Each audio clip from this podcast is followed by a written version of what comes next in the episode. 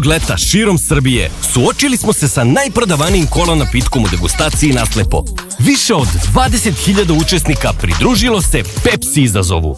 Pitali smo koji kola ukus vam se više dopada. 57% učesnika izabralo je Pepsi ukus. Hvala na učešću. Prati svoj ukus. Ćao svima, dobrodošli u 99 yardi broj 150. I tri, još jedan petak, još jedan petak veče, bolje tako da kažem. Ekipa je na okupu skoro cela, a, nismo svi tu, čim ja otvaram, jel te, znate recept. A, Srđan nije tu, miksa je za miksetom, laptopom, kako već to da nazovemo. A, ovaj, e, ali to nas ne sprečava naravno da pričamo malo o NFL-u, da pričamo o onome što je bilo uh, prošle nedelje, onome što će se desiti ove nedelje, kakva su nam očekivanja, šta smo videli, ko nas je iznenadio, a ko nas je razočarao. Vanja, si Reci, dobar? Super sam. Mnogo bolje nego Denver Broncos i tako Sad te ostale da ekipe. Mnogo, mnogo bolje. Ala Chicago i tako to, mnogo bolje. Dobro, još kad su Chargersi zabeležili pobedu. Ovako je bilo. Stižem tamo, Pilja radi prenos. Rekao, nemojte ovo. Nemoj ovako da se završi. Kad vidi Staley. Četvrti za jedan. A makar da je išao na pas, pa da razume, jer je Herbert imao svoj dan od jedan trčanja. A, vrati. Te, si teo promenu? Igra si dalje na četvrtom, samo što je akcija sada trčanje. da ćeš bolju promenu od toga. Šalom Dobro, stranu. znaš kako je srećan bio. Sve vreme, sve vreme je baš srećan. Da, radio je iskorak je tamo. Da, da. Da. da. To, to mu je fora. To je Tako fora. se sprema. Tako, Tako pumpa krv u noge. da. Adrenalin tako podiže, ne bi se uspao posle. Ja, ja, jača abdomen, jer glas ide iz abdomena. Kao trbuho. si izvalio koliko je glasniji momak u poslednje vreme. Da, da, da. da. Dreče tamo, hodnici odjekuju od vanjinog glasa. Ali nijednom nije radio Chargerse do sada, jedno čekamo. Vjerojatno, vjerojatno će se zadesiti mislim, da... za par nedelja Sunday night, čini mi se, ili Monday night. Za možda kolo broj 5 ili 6, taj fazon. šta mi se zanima, da li ćeš se uopšte truditi da budeš objektivan? Pa hoću, moram. Profesionalno, brat, moram. Dobro, dobro. Pazi, tek što je počelo imamo pitanje. Sećate se ovaj, u toku prenosa kad sam pitao za razliku godina između Da, da, sećam se. Taylor Swift i Travis Mislim, zašto ja stvarno Isto. nemam predstavu ni koliko Isto su godina. godište, bez. Isto Pa, su Jimmy godine, je- Da. Dok Meni smo radili prenos, pošto ni on naravno, nemam Ja pojma. sam znao. Pa ti znaš, dečko, ti si ova da, ti generacija. slušaš Taylor Swift. Da, Da, to su vaše godište, ljudi. Zipet, zipet, To jesu, ali znaš kao... skep, ono, zipet. Ali Jimmy kad je uk- ukucao, mi radimo tekmu i on mi pokaže 33, 33, krećemo, mislim, ono, smejemo se, a komentarišemo i dalje smo ozbiljni. Tako Da, da, da. ovaj, to je moja neinformisanost. Oprostit će mi svi ovaj, hardcore fanovi, zašto ne znam koliko godina Travisa Swift. ili Taylor Swift? Znam koliko ima Kelsey, ali za, za Swift, za 50, za 50 Pazi, nisam znao. a, iskombinovao si obe svoje oblasti, muziku Da, i da. NFL, to je američki futbol. Ma moram priznat, nikad nisam pop ovaj, pratio, tako da pop kulturu slabo znajem. Nisi fan popa. Jo, ništa popa, samo hip hopa. Dobro, dobro, okej. Okay. Uh, dobro, da, i to je jedna vest, ako već pričamo o vestima. Ko je? Pa A Taylor? Swift. Ja te prodeja, gledano, sve Sve. skočilo. Da, da. Čak i ona skočila kad je Kelsey uhvatio taž, da. Da. Jeste, istina. Brutalno, brutalno. Istina. A, drugari, pre nego što krenemo, da vas podsjetimo o, da se mazite i pazite, da vodite računa jedni o drugima. A, da gledate NFL, naravno, pratite naš podcast, a, budete u komentarima, udarite like, subscribe, ono, ako nas pratite iz nedelje u nedelju, vreme je da se subscribe-ujete. Ako ste već subscribe-ovani, bravo, cool, hvala. A, tako da imamo još neke stvari za uvod, sam nešto zaboravio. Miksa, Vanja. Da posete shop infinitylighthouse.com Da, da. kroz shop. To obavezno da, no, da vide stvari koje sve spremamo, koje imamo na stanju. Spomenuo si Patreone, spomenuo si E, Svetioničare. nisam spomenuo Nisi? ni patroni. to si ih ti spomenuo u glavi. da, ovaj, hvala Vanja si. sad ima ovaj novi mod, znaš. To je kao, sve što nisi uradio, on, znaš kao, uradio si ovo, uradio si ovo. Kako je glavko? Da, jesam. Uh, da, ljudi, ako ste patroni, hvala vam. Ako niste, razmislite o tome da postanete patroni. Ovaj, za svetioničari isto, veliko hvala svima koji, su, koji nas podržavaju na taj način. Uh, klikom uh, na dugme join na YouTube-u. Uh, a i vi koji nas samo pratite, koji ste ghost followeri bez lajka, bez subscribe-a, bez view. Patreona, samo view, ok, hvala i vama. Ovaj, uh, svi smo mi deo zajednice, pratimo NFL, analiziramo. Uh, kako vam pomažemo kada pratite NFL? To je ono što mene zanima, eto pitanje za sve ljude koji nas prate, u smislu da li vam pomažu emisije uh, NFL Arena i sve što, što pričaju i Vanja u njoj i onaj moj mali segmentić gde On analiziramo se akcije. kida, iskreno.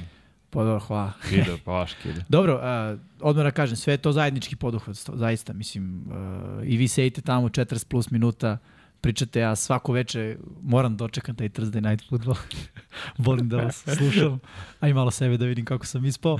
Šal na stranu, ovaj, zanima me da li stvarno uh, smatrate da je to nešto dobro, mi se zaista trudimo da približimo maksimalno i sport i analize i naravno damo naša, naša mišljenja o svemu što se desilo, onome što očekujemo da će se desiti jer nama je zaista pre svega cilj da ova naša zajednica postoji i jača. Malo nas je, ali smo ovaj krhka zajednica, kao i svaka zajednica gde, ima malo ljudi. Ovaj, treba da se držimo zajedno i eto, na, nama je cilj da eto, to neko naše znanje i iskustvo koje imamo prenesemo na, na što više ljudi i da onda možemo svi negde da sednemo i da pričamo ovaj legit o, o, o onome šta gledamo svake nedelje i što slušamo, mislim, između od uh, ponedjeljka do subote. Ajde tamo da iskoristim i ovo da vas pozovem da se subscribe-ujete, jer nam fali za 37.000 jedno 30 ljudi, malo manje.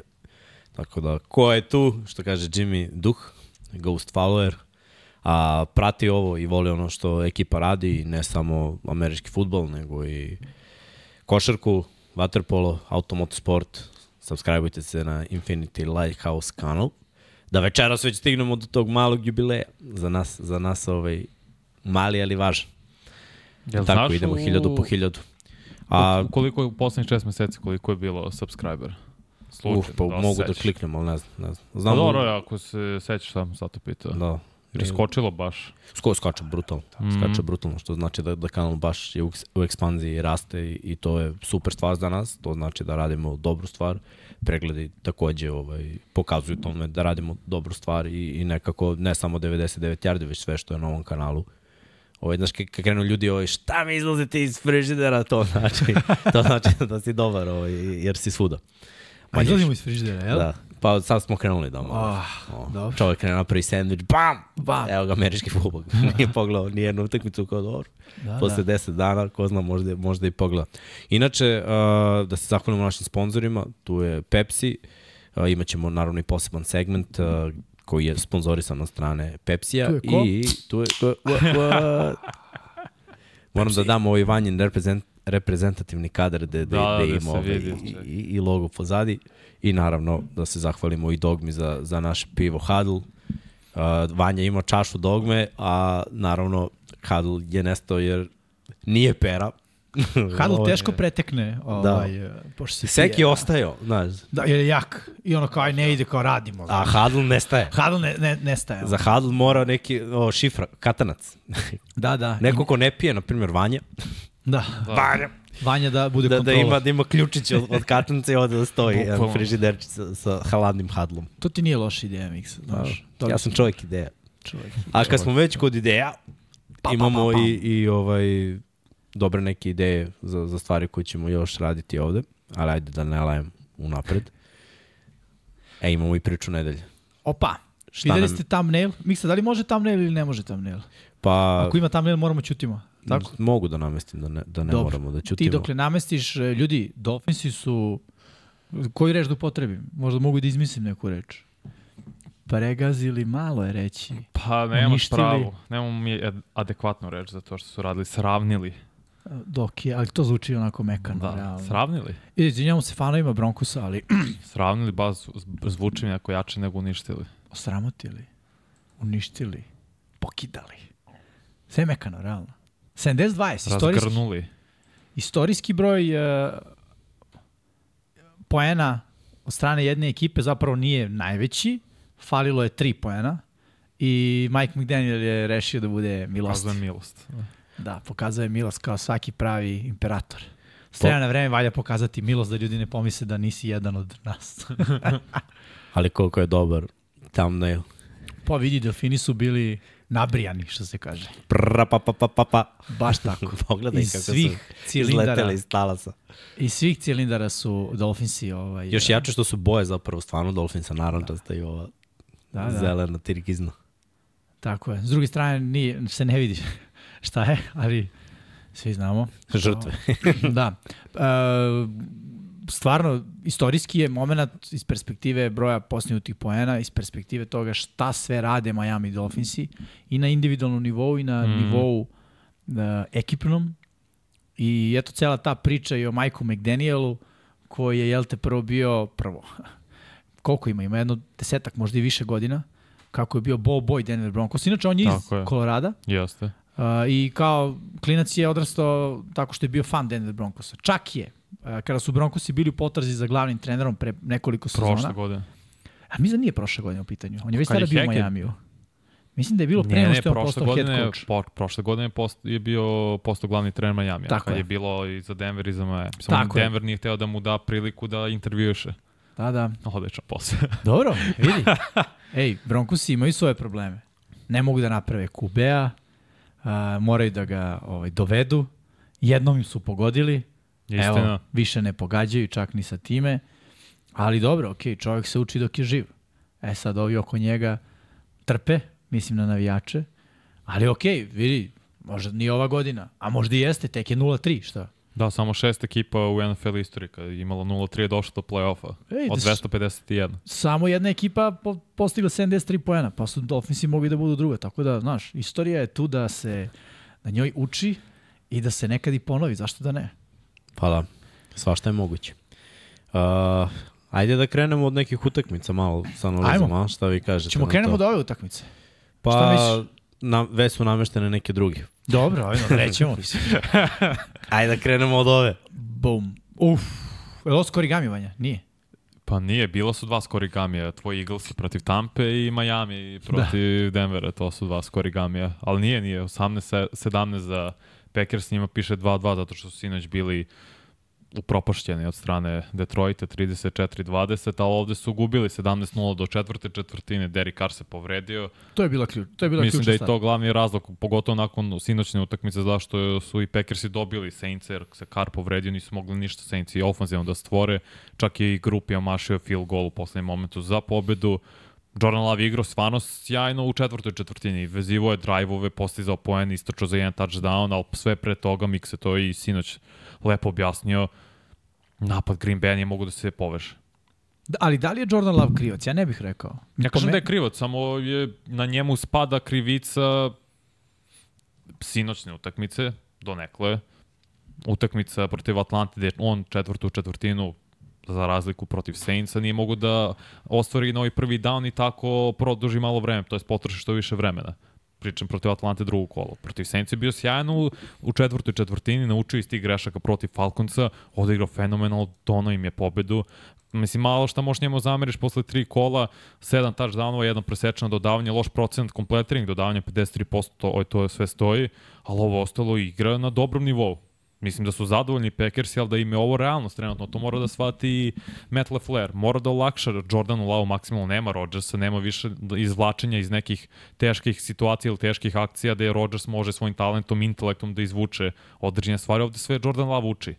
Prvi put je starter od početka sezone i bit će ovakvi momenti da igra super jedno kolo, Chicago Bears da igra su, super većinu utakmice, Atlanta Falcons pa padne.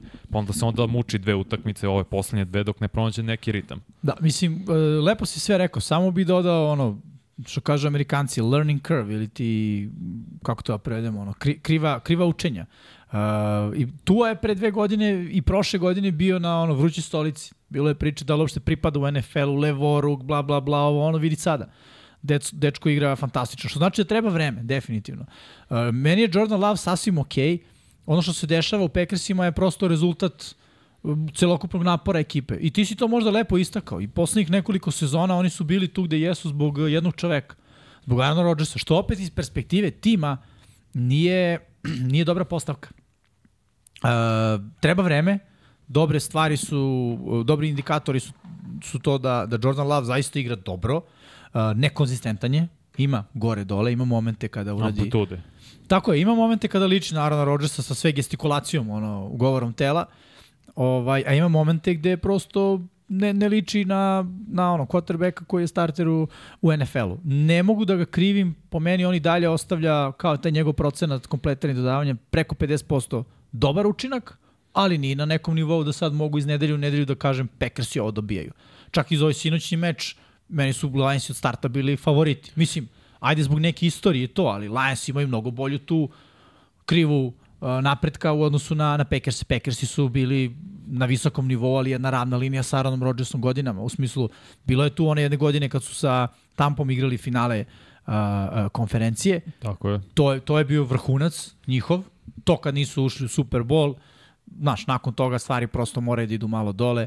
Ova, I to im se trenutno dešava. Ali dugoročno gledano, Packersi su okej. Okay. Mlad hvatački korpus, mlad uh, što se trkača tiče, mislim, tu zaista nažalost ili kako god to hoćemo da kažemo u NFL-u, nema više šta da ono, pričamo o tome, dolaze ko na traci svake sezone, bitno je samo da draftuješ u trećoj rundi neko ko je okej, koji može u kombinaciji sa još dvojicom, jednim veteranom i jednim isto uh, kasnim pikom, možda ne te godine, ali neke prethodne, da ono, odradi posao. Nije to sada previše, previše ključna stvar. Tako da, uh, ova pobjeda, da, lepo si rekao, kad se, da se Kar nije povredio, Packersi bi ovaj, ostali bez, uh, bez pobjede broj 2, ali eto, imali su tu malo, mislim, sreće, glupo je reći kad se neko povredi, ali tako je bilo. Pa ajde da dodamo malo priču o Packersima kad smo već tu. Mislim i o Saintsima i o Packersima, priču o povredama, zato što je to u stvari razlog što su ove ekipe tu. Packersi su u rebuildu. Mi imamo neko očekivanje od ekipe koja je zapravo u rebuildu. Mladi hvatački korpus nema ni jednog iskusnog hvatača. Rebuild. U backfieldu nije igrao Aaron Jones. Opet se oslanjaš na, na bekove koji nisu kompletni. Imaš quarterbacka koji ja i dalje smatram mladim quarterbackom, mislim, glupo kažem ruki, on je tu već par godina, ali tehnički on je kao igrač, kao starter, ruki. Bahtjari nije igrao i pitanje je da li će da igra ove sezone i to je još jedno mm. u nizu sezona mm. koje on propušta. Imaju problema ni Bahtjari ni Jenkins, znači to su sinoć, to su dva ofanzivna linijaša, dva startera. Uh, pogledaš taj tendove takođe jedna, jedna mlada ekipa. Uh, Jair Alexander nije igrao prethodnu utakmicu. Lepo je videti da se vratio Rashan Gary i da je imao sekove i da je vršio pritisak i sinoć je bio na visokom nivou, ali usamljen tu. Devondre Campbell ne igra. Drugačiji bi bio tandem da su Quay Walker i Devondre Campbell. Otvorilo bi mnogo iz jednog i za drugog, imali bi ekspanziju svojih uloga, da bi njih video više i u rašu, video bi njih više i u nekim zadacima drugim. Oni su, prvo Devondre Campbell je odličan coverage uh, linebacker da. i tu bi malo pomogao, bio je pro, po pro football fokusu najbolje oceni. Sad i on fali. Onda kad pogledaš sve te silne povrede na, na svim mogućim nivoima koje imaju, onda je i okej okay igrati ovakvu utakmicu. Mene, pričao sam juče to u prenosu, smeta mi što oni polovreme ne, nema ih. Dve četvrtine, ajde, ponekad bude vezane, pa da kažemo polovreme, ali ponekad ne. Znači ovde nisu postojali u prvih pola sata igre. Da, da. To je, to je zaista užasno. Protiv Saints. Protiv Saints. Op, da. 17-0 bilo je za Saints onda povredio se posle Kari, oni su, ajde, kao krenulo je malo, malo, malo i pap evo ga u četvrtoj četvrtini. Šta je problem sa odbranom? Ne može svaka odbrana da drži ekipu na tipa 17, 19, 20 postignutih pojena da bi ti mogao u jednoj četvrtini da nadoknadiš deficit. To, to nema šanse da se desi sa ozbiljnim ekipom. Videli smo sinoć ekipu na liniji skrimidža koja zna šta hoće, ekipa koja može da uspostavi trčanje. Senci ne trče. Zašto? Kamera nije tu. Nije bio Jamal Williams tu. Tako je, ofanzivna linija je pretumbana, opet kada pogledamo to uigravanje nekako Kara i hvatači nije još na tom nivou, imali su taždan specijalnog tima, odbrana je pretrpela ozbiljne promene na svakom nivou, imaš ti tri vrhunska igrača, tri zvezde u defanzivnoj liniji, Deandre uh, Jordan, pa imaš Demarija Davisa i imaš kao kornera Maršona Latimora, ali realno gledano oni su izgubili 6-7 startera Tako da je ovo bio ono dvoboj ekipa od kojih se ne očekuje mnogo povređenih ekipa i rezultat je takav, onako 17-18, da. mogla da ode na obe strane. Jeste, i ovakav rezultat nam upravo pokazuje da je ovo bio defanzivni meč. Mislim, i s jedne i s druge strane. Obe ekipe igraju na kartu odbrane i upravo to što si rekao, mislim da su Packersi bili kompletni, da bi ovo mogao da bude finalni rezultat i da je Kar ostao zdrav kompletni u odbrani, na to mislim. Ali igrao je Devondre Campbell protiv Saints, nije igrao sinoć. Da, da, Ok, ali, ali, Jair Alexander. Ali nije igrao Jair Alexander. Da, da, Jair Što je kad igraš proti Saintsa koji ne trče bez kamere i uh, Jamala Williamsa mm -hmm. i sa Olaveom koji realno se pravi konekciju sa Imamo Derikom Karom. Evo da, da, da pustim malo statistiku dok pričamo. Da, da, da, može, naravno. Derek Carr, mislim, malo je malo je i probao, da kažem. 18 uh, pokušaja, 13 kompletiranih, 103 yarde. Imao je taj jedan touchdown. James Winston, mislim, nije on startni quarterback, on je tu da odradi ovakve situacije. Ali pogledaj, mislim, kombinovano to je 34 pokušaja. Mislim i 10 od 16 je okej za 100 yardi. Da, Jeste. On je na kraju, znaš šta, on je na kraju doveo ekipu u field goal zone.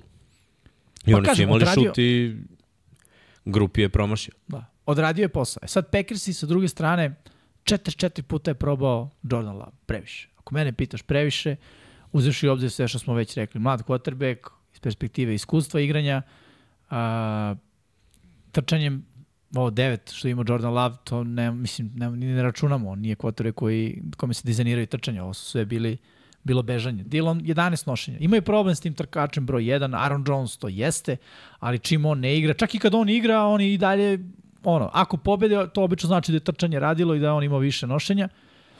Ovde to nije bio slučaj, ali jesu pobedili i ja se slažem s time isključivo zato što se Derek Carr uh, povredio. Ok, da je grupi pogodio, bilo bi drugačije, moglo je da ode na, na obe strane, ali ovaj, uh, eto ovoga puta zbog uh, prosto to je te povrede Derika Kara, taj napad Saintsa je u potpunosti usporio da on u drugom polovremenu su postigli jedini poen. Upravo s tome što Saintsi, ti si spomenuo nekoliko startera, nije više tu koje je bilo prethodnih godina, odbrana pronalazi način da zatvori protivničke timove. 11 utakmicu za redom ispuštaju ispod 20 poena, pronašli su i nove cornerbackove mlade, dvojicu koji se me, menjaju u po, preko puta Latimora, što je super stvar i grade, oni. Denis Allen je defanzivni specijalac, on će, on će uvek naći neko rešenje, Što se toga tiče, sad je vide, vidjet ćemo kako će napad da funkcioniše protiv Tampe, pričat ćemo o tome, vraća se Kamara, svako ne znam koje je stanje i situacija Williamsa, da li će igrati ili ne, ali svako ako igra Alvin Kamara trebalo bi, bit će to mnogo lakše za Winstona,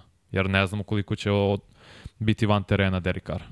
Pa da, i pritom kombinacija Jamala Williamsa sa bilo kojim drugim trkačem, a čini mi se sa kamerom pogotovo će zaista biti dobar ono one-two punch za Saints. Jer Jamal Williams nije trkač koji može da bude ono, featured back, da on nosi loptu svaki down. On je prosto igrač koji bolje igra kao zamena, kao taj drugi punch u tom one-two punchu. Tako da kamera kao back broj 1, Jamal Williams koji radi posao u određenim situacijama, mislim da će biti mnogo bolje za Saintse. Igrao Kar ili ne, ali ako igra Kar, meni se sviđa Derek Carr u Saintsima.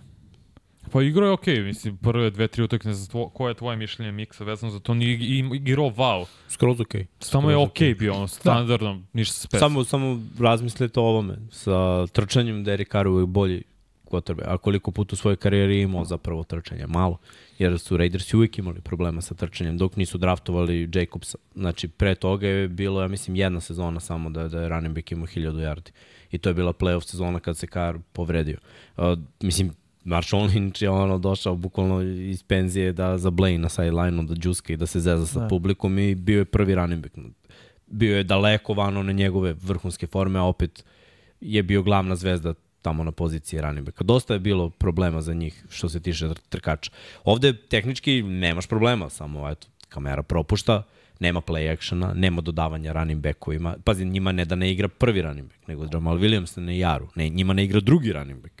I onda su doveli momka, pazi, koji je drastičan pad u kvalitetu i, i talentu sa kamere, koju smatramo, ono, da kažemo, top 10 kad je zdrav, pa Jamal Williams, prošle godine najviše istrčanih touchdownova i onda bam, Practice da, squad da, league. da nešto iskopamo Nova po practice squadu i nađemo momka koji, mislim, on može da istrče, on nije to to. Znači, Da, da. I respekt odbrane, naročito jedne odbrane kao što je odbrana Green Bay Packersa koja protiv ovakvih mediokritet ekipa trčanje može da zaustavi. Oni, oni ne mogu da zaustave vrhunske trkačke ekipe, ali ovaj prosek, a većina NFL-a je prosek, znači trkački imamo dominantnih 6-7 ekipa, ovo ostalo sve može i ne mora da bude. Da, da. To, Upravo to, tako. to nije problem. Ja bih da idemo na drugu Da, da, utakmicu, sad sam mislim, da sve smo ovde rekli. Daj o- udar iz zvona, Gde nam je zvono? kod Miksa. Uh. Pa najlakše kod njega, ako tebe. Uuu. Vanja ja ovde već imamo konekciju, brate, za, za ove dugometražne. Idemo dalje.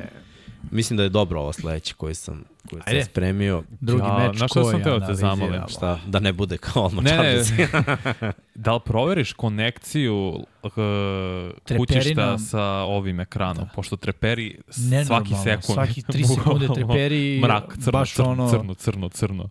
Ili možeš ti Luka isto ako ti nije problem. Samo vidi da li je lepo ukačeno. Miksa će da te navodi. Da. Da. Kabali u pitanju. Da znaš. A- Pošto ba, znaš koliko treperi, znaš, sa ne, Misliš ne, HDMI ne, kabel, koji da, spaja da. komp i, I o- i ekran, da, da, da. Aha, Da. pa da, pa verovatno. Pa ne, pustit ću vas, ja pričate, ja ću. Može. Vanja? Chargersi, ja muko, znači sta, svaki put nešto neizvesno, svaki put me srce zaboli kad gledam Chargers i to uvijek id, se desi kad idem ka areni, znaš, odgledam prvo polovreme kući pa krenem i onda samo pratim rezultat. Inače, pozdrav za Mimija, najboljeg druga, koji mi šalje akciju po akciju što se dešava dok sam ja na putu. Play by play. Bukvalno, ono poslednje akcije. Vikingsi stigli do end zone. Greška, predali loptu. Chargersi na yard od svoje. Novi prvi down, Allen, uh, Herbert Allen je rekao, to, ok, malo je lakše. Treći za 10, je rekao, pa kao. Četvrti za jedan. Molim vas, samo ispucite loptu, samo ispucite loptu, nema ništa drugo da radiš. I tu na trčanje. Be. I onda ih zaustave ovi, ali oni su još luđe Vikingsi, koji ne koriste pravu stvar i mislim nekako su uspeli zbog prekrša da uzmu novi prvi down, prvi za gol, previše vremena da ih se postave. Ne, ono je potpuno... Meni nije jasno i to sam pitao Miksu da mi objasni kako je moguće da oni nemaju akciju unapred za ovakve situacije. Znači, samo da se zna gde ćeš da, po, da, stane hvatači, to i priča i Kishon Johnson, kao mi smo imali akcije, znamo gde stoji. Kažeš jednu reč, ja znam gde treba da stojim. I znamo napred akcije u ovim situacijama. Vidi. Da oni ne mogu da organizuju 30 sekundi akciju za, Kirk- u ovoj situaciji. Kirk Cousins je rekao da nije mogu da čuje akciju sa sideline-a. Ti možeš da imaš napred dogovorenu akciju, ali ako u, u, u dobijaš zvuk od trenera, ti moraš to da ispoštuješ prosto. Osim ako nisi Peyton Manning, Tom Brady, razumeš. Ali moraš priznati da je nezgodno da ti imaš takvu akciju i krećeš da organizuješ ekipu, trčiš do linije i- čuješ u, u, u, ovaj, u kacigi zvuk koji ti govori koja je akcija, a ti ne čuješ koja je akcija. Pokušavaš da je čuješ. U tom trenutku, mislim, po meni trener mora da zove timeout. Nema šta. Imali Ne su da dva. li su imali, jesu Jesu. Ili jesu miksa? Uh, ne mogu da se setiti Mislim da da su nisu imali Ok, jedan. imali. nisu, bravo, nisu. Ni, ne, nisu Spike, imali, zato što Spike. su, jesu, i to sam im pričao, Chargers su trebali da panti, jer nema šta im, nema Minnesota Da, da, da. timeoute da. da pređu ceo teren za Tako je. minuti 40. Spike. Jimmy, ja, Jimmy, ja smo odmah rekli, znaš, u ovim situacijama prvo ideš na gol pokušaj. Ili je spike, ili je back shoulder fade. Brate, mi smo Vukovima imali, kad igramo two minute offense, back shoulder fade. Svi se postave, razumeš, jedan hvatač je s jedne strane, svi ostali samo stanu, ono, samo budeš na liniji skrimidža, brz snap i lopta ide ili u out, ili ide na back shoulder. Znači, ili je hvataš ili je nekompletan pas, sad staje. E, onda možeš da čuješ trenera i onda može konsultacije, idemo dalje. Spike, treba, ja mislim, 4 do 5 sekundi za ekipu da se postavi na liniju i da odradi spike. Toliko treba. Toliko treba na našem nivou, brate. Ne u NFL nivou. Prosto je neverovatno. Previše vremena je izgubljeno u toj želji da on čuje i onda naravno Kirk Cousins nije lik koji je miran u ovakvim situacijama. Ti ta panika da ne čuješ akciju, da je dobiješ kasno. Si vidio paniku dok je on govorio igračima gde da idu i šta treba da radi. Znači, tačno vidiš da ono brza, brza, brza, brza i na kraju ide lopta za, za, za Hawkinsona. Mislim, imalo je smisla da se traži bol, da se traži taj search koji je na golini, ali ako daješ tu loptu tako kasno u tekmi, ball placement mora bude dole. Vrlo lako može da se desi, često se dešava kad je lopta tu negde na visini ramena, u padu, kada pokušavaš da uglaviš u prozor, da je igrač u želji da je uhvati bar jednom rukom, da je digne gore u vis. Mm. Zašto je Brady doktor ove igrice što se toga tiče? Ni jedna takva ruta koju je on bacao za slota, za taj tenda, pa čak i za Gronka koji je bio toliko dominantan, lopta nije išla gore. Jer nikad ne znaš koji je rizik sa tom loptom koji ide gore, ali lopta koja ide dole u visini kolena, ako bude odbijena, ako bude udarena, ta lopta pada dole, nema dileme. Znači ona ima projekciju, trajekciju u stvari od ozgo Ma, na dole Miksa, i mora da hvatač je- padne. Hvata s kolena, bukvalno. Jer tako je niska lopta, da mora da se baci po nju. To je bila, to je bila velika greška. Mislim, nije jedina greška koja je obeležila ovaj meč, koji je bio efikasan i mi smo očekivali da će biti mnogo poena. Ja sam stvarno mislio da će Minnesota na kraju da da ta, ta, taj touchdown. Ali zanimljivo je ti imaš JJ-a koji je majstor, koji sigurno u toj brzini na back shoulder fade-u ne bi bio u double coverage-u, već bi bio jedan na jedan. Treba da koristiš te stvari. Bilo je još dosta pokušaja Kazinsa gde gađu druge momke. Mislim, da me ne shvatite pogrešno, ja da sam QB, a da mi je JJ hvatač, u nekim situacijama u double coverage-u on mi je bolji nego, znaš, Osborn 1 na 1. Ili Edison. Slažem 1 na se. 1. Da, da, pa opet JJ imao 10 hvatanja za 149 yardi. Bio je fenomenalno, uhvatio je touchdown od 50 i nešto yardi kad je, po, kad je pukao coverage Chargersa. S druge strane, Keelan Allen je odigrao utakmicu života, 18 hvatanja, 215 yardi, ima bacio statistiku, touchdown. Miksa? Da, da, mislim da će sad na, naći. S- Statistika Istina. za taj meč. Uh, da, Keenan Allen je od, odigrao uh, odlično, mi smo čak Aha. i analizirali jednu Kod akciju, ovaj, njegovu, gde on čak bio u ulozi quarterbacka, da tako kažem. I evo vidimo, u kombinaciji Herbert i on, 48 pokušaja, 41 kompletira, odnosno Keenan Allen imao jedan pas uspešan, 49 yardi, touchdown, Mike Williams je bio sa druge strane ovog dodavanja, odnosno ulozi hvatača. Herbert pogledao 40 od 47, 405 yardi, 3 touchdowna, nema interceptiona. Je li ovo bio savršen passer rating? Nije bio savršen, 123,8 mu je bio passer rating. To mi jasno zbog čega. Mislim, QBR mu je bio 93 zarez nešto. Ovo je najveći procenat, to jest, da, najveći procenat kompletiranih dodavanja 85 na minimalno 45 pokušaj dodavanja, što je suludo. Mislim, Iako su išli stalno u blicu, opet Brian Flores i njegov sistem stalno su u blicu, ali nisu uopšte imali uspeha Vikingsi. Tako da je Herbert lako pronalazio svoje mete. To je mana ove odbrane Vikingsa koji ima katastrofa secondary, radili su šta su hteli. Igra trčanja nije postojala, da se razumemo, mislim, evo. Kelly 11 nošenja, 12 yardi. Pazi, katastrofa. odbrana Minnesota je baš ono college tip odbrane. Igraju, oni igraju sa tri safety-a, ne zvaju se to primetiti. Mm. Igraju sa pet defanzivaca, e, tako da stave tri safety-a, što je vrlo neobično za NFL. Meni se taj sistem sviđa, uh, jer mislim da taj safety u sredini može da bude odličan kao uh, podrška u tr prilikom trčanja protivnika. A za ne treba da imaš one dominantne edge igrače, makar de, dominantnu defanzivnu liniju bi stvarao dovoljan pritisak da bi došlo do požurivanja, jer blicali su, ali ništa nije stizalo.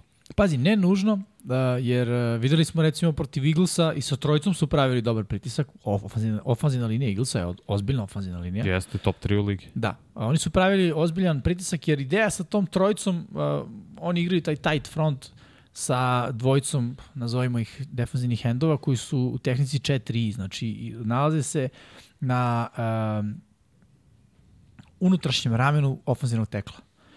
Znači nisu u gepu kao tehnika 3 na spoljnom ramenu garda, već su na unutrašnjem ramenu uh, ofanzivnog tekla. Mm -hmm. I za današnje standarde, kažemo, NFL-a, to je malo neobičajno. Šta očekuješ od teklova? Zašto se onako kata, katapultiraju uh, Pozadi.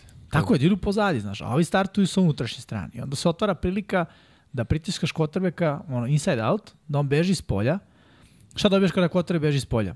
Ako beži levo, znaš da će baciti levo. Neće baciti desno, verovatno. Znaš, dobiješ Redki su ti koji mogu to da bacaju. vrlo redki, on skoro da... Ali Herbert spada u to. Ok, Herbert spada, naravno, Herbert spada u to. I protiv njega, ok, moraš da uvek imaš ono, prilagođen plan, protiv svakog quarterbacka. Ali da kažem, pričam samo o tom sistemu njihove odbrane. A ti ako odlučiš da samo sa trojicom pritiskaš, znači da imaš 8 u coverage. 8 u coverage znači lagani špijun na QB-u, kada on krene da beži baš na tu stranu, ti ga povjeriš. I odjednom se vraćaš u standarde uh, coverage, odnosno imaš 7 pozadi, četiri vrše pritisak, s tim da taj četvrti stiže kasno. Odnosno u prvom trenutku on zatvori pliće zone. Mm. -hmm. Kada on zatvori pliće zone, D-line izvrši pritisak, potera kvotrbeka s polja. Ta plitka zona u sredini koju je on zatvorio, više nije ni relevantna, kvotar beži na jednu od dve strane. Tebe je najlakše da ga juriš iz sredine ka s polja. Znaš da ako beži od tebe, ide u out, tako? Znači, ono, sve, sve je poznato. Beži, juriš ga inside out, on ako beži, beži s polja, ostatak odbrane zna, on trči levo, bacit će levo. Ti sad sa manjim brojem defanzivaca, a realno nije manji, imaš ih opet četiri, možda pokriješ tu jednu stranu. Koja je vjerojatnoća da će napad imati četiri ofanzivca na istoj strani u jednoj akciji? Ako je Flad, možda. Ne igra se Flad toliko često. Pa dobro, Vlad je baš ono heavy play action i, i roll out. Tako je, tako je. I on se ide onda kupi, Kotarve kupi malo vremena, stane, razmisli, baci, ali znaš da ide lopta, jer on roll out na tu stranu. Tako da taj sistem je vrlo zanimljiv, mislim da ga i oni sasvim korektno koriste. Primaju veliki broj poena, to je tačno, ali to je sistem odbrane ono bend but don't break. Taj sistem odbrane igraš kada imaš efikasan napad. A šta je bila mana protiv, aj sad Eaglesa da uzemo, igra trčanje, jer onda imaš manjak A ljudi u napad. boksu. Aha, misliš uh, iz perspektive odbrane? Da, da, to je po mana. meni je mana bila što taj srednji safety nije bio toliko agresivan protiv trčanja. Recimo, ta odbrana mora da iziskuje, jer vidi, imamo tri u defensivnoj liniji, dva edge to je već pet. I pet DB-eva, šta znači? Jedan Mike linebacker. Šta radi Mike linebacker ako stoji u sredini, on će da na zonskoj šemi prati svoj gap, Ovi su već dovoljno na liniji skrimidža, petog ni ne blokiraš, ako je zona levo, nema potrebe blokiraš desnog edge rushera. On će zastane jer je Jalen Hurts čita, spusti ruke, on mora zastane, on zastane, DeAndre Swift ima cutback. Mislim, takav je, takav je tip running back. E, bolje je za njih bilo da tog srednjeg safety-a spuste malo pliće, moje mišljenje, na 8 yardi i da on bude ono, run first igrač. Kada vidi da je play action sve ok, onda se vrati u svoju zonu, svakako pokri to tu što imaš. I opet, ako je play action, quarterback roll out na jednu stranu.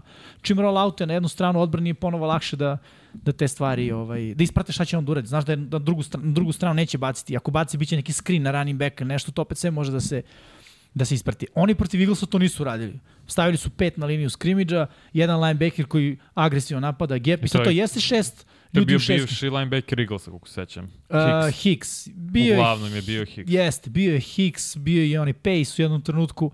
Ovaj, ali šta je stvar? Kažem, teoretski ti imaš šest ljudi na šest gapova, ali nema šest gapova. Odnosno, ofanzivna linija, jedan gap uopšte ne brani. Taj C gap na ono backside strani. Jer je nebitan. I šta ti to daje? Daje ti mogućnost da neko ide brzo na drugi nivo.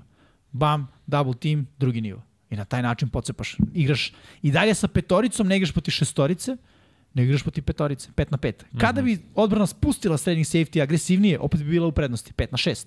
Plus ovaj cutback igrač koji može da bude sedmi. Onda sa 7 igrača možeš da igraš to trčanje dovoljno agresivno, malo staješ veći pritisak na svoje defanzivne bekove, jer ako 7 ljudi je fokus na trčanju, četiri mora da pazi uh, pas.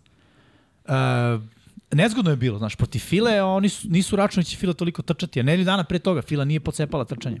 Da, ali ovo sad Chargersi uopšte nisu trčali, pa je opet Pass Pro je izgledao Jeste, fenomenalno. ali vidi, 28 poena su dali. Mislim, za NFL to je ok, igraš protiv odličnog napada, zar ne? Oni su odličan napad spustili na četiri touchdowna. To je respektabilno. Kažem ti, ovaj sistem odbrane je dobar ako imaš produktivan I napad. treba reći ta 4-1 je onako baš bust na, Da Kina na, na screenu da, i da, da. pas Kina Da. da. Allena, znaš, to, Trik to, akcija.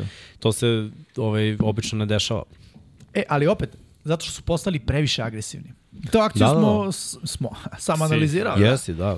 I šta je bila dobra stvar? Taj motion Kina Alena je potpuno pomerio shift odbrane. Mm. Odbrana je, uh, razmišljajući o trčanju, ostavila na suprotnoj strani gde je bio Keenan Allen veći broj ljudi.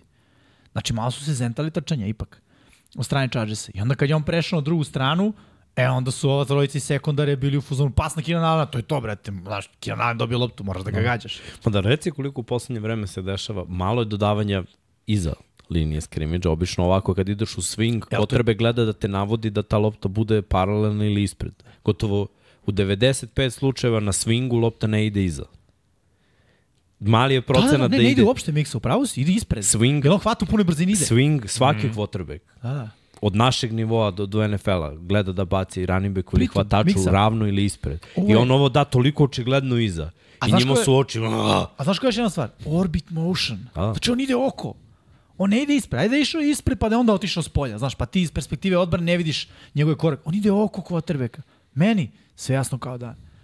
Ono, vidiš šta se dešava, čovjek baca pas 5 yardi unazad.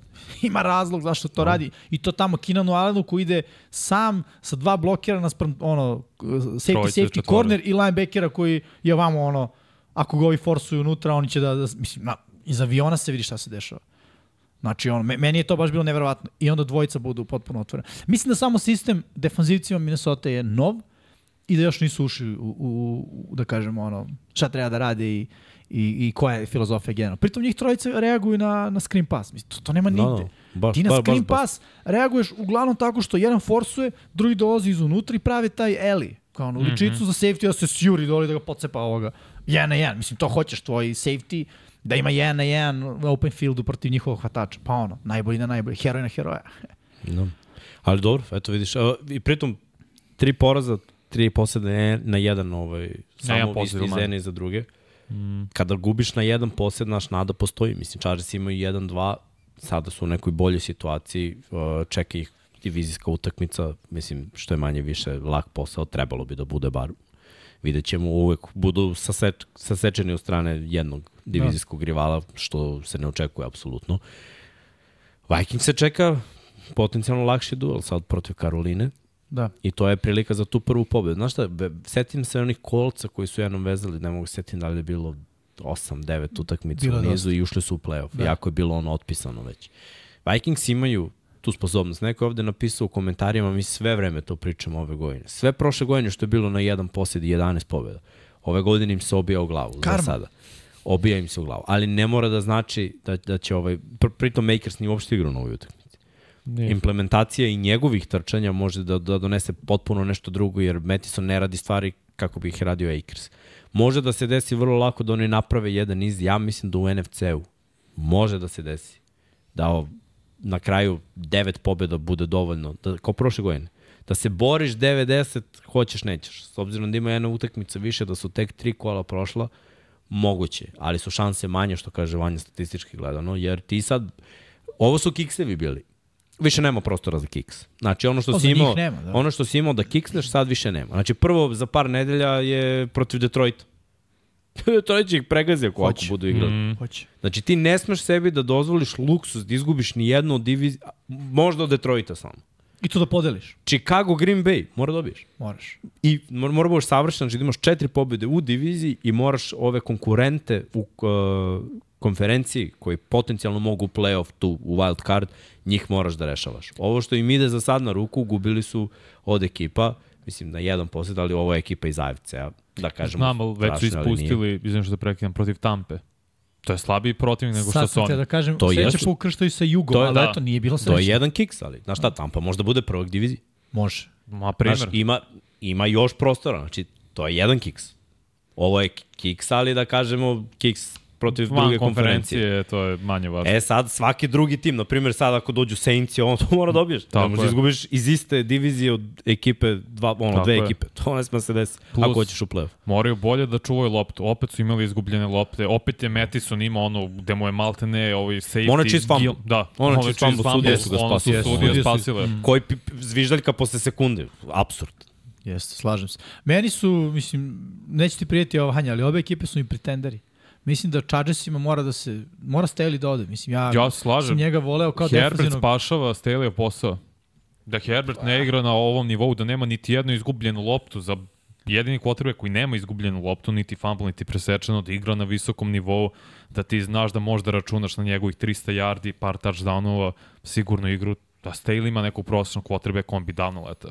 Ma da, ne bi došao do ovog trenutka. Ali mislim i po njemu se vidi, sad će možda bude malo šaj, ali on, vidi se da nije dobar čovjek, mislim. Pusti onu bradu, je, znaš, mislim, Mislim, jedina pametna stvar što je uradio, mislim da može da se isplati, jeste što je JC Jacksona, ono, healthy scratch ne igraš. Jer JC Jackson više škodi timu Znamo, ali nego... ga je doveo, bre, platio ga, Jeste. je, tradeovo je, brate, za njega. Nije tradeo za Preva, Nije tradeo. Ne, potpisao Pre, sam. prevario ga Bilbert. Zna, pa, Prevario bio. bili varalica stara, brate, ne uzimaš njegove igrače, Stara je. Znači, kad neko ide iz New Englanda, čestitaš Kloni mu, njega. čestitaš mu penziju, brate.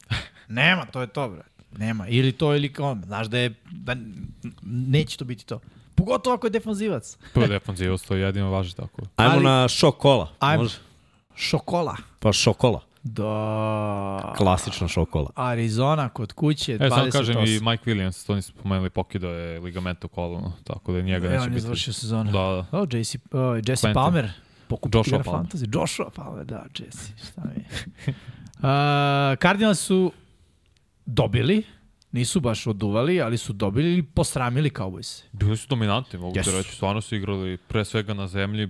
Tri akcije je bilo preko 44 jarde trčanjem. Prva akcija je bila 44 jari trčanjem uh, Joshua Dobbs. I to, na- znaš, ja se sjećam ovaj, uh, u poslednjih par sezona uh, moj ofenzivni koordinator, pozdrav za Vojna, imao je dve taktike kako je. Ili napadneš najboljeg igrača, da ga upucaš mentalno, ili ideš od njega, da ga opet upucaš mentalno, da on ceo dan bude u fuzonu šta radim danas ovde, znaš, sve ide od mene. E, oni su prvi play, čitamo Majku Parsons, znaš kao, pokazat ćemo counter i Majka Parsons će da zagrize jako, ko što je zagrizo, realno. On ga je samo čekao, vidio da je on krenuo odmah unutra. Malo je falo par, Parsonsu da, znaš, on, on toliko je agilan da je mogao, on je zastao i pružio ruki, zakačio Dobbs sa rukom, ali nisi nije mogao da ga obori rukom. I onda je Dobbs povukao loptu i, mislim, odličan dizajn akcije. Mm. I vrlo hrabro da na taj način otvoriš, otvoriš utakmicu. Uh, Nisu očekivali ovo Cowboys i ušli su kao apsolutni favoriti, Da, dominirali prve dve utakmice. Mada Cardinali su igrali dobro i baš protiv timova iz NFC istoka. nije slučajno. Nije slučajno, naravno Jonathan Cannon radi sjajan posao, sve pohvale za njega kao sad Defensivno glavni. pre svega. Tako je, kao glavni trener i u napadu ofenzivna linija radi fenomenalan posao, Pare Johnson Ovajlija igra sjajno na poziciji levog tekla. Sve on je uveo neku novu kulturu koju Kingsbury za dve godine, koliko već samo bio možda i tri, nikad nije uspeo. Kakav je Sirijani majstor, a? Jednog ofenzivni koordinator, glavni trener, u Kolcima radi odličan posao. Stajken. Da, da, defanzivni koordinator, glavni trener radi odličan posao. Tako je. Energija je ovde najveća promena Jeste. za Arizonu. Jer pre je bila energija totalno drugačija, vidio si da, da oni igrači igraju utakmicu. Tamo su se rešili nekih projekata, mm Mhm. -hmm. znaš, i, i mislim da su se dobrih igrača rešili, da su Dobzi prošle godine isto, mislim, za tri dana koliko igraju došao da za tenis i na onu utakmicu ko odlučuje sezonu da igra bio je momak skroz. Okay. Ovde isto vrlo brzo. Ono što ovde ima jedna velika razlika, a to je ofanzivna linija koja se mnogo, mnogo drastično popravila u odnosu na pre. Sada s ovom ofanzivnom linijom ja verujem da će oni da razmišljaju da to je sad Kyler Murray ovde, bla, bla, bla. Ali gledaj, razumem ih. I, I verovatno će biti te priče, verovatno će se on vratiti. Ali Conor kad je zdrav, Conor je top 10 running back, Da, da, da. da. nema dileme. Treba da bude zdrav, ako jeste, to je dobra priča. Imaju totalno atipične hvatače u odnosu na sve ono pre što su gradili Cardinals. Ovo je sada sve nisko obrazo. I to nekako, to, zuvanje po terenu, može da im da i tekako uspeha. Pritom imaju dvojicu endova i McBride i Jerca. Lepo izgleda. Read option će biti njihov identitet, mislim, ve, već sada i Dobbs ima sposobnost, Mare ako se vrati i on ima sposobnost, ali defanzivna energija njihova, letenje po terenu, oni su svuda, ja uživam kad gledam Arizonu, ne znam kako su izgubili od Giantsa, tu su malo pali u drugom poluvremenu, ali od početka ove sezone, sve ono što nisam očekivao, to ono Buda Baker je pričao, ne uče dovoljno, ne gledaju film kada dođe utakmica, gledaju da izbegnu ono, jak kontakt, nema hasla, Kada priča Saf Ligi, čoveče. Ali, ali brate, ali ni, to ne vidimo sad na terenu. Ja ne, ovo što ja vidim je leti, trči, udaraj, puc, sve puca na sve strane. Pritisak im je bolji. Zayman Collins baš izgleda dobro. Tačno su napravili ono, imali su jedan projekat, ono, Simons ovo, ono, hoće, neće biti, seci, zaboravi, Collins, idemo u ovom smeru, okreni, rebuild, svaka čast. Mi- Mislim da, da, da su ono najprijatnije iznenađenje. Cowboys ja baš dugo pričam da su Cowboys loša odbrana protiv trčanja. Mislim da je Van Der Esch previše ishajpovan linebacker. Pa izvini Miksi, prošle godine su bili jako loši. Gde su trčanje. katastrofa. Uh, Baltimore i Cleveland su im trčali 300 yardi. Svaka ekipa koja ostane u istom sastavu, a jedna ekipa ili dve im istrče 300 yardi, to je loša ekipa protiv trčanja defanzivno. Da. Oni imaju rush, međutim njihovi najbolji igrači u rushu su s polja, on njih neutrališeš u power trčanjima unutra i bukvalno je bilo ceo dan pap, pap, pap, pap. Tri big playa trčanjem, sva tri preko 40 yardi. Zato su i draftovali Mazija Smitha, to je čitava poenta bila draftovati defensivnog tekla koji realno nema, nije imao ocenu znaš- prve runde. Koga su trebali draftuju? Jelena Cartera da reše to. Trebali da i su da pitanje je skoče da na li bi draftu. to rešili. Znaš, jer, pazi, Van Der Esch dosta pogađa gde će bude trčan. Misliš on je kockar, a? On je veliki kocka. On je Trevon Diggs, linebacker. I dva puta, i dva puta je bio navučen i na ovoj utakmici, znaš, da, da, da proceni gde će da bude gap, jer čita ofanzivnu liniju i onda pa pod jednom je već u double teamu zagrađen, sil odrađen i Znaš ima šta? prostora da se prođe dalje. Svi ti linebackeri koji nose, oni horse collar, znaš, oni vole kontakt. Znači da on čim vidi kotrve kada malo spusti ruku, on juri ka gepu. Mislim, i ona akcija koju smo analizirali nedelju dana pre, Jetsi protiv, on je touchdown, Gereta, to je zapravo najveći njegova krivica. Jer je on toliko rupu otvorio iza. Da Hooker nije imao šanse uopšte da to pokrije, mislim. On je toliko zagrizo na, za, za ran dole. Mislim, on, igraš proti Jetsa koji su impotentni, brate. Realno. Pa pazi, ali njihovi problemi kreću još od Shona Lija koji je bio jako inteligentan, ali je bio stalno povređen, pa Da, su da. doveli Van Der Esha, pa su probali sa Jalonom Smithom. Zapravo oni, njihova ideja je možda u početku bila Parsons, linebacker, probali Mike. na edžu, dečko ubija, ostavi ga na edžu, ali linebacker oni nisu napravili dugo, dugo. I stoji ogromna ta rupa na poziciji linebackera, a u ovoj diviziji ako hoćeš da budeš prvi, ako hoćeš da budeš zapravo uspešan u NFC-u, treba ti taj lik. Jer San Francisco ima tog lika, Filadelfija na drugi način ne tražiš, ali pogledaj trčanje San. Francisco i pogledaj trčanje Filadelfije.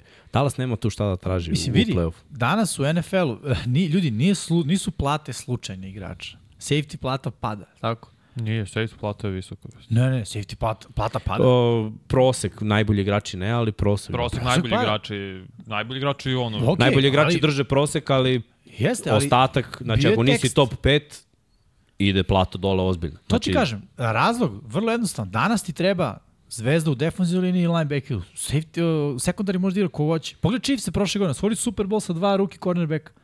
I to ne dva ruki cornerbacka tipa Gonzales i ovaj... Dobro, McDuffie je pik prve runde. Okej. McDuffie je ozbiljan korak. Dobro, okej. Okay. Ali ono, sekundari je bio najupitniji kod Kansas City Chiefsa, tako? Jest. Zato što su draftovali sjajno linebackera dve godine pre toga. Osvojili su i Gea. Super Bowl, jer to je današnji futbol. Tebi treba linebacker sideline to sideline, ono, da ide na sve četiri strane, bre. Da ide Bolton je, duboko, da Bolton ide je odradio tu priču. Da. Ovde Dallas traži baš dugo. Iskreno, I zato znaš, neće ni biti svake, uspešni. svake godine kad se pojave novi linebackeri, mi pogodimo, kako bih ti rekao, jednog, jednog u dve klase.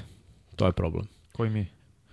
Pa Mi kao kad pričamo ili mi kada mi- mi pričamo, kao mi, kada pričamo, a NFL, a NFL, me Baltimore nije uopšte pogodio zapravo godinama. Poslednji linebacker kog je pogodio Baltimore je bio CJ Mosley. Jer Roku, uh, Rokuan Smith je došao i tek kad je on došao, Patrick Quinn je zaigrao. A Patrick Quinn je bio projektovan kao wow, to je to, no more. Nije se desilo. Znači, u, u dve, tri godine jedan linebacker zaigra na vrhunskom nivou da njegova pokretljivost u coverage bude dobra, a da je prepoznavanje i run stopping visoko ocenjen. Jedan u dve, tri godine. Nabroj mi uspešne linebackere u poslednjih 10 godina. Jako je teško. Jer samo tim što smo mi do pre dve godine pričali o tome da je jedan Bobby i dalje, sam Bobby Wagner i dalje u vrhu kao da. najbolji linebacker, govorite o tome koliko niko nije od novih momaka izašao i kao, e, dok se nije E, pojavio Fred Warner. Tako je, to se Pojavio kažem. se Pogledaj nova imena. Ko? Pa Leonard. Jeste, ali ima, Okej. 32, ima 32 ekipe, draftuje se na svake 2-3 godine Demario pozicija. Davis takođe. Da, ali to, uh, Demario, Demario, Davis prvih 7 godina bio bast. Devonte, Devonte, e, Devonte, bože, Devin White. Takođe. Znaš Ali koliko ćemo da nabrojimo sada? 10 max. Nećemo 10 nabrojati. Čekaj, A govorimo o periodu od 10 godina za 32 ekipe. Fred Warner ima skillset kakav ima samo uh, ovaj iz, kako se zove, kolca, uh, Leonard. Leonard. Leonard. Ja mislim da nema linebackera koji ima Milano. taj skill. Ne, ne, nije taj skill. Ne, nabrajem sad ovako, vrtim film u glavi koji sve Matt. Milano, uh, i ovi, Edmunds ima taj skill, ali Ed, Edmunds, Edmunds, ne gledaj, Edmunds je nije bast, igrao je, ovo je, možda grešim, ali za sada ono što je pokazao u Chicagu je šlepo se s Milanom. Milano je dobar linebacker, Jeste, a Edwards se. šlepo. šlepao se zato što je i ta defanzivna linija i Milano koji je bio ono, Milano je bruka. kidač što se Sa tiče dva pritiska. safety-a preko i dobrim kornerom. Znaš. I napadom koji drži loptu. Oni sa tom svojom agilnošću mogao da uradi dobar posao. Ali hoću da kažem, taj skillset koji ima Fred Warner i koji ima Leonard, redko koji linebacker ima, a to je skillset koji ti treba u današnjem futbolu. Znaš, tebi ne treba... Ray Lewis danas da igra, ne bi sam pričao njemu, veruj mi. Zato što, znaš, on ne može, ne može da pokriva toliko Ti dobro. možeš da uklopiš drugačiji tip linebackera. Tipa Rokon Smith je vrhunski run stopper i, ra, i, i radi solidan posao kao coverage. Ali vidiš koliko Patrick Quinn juri levo-desno, dok Rokon Smith ima taj rizik u, u run stopu. I našao si dvojicu i sad mora da igraš sa No, dvojicom. to je bio kao Anthony Barr i Eric Kendricks. Kendricks je sjajan bio u coverage-u, jedan od najboljih linebackera u coverage-u. Ali dok bar je bio, pokriva- bar je bio prosek, znaš. Pa da, ali jedan mora, ovo jedan mora da bude fali. ono izvrstan talent, a drugi mora da bude. Jako je teško naći. I Cowboysi se tu najviše muče i ja mislim da pravi uspeh Cowboysa, bez Tremona Diggsa koji vidio si odmah, znaš, ne puca big play tek tako pasom. Ode puca big play na, na, momka koji niko ne očekuje ovo, zagrali su play action jer ovi trče 200 yardi na utakmici i onda ti ono da touchdown o 60 i kusur radi. Marquise Hollywood Brown, brat, izgleda kao all pro prvi tim mm. protiv Dallas Cowboysa u sekundariju bez Tremona Diggsa. To su stvari koje ne smiju da se dese. A desile su se. I ja mislim Michael da će Wilson se... je to uhvatio. Da, da, nego generalno imao je Hollywood Brown touchdown i dosta, hvatanja da. nekoliko. Ima ono sideline hvatanje, imao je ono crossing duboki hvatanje, imao je nekoliko hvatanja gde je izgledao brutalno i onda je momak Anonymous uhvati touchdown za veliki broj yardi na 69. play actionu. Ne sme to da se dešava u ozbiljnoj odbrani. Znaš, jer Dallas uvek je ova priča za Dallas. Nalete dve bedne ekipe, u ovom slučaju dve njujorske ekipe, oni ih razbucaju, bude blowout, oni tri blowouta imaju godišnje, znači unište nekoga i mi kao, wow, Dallas, naravno, jel ta američki tim, i onda odjednom pap, prvi ono, prva ekipa sa malo jačom fizikalijom, bitch Šamp. slap, doviđenja. Vidi, dobro, ali- formula da se pobedi Dallas, mm -hmm. izvini Vanja, je vrlo jednostavno. Ono, rade mesh koncept sa trećim igračem koji sedne u sredinu iza njih. To je to. Mesh da ukoliko igraju zonu cornerbackovi, to je, izvini, ukoliko igraju čovjek na čoveka, cornerbackovi i ceo sekundari da ih tu pocepa i onda samo baciš, bocneš taj jedan bočni pas. A ovaj treći, ukoliko igraju zonu, on sedni za linebackera koji je zagrizo na trčanje i to je to. Mislim, ono, vrlo jednostavno. E, moramo da pričamo i kratko pre nego što pređemo na drugu utakmicu o napadu od Cowboys. Mislim, ne možeš da i postigneš jedan touchdown, a pet puta si u crvenoj zoni. To je neefikasnost, to je problem quarterbacka, ponovo opet Dak baca presečeno dodavanje. I jeste, i, i pustit ću te da završiš odakle da krenemo od nemoći i trčanja u crvenoj zoni. Upravo jer, to, sad jer i ofenzivna linija ima povrede, Bijadaš nije igrao. Nije igrao ajde ni malo, ajde da Tyler pričamo. Smith, ni Uh, Tyron Smith, čini mi se, obojica Da, da. Smithova i Zach centar Martin. nisu igrali. Pazi, kada imaš toliko skrnavljenu ofenzivnu liniju, eksperimentišeš sa tight endom. Running back je jedan, Tony Pollard, ovo, mislim, Daudul je dao touchdown. Da, da, da. Da, znači, problemi postoje u trčanju, onda ne ide trčanje, ostaneš se na daka. Imaš hvatače, Brandon Cooks je isto bio ono, od, već od prethodnih utakmica sav izubijan, nije to do Galup imao neke lepe poteze, znaš da je CD Lamb to, ali kreneš da forsiraš. I onda ono, Dak nije toliko siguran, ono nije taj nivo. Nije. On je ono, solidan kube koji može da, da, da poveže. Imaš sad McCartija, nemaš Kilana Mura, prave se neke razlike. I znaš, Dak, Dak u toj situaciji failuje. Činjenica. Znam, ali trebalo je takođe da reaguje. Mislim, Tony Pollard je dobro trčao. 23 nošanja, 122 jarda. Forsiraj što više Dođi na da da Tony mraze u Pollarda. kadar. Dođi u kadar, Deda Mraz. Stigao nam je Deda Mraz. Deda. Mraz. Pa mogu si i ovde. Dolazim, ali čekaj da onda ubacite da me raz poklon.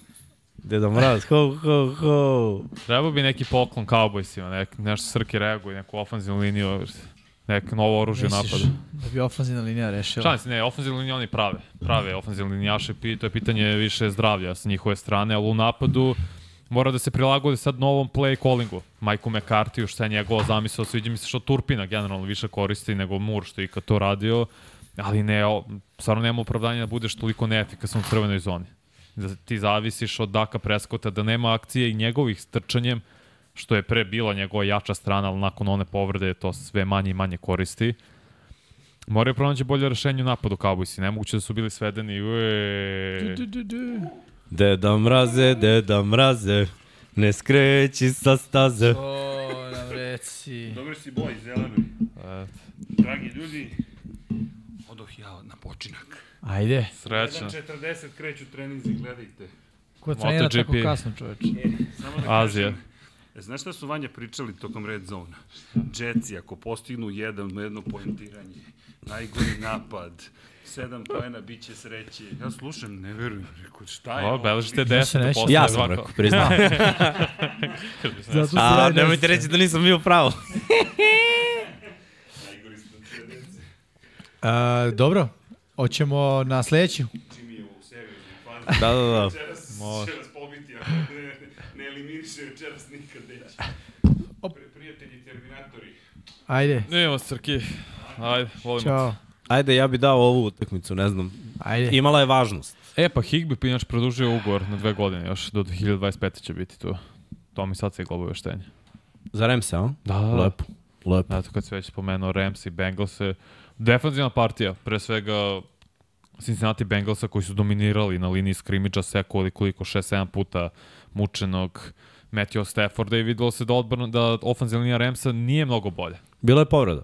Opet. Opet je no, Noteboom izašao, Nije samo on, i ovaj kako se zove? bio je rezervista i na desnom teklu i na levom teklu, baš su se, baš su se ovaj... Ali mislim da su prividno dobri. Zaista mislim da opet i ove nedelje igraju Pa brate, svi se, protiv četiri, Coltsa. četiri seka stigli su pro, pored, protiv desnog tekla koji je rezervista. Znam, ali mislim da je opet defensivna linija kolca je bolja, makar meni, s unutrašnjosti od...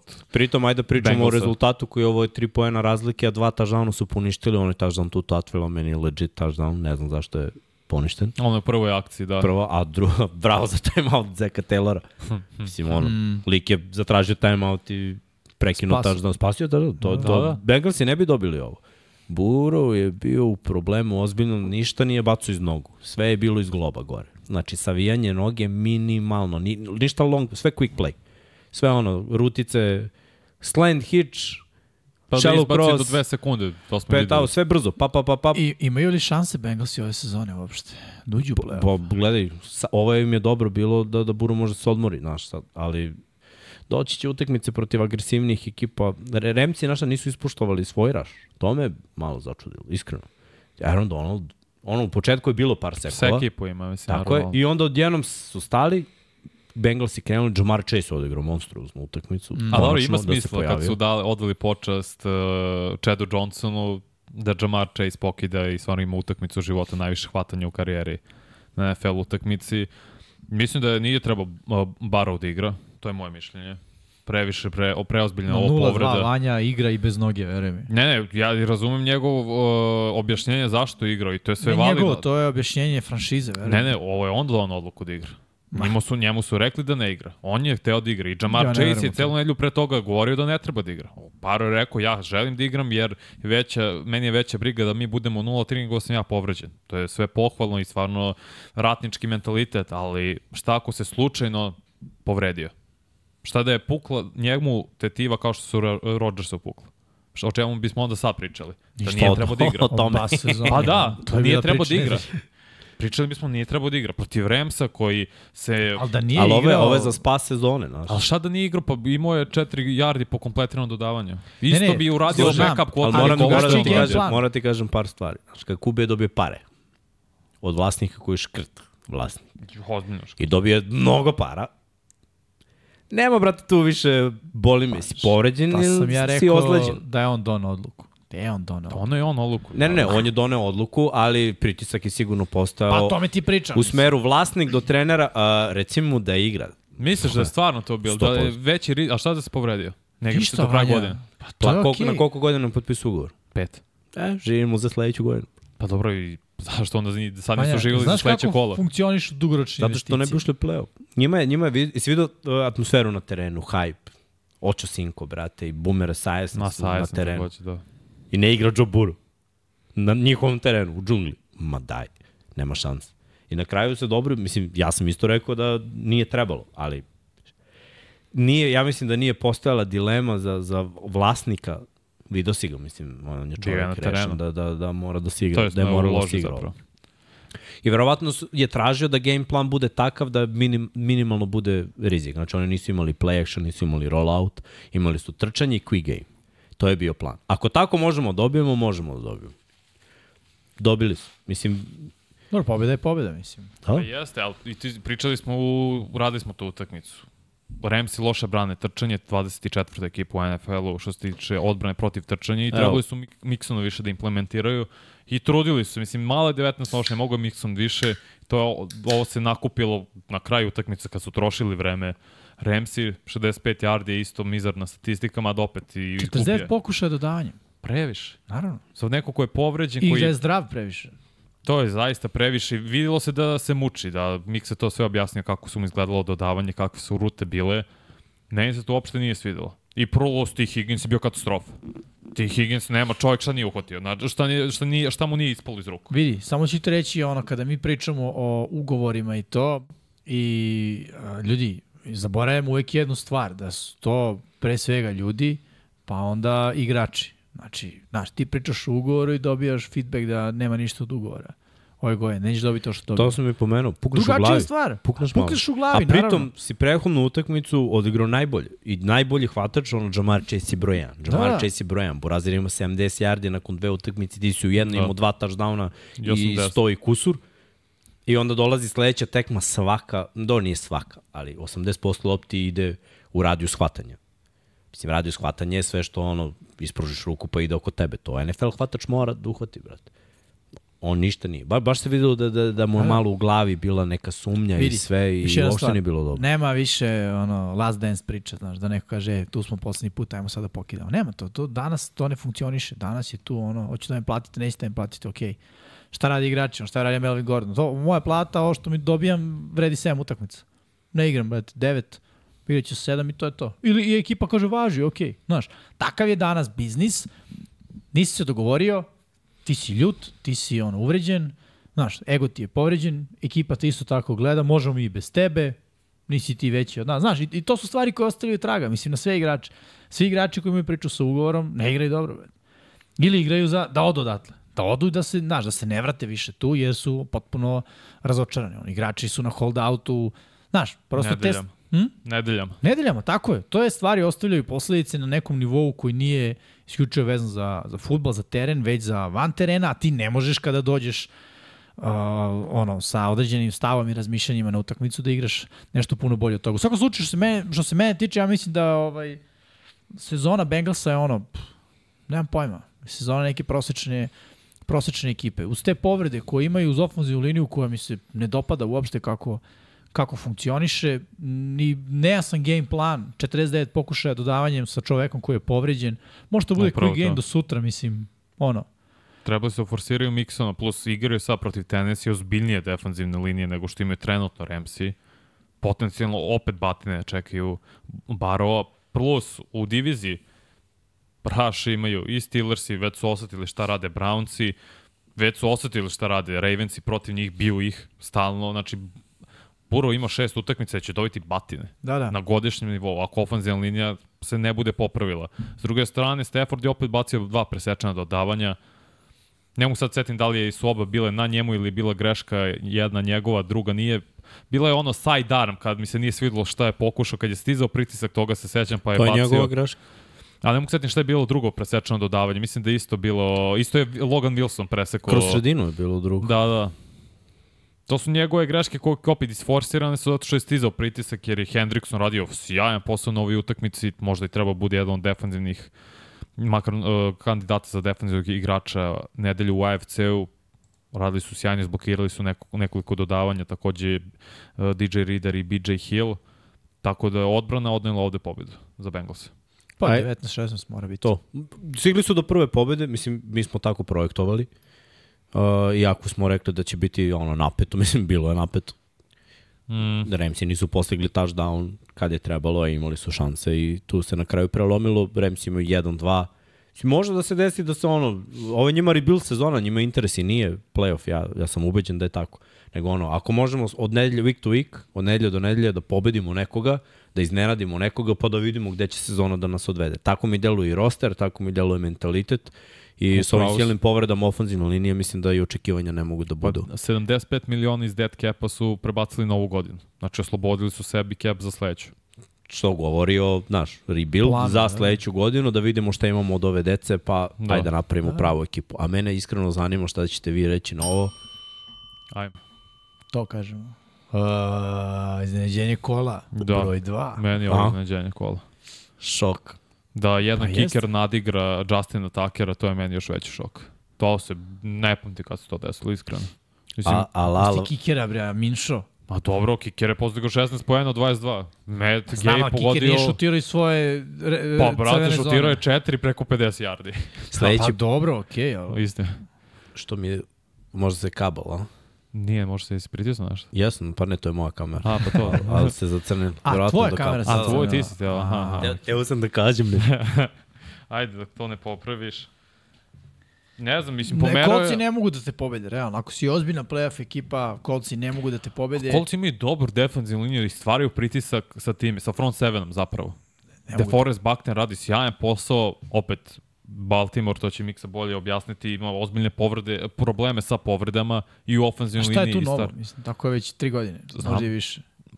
Sjajno je trčao Lamar Jackson preko 100 yardi, imao je su dva fambla, dodavanjem se nije snašao koliko smo očekivali i tu će biti malo zaškoljica jer je novi sistem. Treba i tu vreme da se uigra sa novim hvatačima, da sve to super je na papiru. I Zay Flowers kao Novajlija igra dobro na početku, ali potrebno je vreme da sve to lepo spoji, da se poveže i da od napad deluje fluidno konstantno. Ja ne verujem da će se to povezati. Uh, mislim da ima veće šanse da se poveže kada je tu Beckham, zato što Beckham iziskuje određenu pažnju, on nije igrao na tom meču. Uh, zbog Fali povrede. odel. Fali odel. I ne, fali samo zato što je to rešava pažnja. Znaš. jedan na jedan situaciji. Rešava. Rešava, ali isto tako privlači dodatnu pažnju odbrane što otvara drugi igrač. Znaš. I to su stvari koje Ravens, na koje Ravensi mogu da igraju. Mislim, ono, ne, ne znam, nisam ubeđen, ono, i dalje što se tiče Ravens, imaju 2-1, istina, a toliko imaju kolci. Mislim, znaš, kolci smo videli na, na bravo, dnu. Kolci. Ti radi kamera mix? Ej, So, ja, ej, samo što si zoomirao Persija. Da. Pa nisam ja ništa zoomirao. To je ona sama odlučila. Volim Persije, Harvina. Persi legenda. Ne diramo nikako. A, ne znam Tekmo šta. si bio sjajan. Jest. Za kolce 122 yarda trčao, eto Jonathan Taylor izgleda neće biti neophodan, svako je rekao da ne želi da igra za kolce kad se vrati sa ovaj pauza od četiri kola. Tako da sve pohvale za kolce. Ofenzivna linija deluje mnogo bolje, radi dobru protekciju nakon što je bila katastrofa poslednje godine, prošle godine, pardon, čak i Quentin Nelson počeo da igra mnogo bolje što se tiče pa, pas blokiranja, trčanjem je onako džene džene, ali su pronašli neki ritem i to je sve pohvale za Stajkena. Čekaj da vidim, sam se... Ah, pa da, Yes, dovoljno. skoro. Da. E, ajde, ajde da, da malo pričamo o Čem? Minšu. Jimmy je rekao da on ima u sebi dve utakmice jezik pregrizo, znači sad bi skočio da te ugrizam za zamara. znači, ima Minša dve utakmice u sebi. Ali ima dve u sebi. Ima, brate. A i ali ona mu mislim, nije bila prva, samo da znaš kad je ušla. morala da bude. Ovo je bila prva. Da. Nije druga. Ovo je bila prva. Pa završio je onu drugu. Pa Dobro to igrao. se ne računa, to nije utakmica. Pa igrao Ne- tri četvrtine od Ne četiri. bitno, Ne nije ide počeo. pobeda njemu. Mora počne. Ja. A Anthony Richardson istračao dva touchdowna. Jeste. I kao Minšu pobedio. Dobro, povezao je Pobedio i to i ja. Ali pazi, sve usmemo uprko svim tim, nije igrao Gas. Gas je imao Gas mozga. Winslow. Winslow, može. Uh, Justice Hill nije Justice igrao. Hill, da. On je, da kažemo, to su prva dva beka. Ušao je Melvin Gordon, znači, katovali su ga jer je bio užas u predsezoni, on je ušao da, da igra running back. Opet, bez odela, nemaš tog izrazitog čoveka jedan na jedan ko gađaš. Ali nekako, bez obzira na sve to, uh, Kenyon Drake, fumble, Lamar. Prva dva dana, prvi, down, prvi drive je bio toliko fluidan, bilo je pap, pap, pap, pap, touchdown, drugi je bio isto fluidan dok Drake nije fumblovao u crvenoj zoni. To je bila velika greška, tu su dobili malo momenta kolci, ali na kraju krajeva, brate, za kolce čovjek postigao 16 pojena od 22 Tako, to ti pričam. i izdominirao. Zato od i toga pitam, ne znam četiri, da li se desilo četiri šuta ikada- sa 50 plus yard. To je rekord NFL, inače. Pritom, Baltimore imao svoje šanse, Tucker je promašio za pobedu u šut, a onda u produžetku, to, to je opet John Harbaugh, ja njega dosta krivim za, za ove neke poraze Baltimora u, u posljednjim godinama sa tom izrazitom željom da sve to mora da se rizikuje i nešto da mora da bude. Pozdrav ga Staley. Ti imaš, jeste produžetak, jeste 4 minuta do kraja. Mislim, ono, imaš timeoute i kolci osvajaju ono prvi down i onda pantuju. I ti im dozvoliš, znači ti si na polovini terena, imaš četvrti za tri, znaš da nemaš svoje prave playmakere tu, znaš da ofanzivno i nemaš centra startnog, tekla startnog i da je guard prva godina startni guard. Znači probleme, sve vreme je pritisak bio dva Četiri fumbla seka i Lamar imao fumble Imali takođe kolci. Toliko je bilo problema sa ofanzivnom da ti želiš da dodaješ loptu, dodaješ je opet za... Jeste bio prekršaj, ne, neću ulazim u to. Mnogo je bilo prekršaja koji nisu svirani. Prošle nedelje Broncosi su izgubili na pass interference. Ovo je bio čist pass, interference na, na Zayu Flowersu. Ali ne treba da rizikuješ uopšte da ideš na taj pokušaj i, i da očekuješ da će se tu desiti nešto. Pantuješ loptu, neka krenu kolci unutar svojih 20 yardi, ako uzmu jedan prvi down, drugi potrošit će koliko, imaš dva timeouta, potrošit će minut, neke potroše i dva, vratit će ti loptu opet negde na 30-35 tvojih, I onda ideš u poslednji napad i onda rizikuj tada kad nema vremena. Ne, daješ im loptu na pola terena sa kikerom koji već tri puta bocno preko 50. Znači njima treba jedan prvi down da bi on šutno preko 50. I to se i desilo. Ti rizici, znaš, to, to je ta, vodiš se tom statistikom, ovo bi bilo, ovo je ovo, je, ovo, ovo je ono. Analitika. Znači, neću uopšte da ulazim u to, ono, Taker je pobedio 10 utakmica u posljednje dve sezone svojim šutima. Nije on kaže što je promašio jedan. Pljuštala je kiša, bilo odvrtno vreme. Lamar je pobedio više od 10 utakmica isto, isto na tu foru. Ali taj četvrti pokušaj opravdavam kada si blizu protivničke Kako je end bila zone. izvini? To je bilo baš na polovini terena. Ne, ne, udaljenost jardaža, koliko je trebalo. 3 yarda. 3 yarda. Bio Zašto shallow nisu- cross. Bio je shallow cross. Izvini što te prekinem, zašto nisu išli na njihovo najjače oružje, a to je trčanje Lamara, možeš da trčiš- koje je funkcionisalo na utakmici? Zato što nije funkcion, ne, ne može funkcioniše tu kad nemaš opasnost. Zašto je Lamar toliko dobar? Zato što radi read option, ali da bi radio read option, neko mora da zagrize na tipa gasa. Znaš, kad je tu gas ili Dobbins, ti zagrizeš i, je li tako? Uđe Melvin Gordon ili tako neko, niti je dobar tajming s njim za te fejkove. Edwards je tu koji Lamar, šest godina. Oni, brate, odrade to toliko suptilno, to se ni ne izvali. Znaš, ne, mislio sam dodatna protekcija, QB draw. Znaš koliko je, brate, protiv ove odbrane teško Ne, ne, istrčati znam, 3 znam, ali pre bih išao na Lamarove noge nego da tražim Idealna, pas. idealna situacija. Bio je prekršaj, ali Ne, jeste ne treba, bio, ne nego treba samo ni da ideš. kažem, ideš na ono što ti je jače. To je su, makar u mojim očima Lamar da istrči kako znaju ume, a rešavaju te situacije. Nije ali da odbrana, nije. odbrana kolca ti je 10 puta jača u odbrani od trčanja. Na ovoj utakmici se i potvrdilo nego... Znaš, i opet imaš, ti hoćeš da trčiš sa tri rezerviste u ofanzivnoj liniji.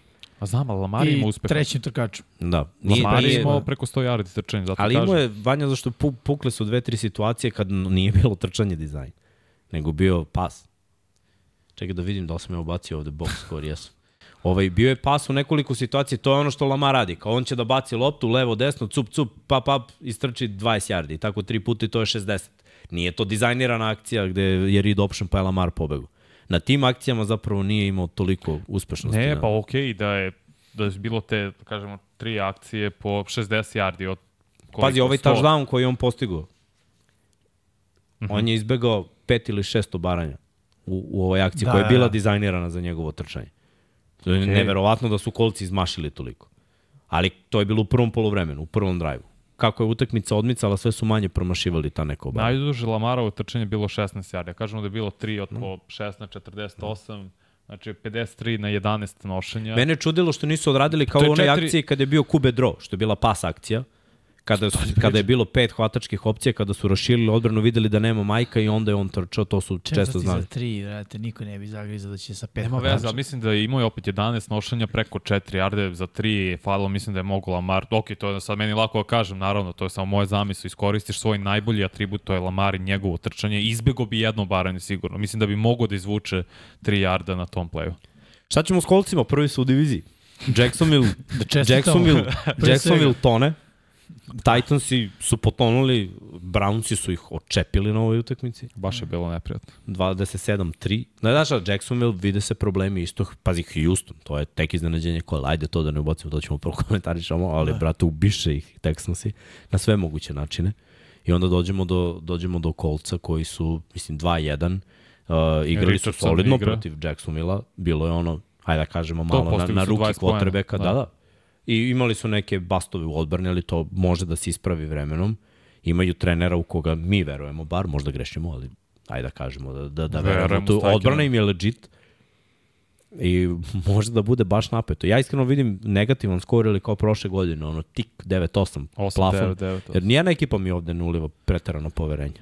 A, mislim, Za Ravens mislim da ovo nije problem. Par igrača startera se vrati i to možda bude druga priča. Ovo je klasična bojka Baltimora što se igra. I mislim oni su dobili Bengalse sa drugom ekipom. Ja možeš da vidiš protiv koga i ću ja vidjeti zapravo protiv koga igraju kolci, sad ću ti kažem. Naredni kola. Ramsi. Mislim da to mogu da pobede. Coltsi? da. Titansi pro, igraju, Titansi igra dolaze. Minšu ili... Ne, igra Richardson. Vraća se Richardson. Da. Dobro. Titansi dolaze u Indianapolis, to mislim isto da mogu kolci pobede. Jaguarsi ponovo, Teško tu mogu kolcija pobede protiv taj, Tennessee. Mislim da će Vrabel postaviti dobru odbranu. vidjet ćemo, mislim, bit će opet. Nije nepobedivo. Nije Ne, kao što nije, igraju nije. protiv Brownsa, da mislim da će Brownsi da ih kompletno zaustave. Zavisi. Saintsi, to je isto pobedivo. Karolina, Dobro, imaju lakši raspored jer su... To, ono, to pričam, mogu Da. da iskoriste raspored, jer realno, makar ovde da, i Jacksonville takođe, ajde da kažemo da su im realno dva poraza, Browns i Jacksonville, zato što Jacksonville igra kod kuće. Pa ajde da računamo tu. Po Jacksonville igra protiv, kod kuće protiv Texans. Ma znam, ne, okej, da ne bude, da ne kažem sad sve mogu da pobede. Ja uopšte ne verujem u taj Jacksonville, to da vam kažem. Da, je raz... Pojenta priča nije Jackson, nego kolci. Mogu da izvuku ovde u narednih četiri utakmice, pet zapravo utakmica, realno 3-4 pobede. I tako sebe stavi u što bolju situaciju pre baj nedelje, da kažemo, ok, kolci tipa posle osme nedelje imaju 5-3. To je skroz korektno, niko ne znam da li je to iko zamislio da će biti tako, ali 5-3 nakon pola sezone malte ne, ti si vrlo verovatno prvi u svojoj diviziji i na tebi je ostatak da završiš, ne moram da završiš sa 10 pobjeda, završi sa 8, što je Miksa rekao. Jer je to super stvar za trenera u prvoj godini i za kvo, r, ovaj, e, Novajlina posti je Ajmo na, ajmo na ostale rezultate. Ajmo. Giants i 49ersi, to je bio Thursday night. To smo To smo već pričali, 49ersi pobedili 30 prema 12. Browns i protiv Tennessee 27-3, Cleveland dobio kod kuće. Šta reći? Pa ništa kada odbrana Brownsa u tri utakmice. porati? Kome? Šta?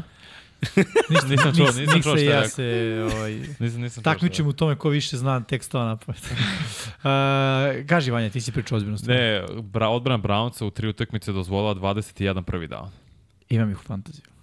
Da, eto, znaš koliko su dominantni. Stvarno šta radi Jim Schwartz, šta radi Miles Garrett, pogotovo u utakmici da ima 3,5 seka na poluvremenu, kako igraju i sek, u sekundariju. Deshaun Watson odigrao najbolju utakmicu poslednje tri godine. Čab da im je ostao, oni bi izdominirali ovu diviziju. Da, ali pošto Ne, ali nije... moraju se desiti neke stvari, znaš. Mm. Tako je, nažalost, da bi se nešto kliknulo. Inače, Deshaun Watson nikad nije pobedio u uzastopnim utakmicama kao starter Clevelanda, tako da vidjet ćemo šta će protiv Baltimore raditi, ali Tennessee s druge strane, ja ne znam kako su oni Chargersima postigli 27 pojena, to je katastrofa odbrana Pa to Chargersa. ti, to, to ti je sve jasno. Da, ali protiv ozbiljnijih prosečnih odbrana Tennessee ne može pređe 15. Pa zato što je njihov napad neozbiljan i neprosečan. Limitiran.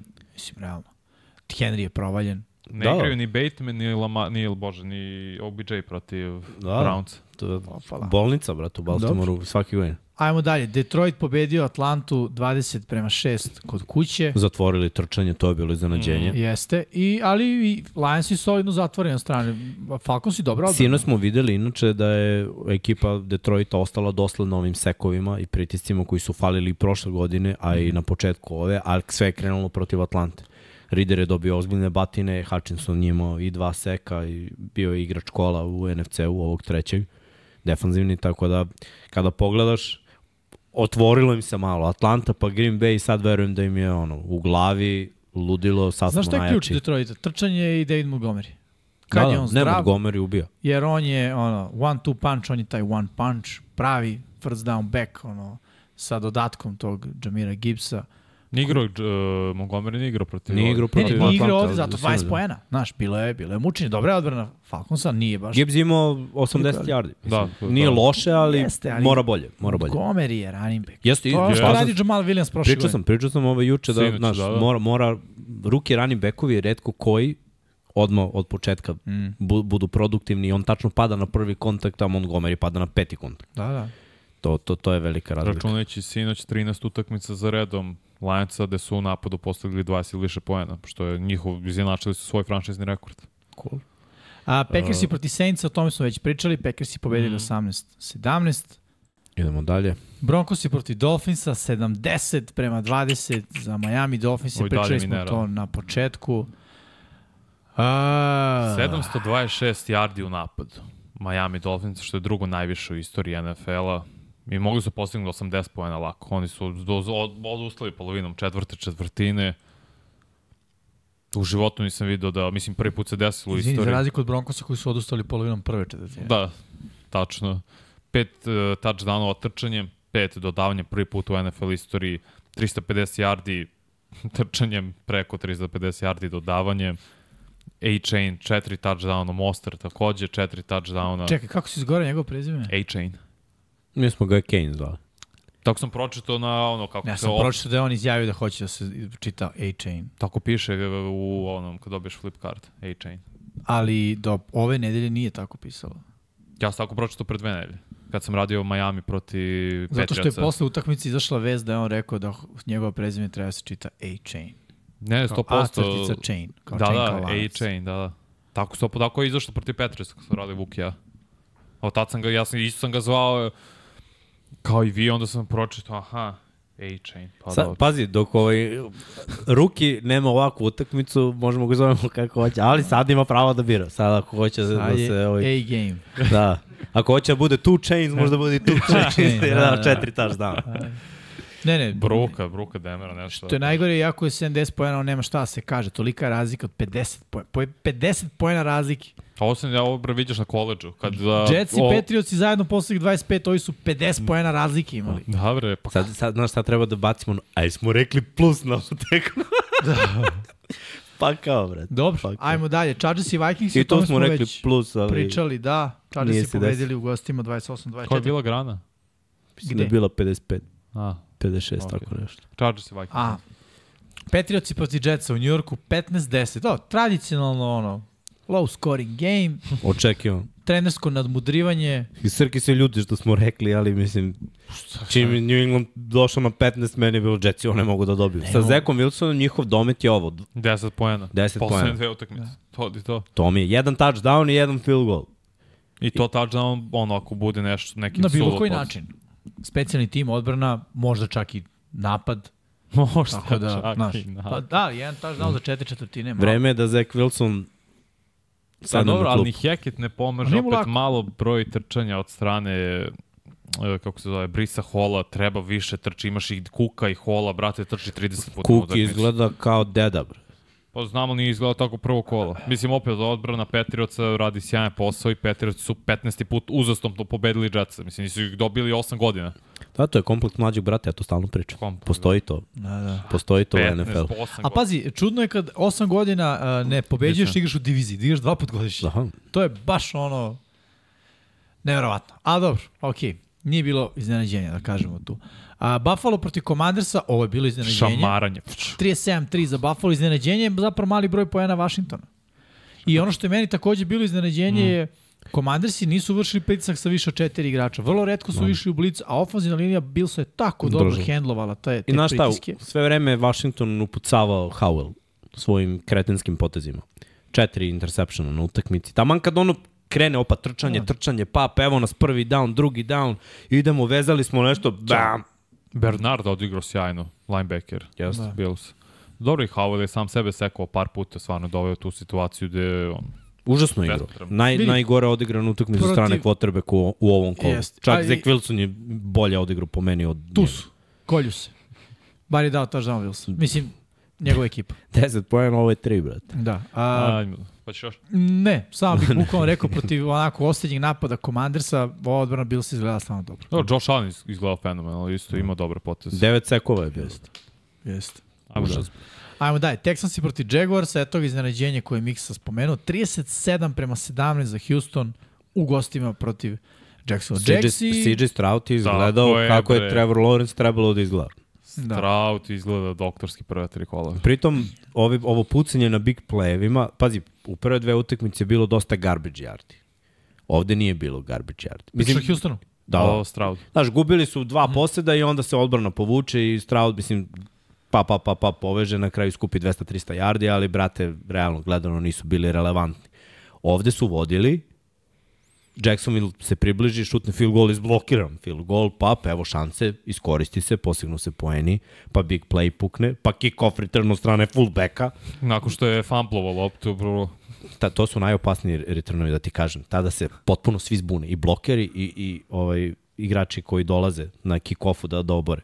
Gotovo uvek nakon ispuštenog kick-offa ili je- panta. znaš to, Nešto ja- dobro se desi ako imaš vremena. To su yards after catch. Pa tačno. Nemaš pojma gde će. Uhvatio loptu i On stavio. krene da improvizuje, To je to. razumije. Ništa nije ono, ti se dogovoriš obično blok levo ili blok desno, ako sve ide kako treba, tvoji igrači pokušavaju da blokiraju, protivnička ekipa vidi šta pokušavaju i ti blokove. pobediš do mesta gde oni treba da te blokiraju. Ovde nema pravila. Ovde ono, blokiraš levo ili desno, on čovek čita, zapuca se obično kroz sredinu, pa samo odabere levo ili desno.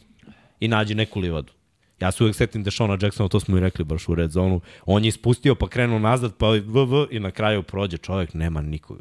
Da, da. Znači, baš je bilo, ali Jaguars i sramno, sramota, baš sramota. Jeste. I ono, ne znam kakva je budućnost uh, ove sezone. Tank Dell je pokidao ovde, pet hvatanja, 145 yardi Novajlija, lepu konekciju i hemiju stvara sa Stroudom. I on i Nico Collins, baš. Da. Mislim, bravo za prvenac u stvari, za Demi Krajens, ajde da ga pohvalim. Ovo mu je Prvo Prvo- prvo kao pomoć. glavni trener.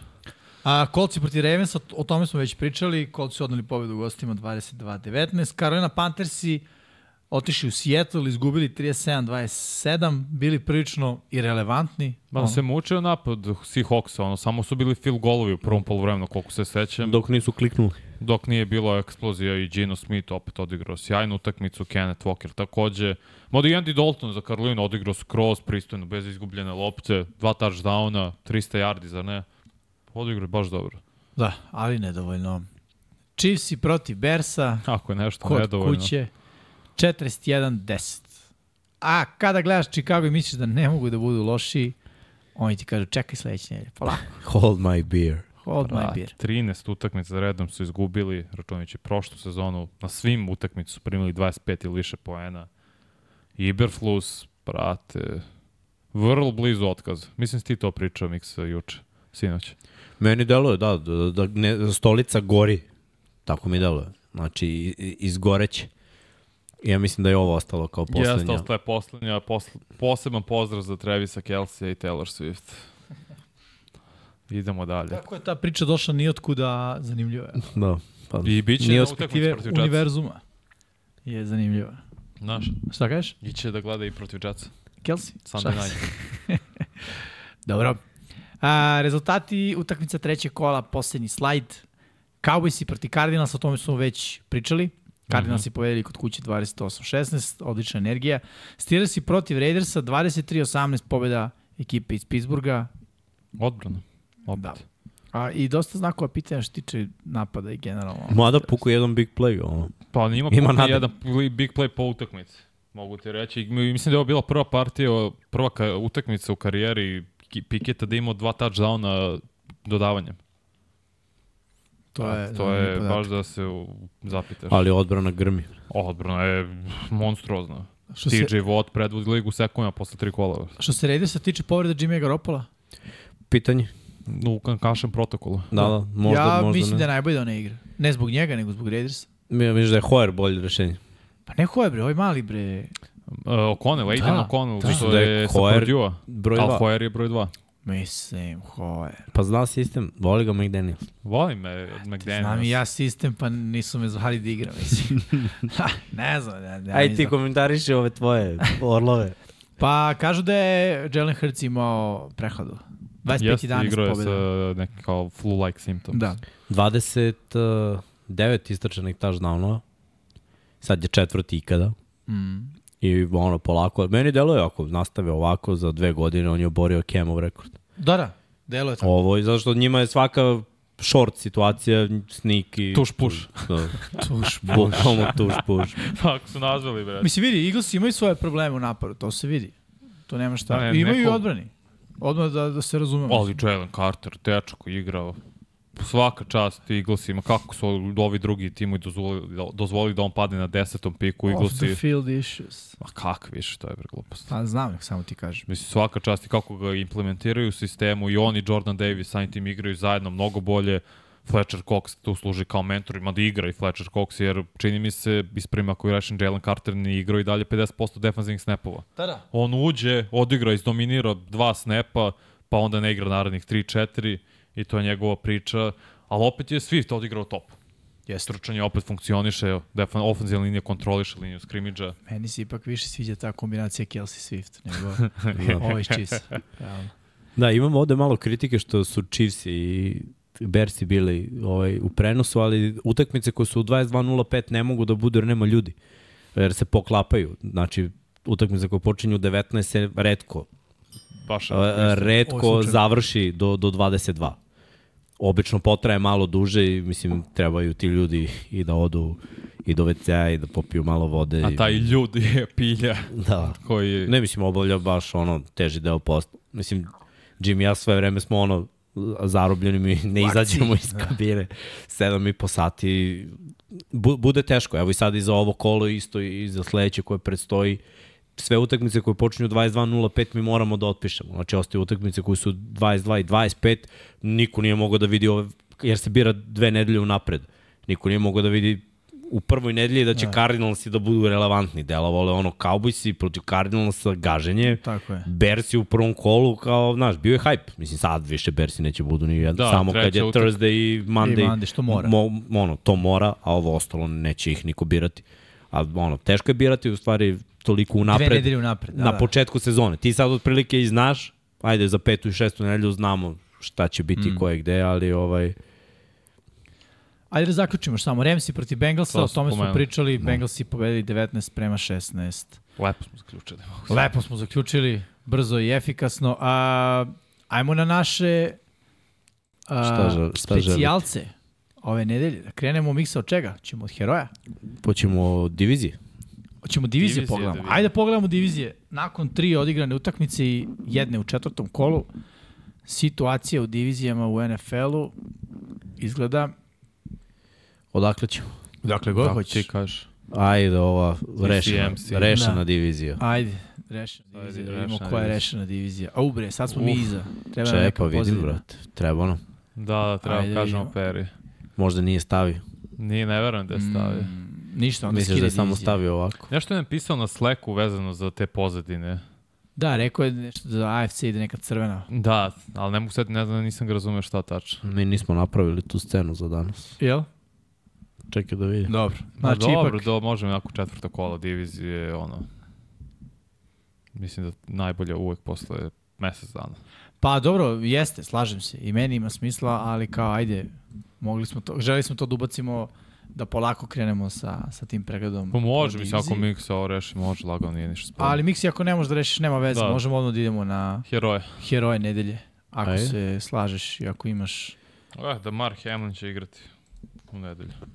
cool. Dobra vest. I za Buffalo, Da, pošto ne igra Poer. da. A i generalno da kažemo za celo NFL svet, s obzirom da ono što mu se desilo prošle godine je stvarno neverovatno. Moj heroj nedelje je Tua Tagovailoa. 23 od 26, samo 3 nekompletirana dodavanja, 309 yardi i 4 touchdown paseva. Preko 1000 yardi dodavanjem ima nakon tri utakmice, što je ono sumanuto skroz. Samo kaznici ima više. Da. A, I nevjerovatan napredak u svojoj četvrtoj sezoni. To je ono što je meni zapravo priča svega kada govorimo o Tuji. Pre samo dve godine bilo je go, ono, priča da on ne pripada u NFL-u, da je levoru, to ne ide, poseban sistem, džabu. Prošle godine isto bio upitan, imao ups and downs, bio, moment, bio, na, bio je, bilo je momenta kada je bio dobar, ali je takođe izgledao loše. Ove godine nije još uvek izgledao loše. Savršen sistem. Šije ga baš sjajno, preko 300 yardi u proseku svaka utakmica. Da, da, savršen sistem, savršeni saigrači za njega, kao na Alabami što imao samo lete ljudi. Da. Ima i sprintersku ekipu i to njemu odgovara jer on brzo izbacuje loptu, najbrže za sada u NFL-u, 2,2 sekunde. Pa kad su mu tako brzi hvatači. Njegovi hvatači su za, na 2,2 sekunde već na 40 yardi. Da. Skoro. Dr- Drop it like it's hot. To je bio moj heroj nedelji. Ajmo dalje, Miksa. Pa znamo ko je Vanjin heroj. Nema. Jedno da čekam. Jedva dočekao bukvalno. Herbert je, Justin Herbert je moj heroj. 405 yardi, 3 touchdowna je bacio, 40 kompletiranih dodavanja iz 47 pokušaja, 93,2 QBR, 123,8 je passer rating. I jedna statistika koja je meni vrlo bitna, 20 pobjede i 6 poraza ima kada njegova ekipa dozvoli manje od 28 poena. Au, brate, pa Znači, Kad, dole, kad dozvole manje od 50 pojena, oni poveći. Šalim se, dobro, okej. Okay. ali dobro, samo trebaju da ne dozvole preko 28. Mm. što je stvarno za bilo koju odbranu ono nešto očekivano. O- Očigledno za odbranu Stelija koji je defanzivni um, to mnogo se tra, mnogo traži. Dobro. evo ja ću do moje heroje. To su running backovi Miami Dolphinsa, Mostert je na slici, ali eto je Chaina ćemo pomenuti. Osam touchdownova na jednoj utakmici, Monster 4, E-Chain 4. Kombinovano su imali 384 jarda, što je više od 21 ekipa u ovom kolu. Njih dvojica. Oh. Od 32 ekipe, njih dvojica su premašili 21. bre. Respekt. Pa kao, ja ovo nisam video nikad. Od, u svim ovim godinama, znači da dvojica running backova imaju ovakav učinak, dobro, nismo ni 70 pojena videli. Monster predvodi ligu sa šest istračenih touchdownova i ovo je još jedan dobar početak ovog momka, zaista poštemo od njegovih prvih dana kada je bio returner u, u Baltimoru, pa se borio da postane startni running back, dobio je tu šansu u 49ersima, gazio Green Bay Packers-e na dobar dan. Hmm. One godine kad su bili u Superbowlu, on je bio zaista možda ključni. Do McAfee nisu imali sličnu produktivnost od running backa. Međutim, povrede su ga uništile i ovaj, ne znam da li ste gledali, ali bilo je ovaj, ono, zvuci sa terena na YouTube-u kako on bodri sebe ono, pre tekme i, i kreće priča ono, nisu verovali tebe, mislili su ono da povrede, nećeš više nikad igrati, razumeš, bla, bla, bla, ali brate, on je 10 godina u NFL. On je mator running back u stvari. Da, Da budeš ovako produktivan i da budeš toliko dugo, bez obzira, jesu povrede pa je igro nije igrao, ali 10 godina je 10 godina. Mm. Da budeš toliko dugo u ligi, to je za respekt. Herojski. A, ostao nam je još uh, Srkevog moram da, Hercegov da heroj lociram. nedelje. Luka, koji je inače fan Chiefsa, šta si mi poslao da ne ulazim sad, od Šeftera? Za kat, da, za kockanje. Ali samo da kažemo Srkevog heroja nedelje. To je Mike McDaniel, glavni trener Miami Dolphinsa. A, čovjek iz Kolorada, a nije hteo da čuje za njega ekipa iz Kolorada. Potuko ekipu iz Kolorada do nogu, to je Denver Broncos. Organizovao jedan od najpotentnijih napada u ovoj deceniji, istina. Baš su eksplozivni, u svakom smislu. Ali, pokazao samilost i izabrao da Miami ne šutira, šutira za 3 poena i uh, novi rekord po broju postignutih poena. Dobro, smilovao se nad svojom uh, ekipom koju, za koju je navio kao, kao dečačić ili kao ball boy. Ja sam to rekao od ball boja do heroja. Čak si rimu. Nice. Može, njegov napad može potencijalno postane prvi tim od Denver Broncosa iz 2013. koji će ubaciti 600 pojena za jednu sezonu. To su samo oni uradili. Eto. To ti je neko cilj. Ko je novo pravilo, što si rekao od Šeftera? Uh, vezano za gambling, za kockanje, još se smanjila kazna Jamesonu Williamsu. Na Tako koliko? da, pa mi biće available u petom kolu. Znači Dobro. dve utakmice su mu Da. zapravo. Da?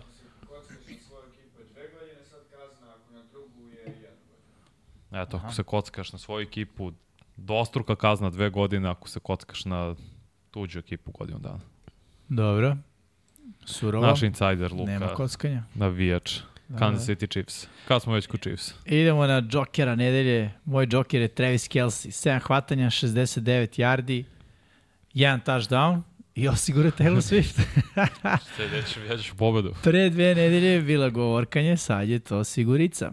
I za mene posle Jason Kelsey, DeAndre Swift, drugi najbolji Kelsey Swift duo na planeti, jel te, on je 50% tog dua, tako da ovaj, i dalje sam veran Kelsey Swift duo u Eaglesima. Fly, Eagles, Ali stvarno odigrao je fenomenalno pod pritiskom. Ko se bavio sportom i imao devojku u tom trenutku znao čemu pričam. Ajmo dalje, Miksa. Sledeći džoker nam je Vanji džoker. Joshua Dobbs, ja sam išao sa quarterbackovima sve, 17 kompletiranih dodavanja iz 21 pokušaja, 189 yardi, jedan touchdown, nije niti jednu izgubljenu loptu. Prva pobjeda kao startni quarterback u NFL-u, što je uvek što uvek treba izdvojiti, naravno QBR 83,9, jedan od najboljih u ovom kolu. Sve pohvale i stvarno bravo za Joshua Dobbs, koji mislim da je on zapravo jedan oz- do, diplomirao da bude rake, uh, naučnik za rakete ili nešto to. Čini mi se. Raketna nauka. Mislim da jeste, da. Zanimljivo. Baš Ajde, možemo da ga istražimo. Ajde, ti ga potraži baš da imamo dokle Miksa Da, dok mi čekamo džokera. 550 ljudi u live-u, 150 lajkova, užasni procent i mora to da se popravi. Ajmo, ljudi, ima, vas- ima vas 550. Ono. Ono, da je svaki drugi bar Da. lupio, bilo bi, da kažem, ajde, solidni procenti šuta. Eto, pozivamo vas da udarite like. Da, Lajkujte nas. Miksa, Jeste. dokle ljudi lajkuju. Raketni nau, naučnik. Kod mene je ljubav za kikera. 16 od 22 pojena kolca postigao je Matt Gay, 5 od 5 field goal, 1 od 1 ekstra poen, 4 pogotka, 50 yardi, plus i jedan od njih za pobedu u produžetku, tako da se čovek kvalifikovao da bude džoker ove nedelje. I možda i, gledaj, to je dobro za mladu ekipu, kada znaš da ne moraš touchdown ili mm. u crvenu zonu da uđeš, već field goal zona ti donosi neki poen. Na taj način su neke ekipe uspevale da ostanu relevantno, uključujući taj Baltimore koji ja volim mnogo puta, znaš, stigneš do 35, do 40 da, da. yardi, za druge ekipe je punt, ili četvrti konverzija, a za tebe 3 poena. I ono, Da, da. 3 po 3. Postoji šansa, a Srkijev Joker je ekipa Houston Texansa. Da, najprijatnije iznenađenje za njega je i potpuno neočekivana pobjeda na Jacksonu, to smo već i prokomentarisali, zaista. Uh, pokazati da u NFL-u svako može da pobedi. Ok. Jacksonville, da, definitivno. I podsjetnik na timski duh. To jeste stvarno. Uh, glavni trener Demiko Ryans jeste uneo taj neki, uh, neku dobru energiju. Ti se često priča o toj dobroj energiji ove sezone, pre svega kada govorimo o Arizona Cardinalsima, ali i Texansi imaju to. I mislim da taj dolazak Demiko Ryansa, mislim, jeste bio upitan iz perspektive njegovog trenerskog iskustva generalno. Ljudi pre samo pet godina, ako se ne vramo, on je igrao. Igrao u Eaglesima poslednje, poslednje sezone. Tako da ovaj to jeste iznenađujuće onako, vrlo je mladi iz perspektive trenera i još je, da kažemo, uh, iznenađujuće da je on mlad glavni trener. I eto, sa mladom ekipom igrača uspeo da napravi uh, tu neku pre svega dobru atmosferu, taj timski duh, jer ovo na kraju dana jeste timski sport i važno je kako igra tim, a ne pojedinac. O, da. Dobro, Ajmo na sad tragičare. Idemo na tragičare. Moj tragičar je Sean Payton. Istorijski poraz.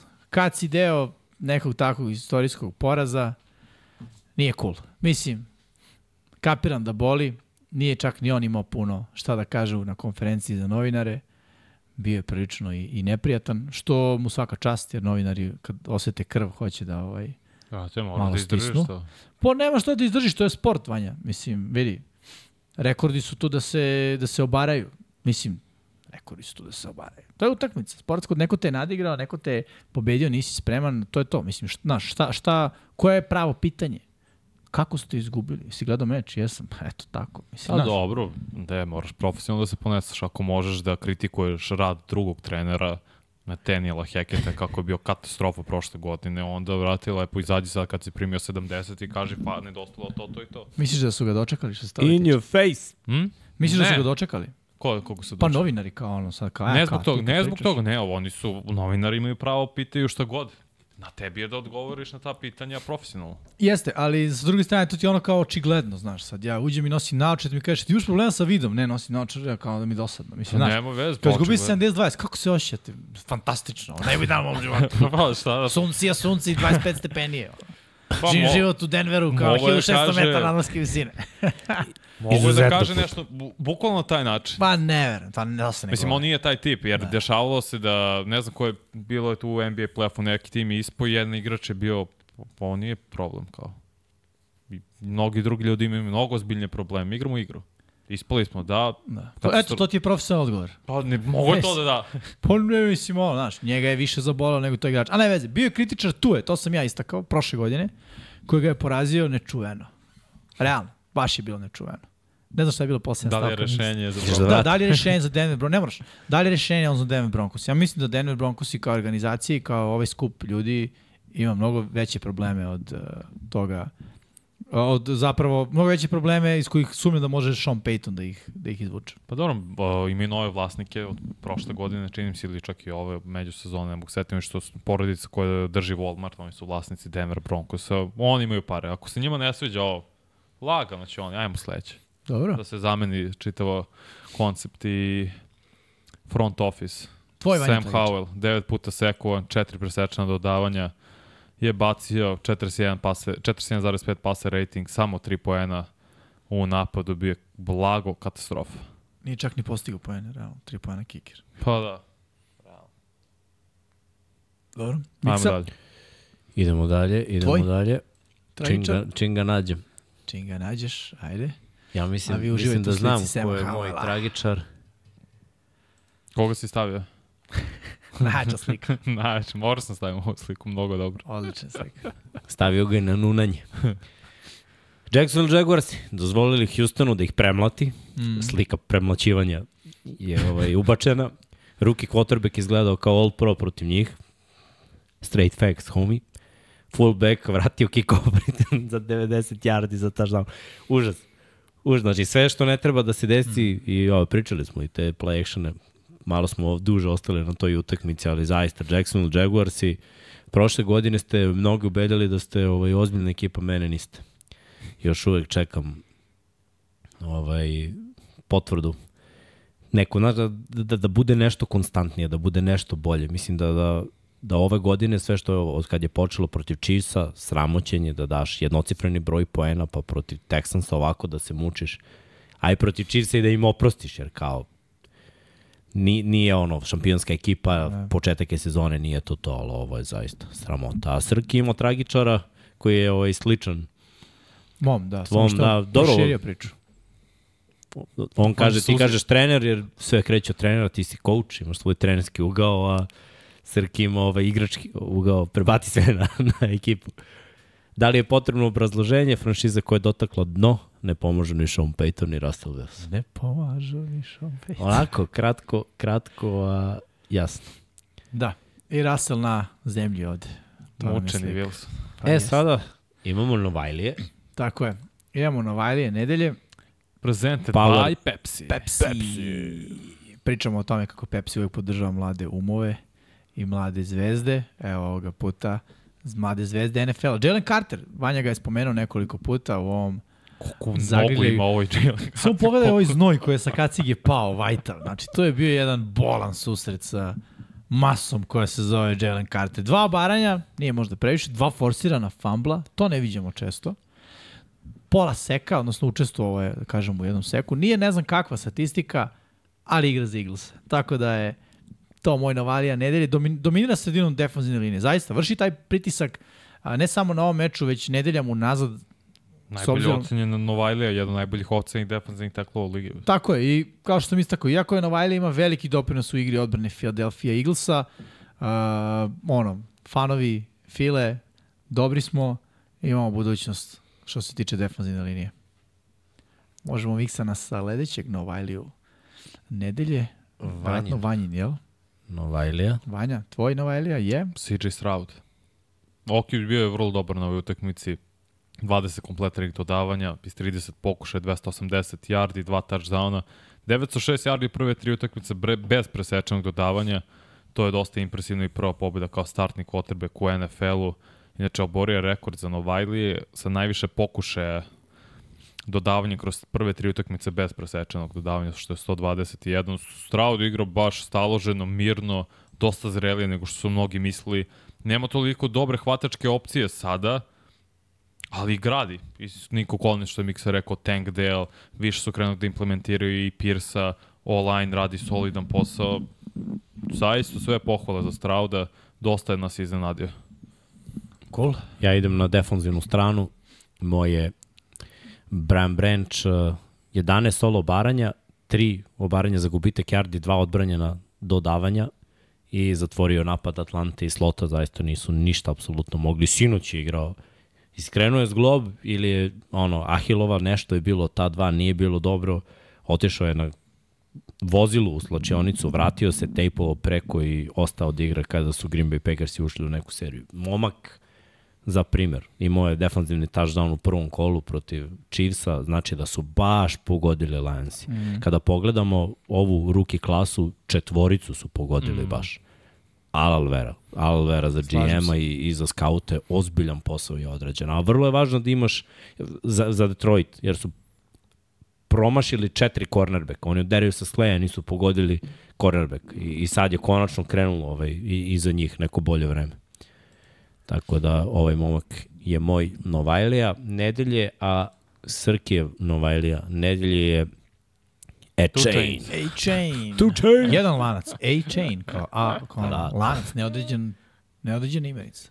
18 nošenja za 203 yardi, 11,3 yardi uh, prosečno i dva trčanja za touchdown. Najviše istrčanih touchdownova u istoriji lige u svoje prve dve utakmice. Četiri komada i sastavni deo ekipe koja je postigla 70 pojena. Ono, legitiman deo ekipe. Nije on tu kao neki klinac koji se šlepa. Baš legitimno, ono, sa 203 yardi po zemlji, Imaju štafetu četiri puta 100. lagano. I to ono za olimpijadu. Bez Pa on je bio problema. na, on se takmičio u atletici. Pa dobro, znamo da Mike McDaniel voli zujelice. Što kaže Previše Miksa. su brzo. Dobro, to je bilo to što se tiče Pepsi Novajlije nedelje. A, mi možemo sada se vratimo na nas, ako ste želeli se da vidite nas malo, Verujem da jesu. nakon 5 minuta ili plus Dobro, sad opet neće vidjeti grafika. grafika sada, pregled kola, to jest... Uh, Najava. Ne, prognoze. Aha, hoćeš da prođemo prognoze od prošle nedelje. Ajde, da vidimo. Bili smo baš uspešni svi. Ajde da vidimo. Mi dobro. smo i prošli imali 12. Nas Pa, trojica. Da, Jel da. jesmo, jel? Sva trojica. Da, A ove da. nedelje ja mislim da sam ja 11.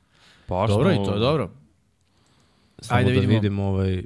Miksa, kakva nam je grafika, ko je šta birao, ko Da je pro, pogodio. prošle nedelje ste vas dvojice imali 12, ja 11, sad je ti i ja 12, Miksa 11. Eto, znači moramo prebacimo 12-icu. Kao ovaj ona, kako se to zvalo? Naše prognoze za treće kolo. Sportska prognoza. Šta je to? Pa znaš, bilo je ono našem filmu, bre, u tesnoj koži. Uf, ne. 13, ljudi, 13. Giantsi protiv 49ersa, Vanja, moraš ti, ja ne vidim ceo ekran. Svi smo birali Giants sem velikog Srkija koji iz nekog razloga voli da kontrira, pa izabrao je Giants i grdno pogrešio. Mislim, mi smo svi birali 49ersa? Rekao si Giants. Da, da, izvini, da, da, svi smo birali 49ers, bili smo u pravu, sem Srkija velikog, Tennessee, Cleveland, svi smo birali Cleveland, svi pogodili.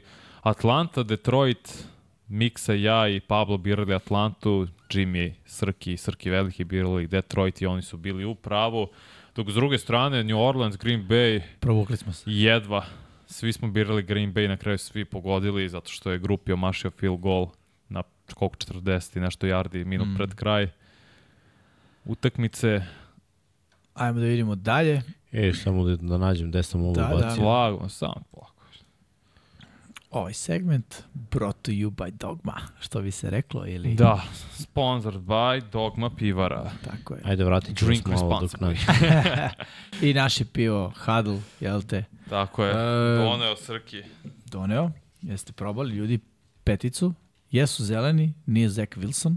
Tako Nisu da, Jetsi. To je cool, nisu Jetsi. Da, više sad Fila, eto, Zach Wilson, ovaj ipak njegov broj, broj 5.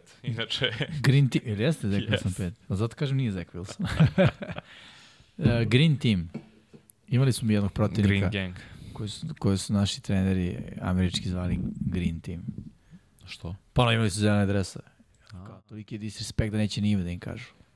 Denver protiv Majamija. Svi pogodili, svi Lagani birali Miami. 50 pojena razlike. Veli, to jest Srki je birao Srđan Erceg, Minnesota protiv Chargersa, nije se desilo. Patriotsi protiv Jetsa, nas trojica, Jim Mixa i ja birali smo Patriotse, Srki, Srđan Veliki, Pablo Jetsa, Washington, Washington, Buffalo protiv Washingtona, pokušam da spojim obe ekipe u jedno, nije, nije se isplatilo, možda i bolje bilo uz utakmicu, svi smo birali Buffalo i prošli odlični. To da nisi rekao Vafalo. Buffalo. Zvuči kao neki. Waffle, da. Uh, ovo je već bilo malo...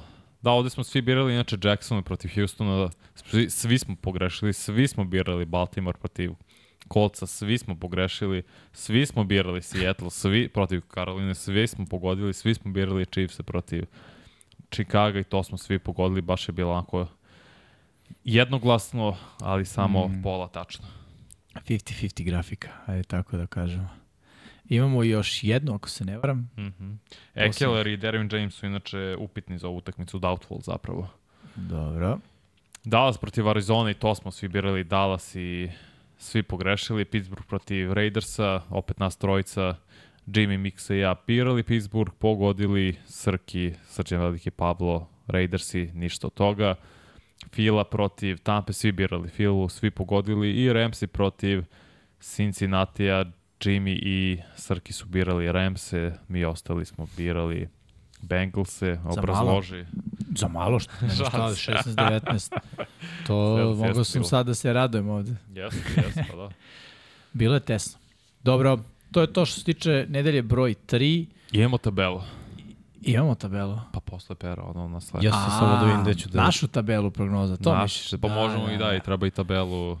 Zaboravio sam juče da odigram Runner Pool i biralo mi je Green I Bay. meni je birao Green Jel Bay, da? A isto. ti si napisao da svi odigram. Znam. Znam, katastrofa. U svakom slučaju, hajde da vidimo ove naše prognoze koje a, javno objavljujemo ovde. Za Ranjer Pool možemo i da nešto... Ja računam moje prognoze naše. Promenio. Ako budem imao više Pa pobjeda. jeste, da budem iskren, tu više uključim mozga nego, nego za Ranjer Pool, što nije nikako obre, objašnje, ovaj, Obrazloženje. obrazloženje, tako je, ali Desi se šta se radi. Jeste. I u Runner Poolu imam pobedu manje pre ovog kola, pre Mm. Green Bay i Detroit. 34, ovdje imam 35. Eto. No, ne znam ko je pozadina za ovo, jer nemamo... Nema pozadine. Na lor ne vez. Evo. Da bacimo preko nas, a? A, dobro, okej. mrak. Vanja nam je prvi, 35 pogodaka, 13 promašaja, procenat uspešnosti 72,92 kao Herbert, kada govorimo o Da. dodavanjima. Ja sam na drugom mestu, 33 pogodka, 15 promašaja, 68,75 procenat uspešnosti. Miksa i Veliki srč. Veliki srđan su na trećem mestu, 30 pogodaka, 18 promašaja, 62,5% uspešnost. Dom Pablo je na petom mestu, 28 pogodaka, dva- a, 20 promašaja, 58,33 je procenat uspešnosti i Erceg je na poslednjem šestom mestu, 27 pogodaka uz 21 promašaj i procenat uspešnosti od 56,25%. To smo mi što se tiče nas. Nemamo Ranjor Pool za danas. Ne znam, A, ostali smo vam to dužni. Jel nemam? Mislim da nema, mislim da Pera to nije izvukao. Ostali smo to dužni, ali ajde sledeće nedelje ćemo da se uh, updateujemo, tako da... Ima neka slika? Jel ima? Znači da pustiš da nije Znam da prošle Pera nešto rekao da Možda. ne može da se uloguje sad ne, i bio je onaj bug svakako i za to se Da. izvinjavamo ljudi što niste mogli da uđete na Runner Pool, mada opet tad su igrali utakmice. niste Čekaj, ima mogli. smisla, evo 37 je broj. Nje, to je tačno, onda Ok, bacite. cool. Imamo Ranjor Pool. Dobre vesti. Da, ali eto, imali smo problema sa Ranjor Poolom. Uh, sređeno je sada, tako da hvala svima koji su nam prijavili. Jer ovaj, nekada mi ne, ne primetimo te stvari. Prvi je Almedin, 37 poena, isto toliko pogodaka uz 12 uh, promašaja. Uh, Gosk Gabela takođe deli mesto broj 1, isti učinak. Uh, Bole, Ciceron Zaplinski, David 88, Del, Del Pero, sviđa mi ja se sam mislio da je. Del Piero. ali- Pa, e, to je poenta. Uh, Nisus 36, Somi ili Šomi, TB 12, Šomi. opa, Brady igra, cool, pozdrav za Toma. Urbi i Jimison, ovo je neki moj polu brat. Svi se nalaze na deobi trećeg meseca, 36 poena, odnosno 36 pogodaka i 13 promašaja. Bravo ljudi, nas nema ovde na vidiku prvih koliko Nema, ja imam dođe. 34 pogodka. Ako, pošto se ovo računao od sinoć, jer je mm. birao program. Upravo to. tako, Vanja je 21. najbolji među jednakima sa 34 poena, 34 pogodaka, 15 promašaja, ja sam drugi, to je drugi, 64. sa 32 poena, isto toliko pogodaka i 17 promašaja, Srki veliki, 264.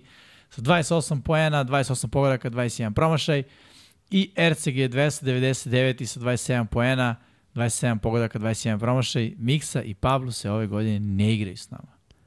Ne gotivio. Pa šta da kažeš? Ne gotivio, šta? Ima li reči koje to objašnjavaju? Nema. Ne, Kao i ovo, što, kao reč koja te da opiše poraz Broncosa protiv Miami. ne. Opet mi se ugasila kamera. Crni smo. Ka, to, je, to je znak. Da. Daj i neku utakmicu da najavimo. Ajde, daj. Idemo u najavu trećeg kola, Četvrto kola. četvrto kola. Treće je za nama. Treći Gledam za koliko je sati, pa sam se malo ovaj, Koliko spunio. sati? Pa mnogo je sati. Njih pola dana. Da, da, da. Jašemo kao Broncosi. Dobro, dva sata za Sporo. najavu. Sat za odjavu, lagno. Sad za odjovu. Miksa, Da. imamo utakmice. Imamo, imamo, samo Ajde. ne znam gde su. Ne znam gde su. tu su, samo Da, ne znam gde su. opet da spomenut ćemo Thursday night, sinoć dok Miksa mm -hmm.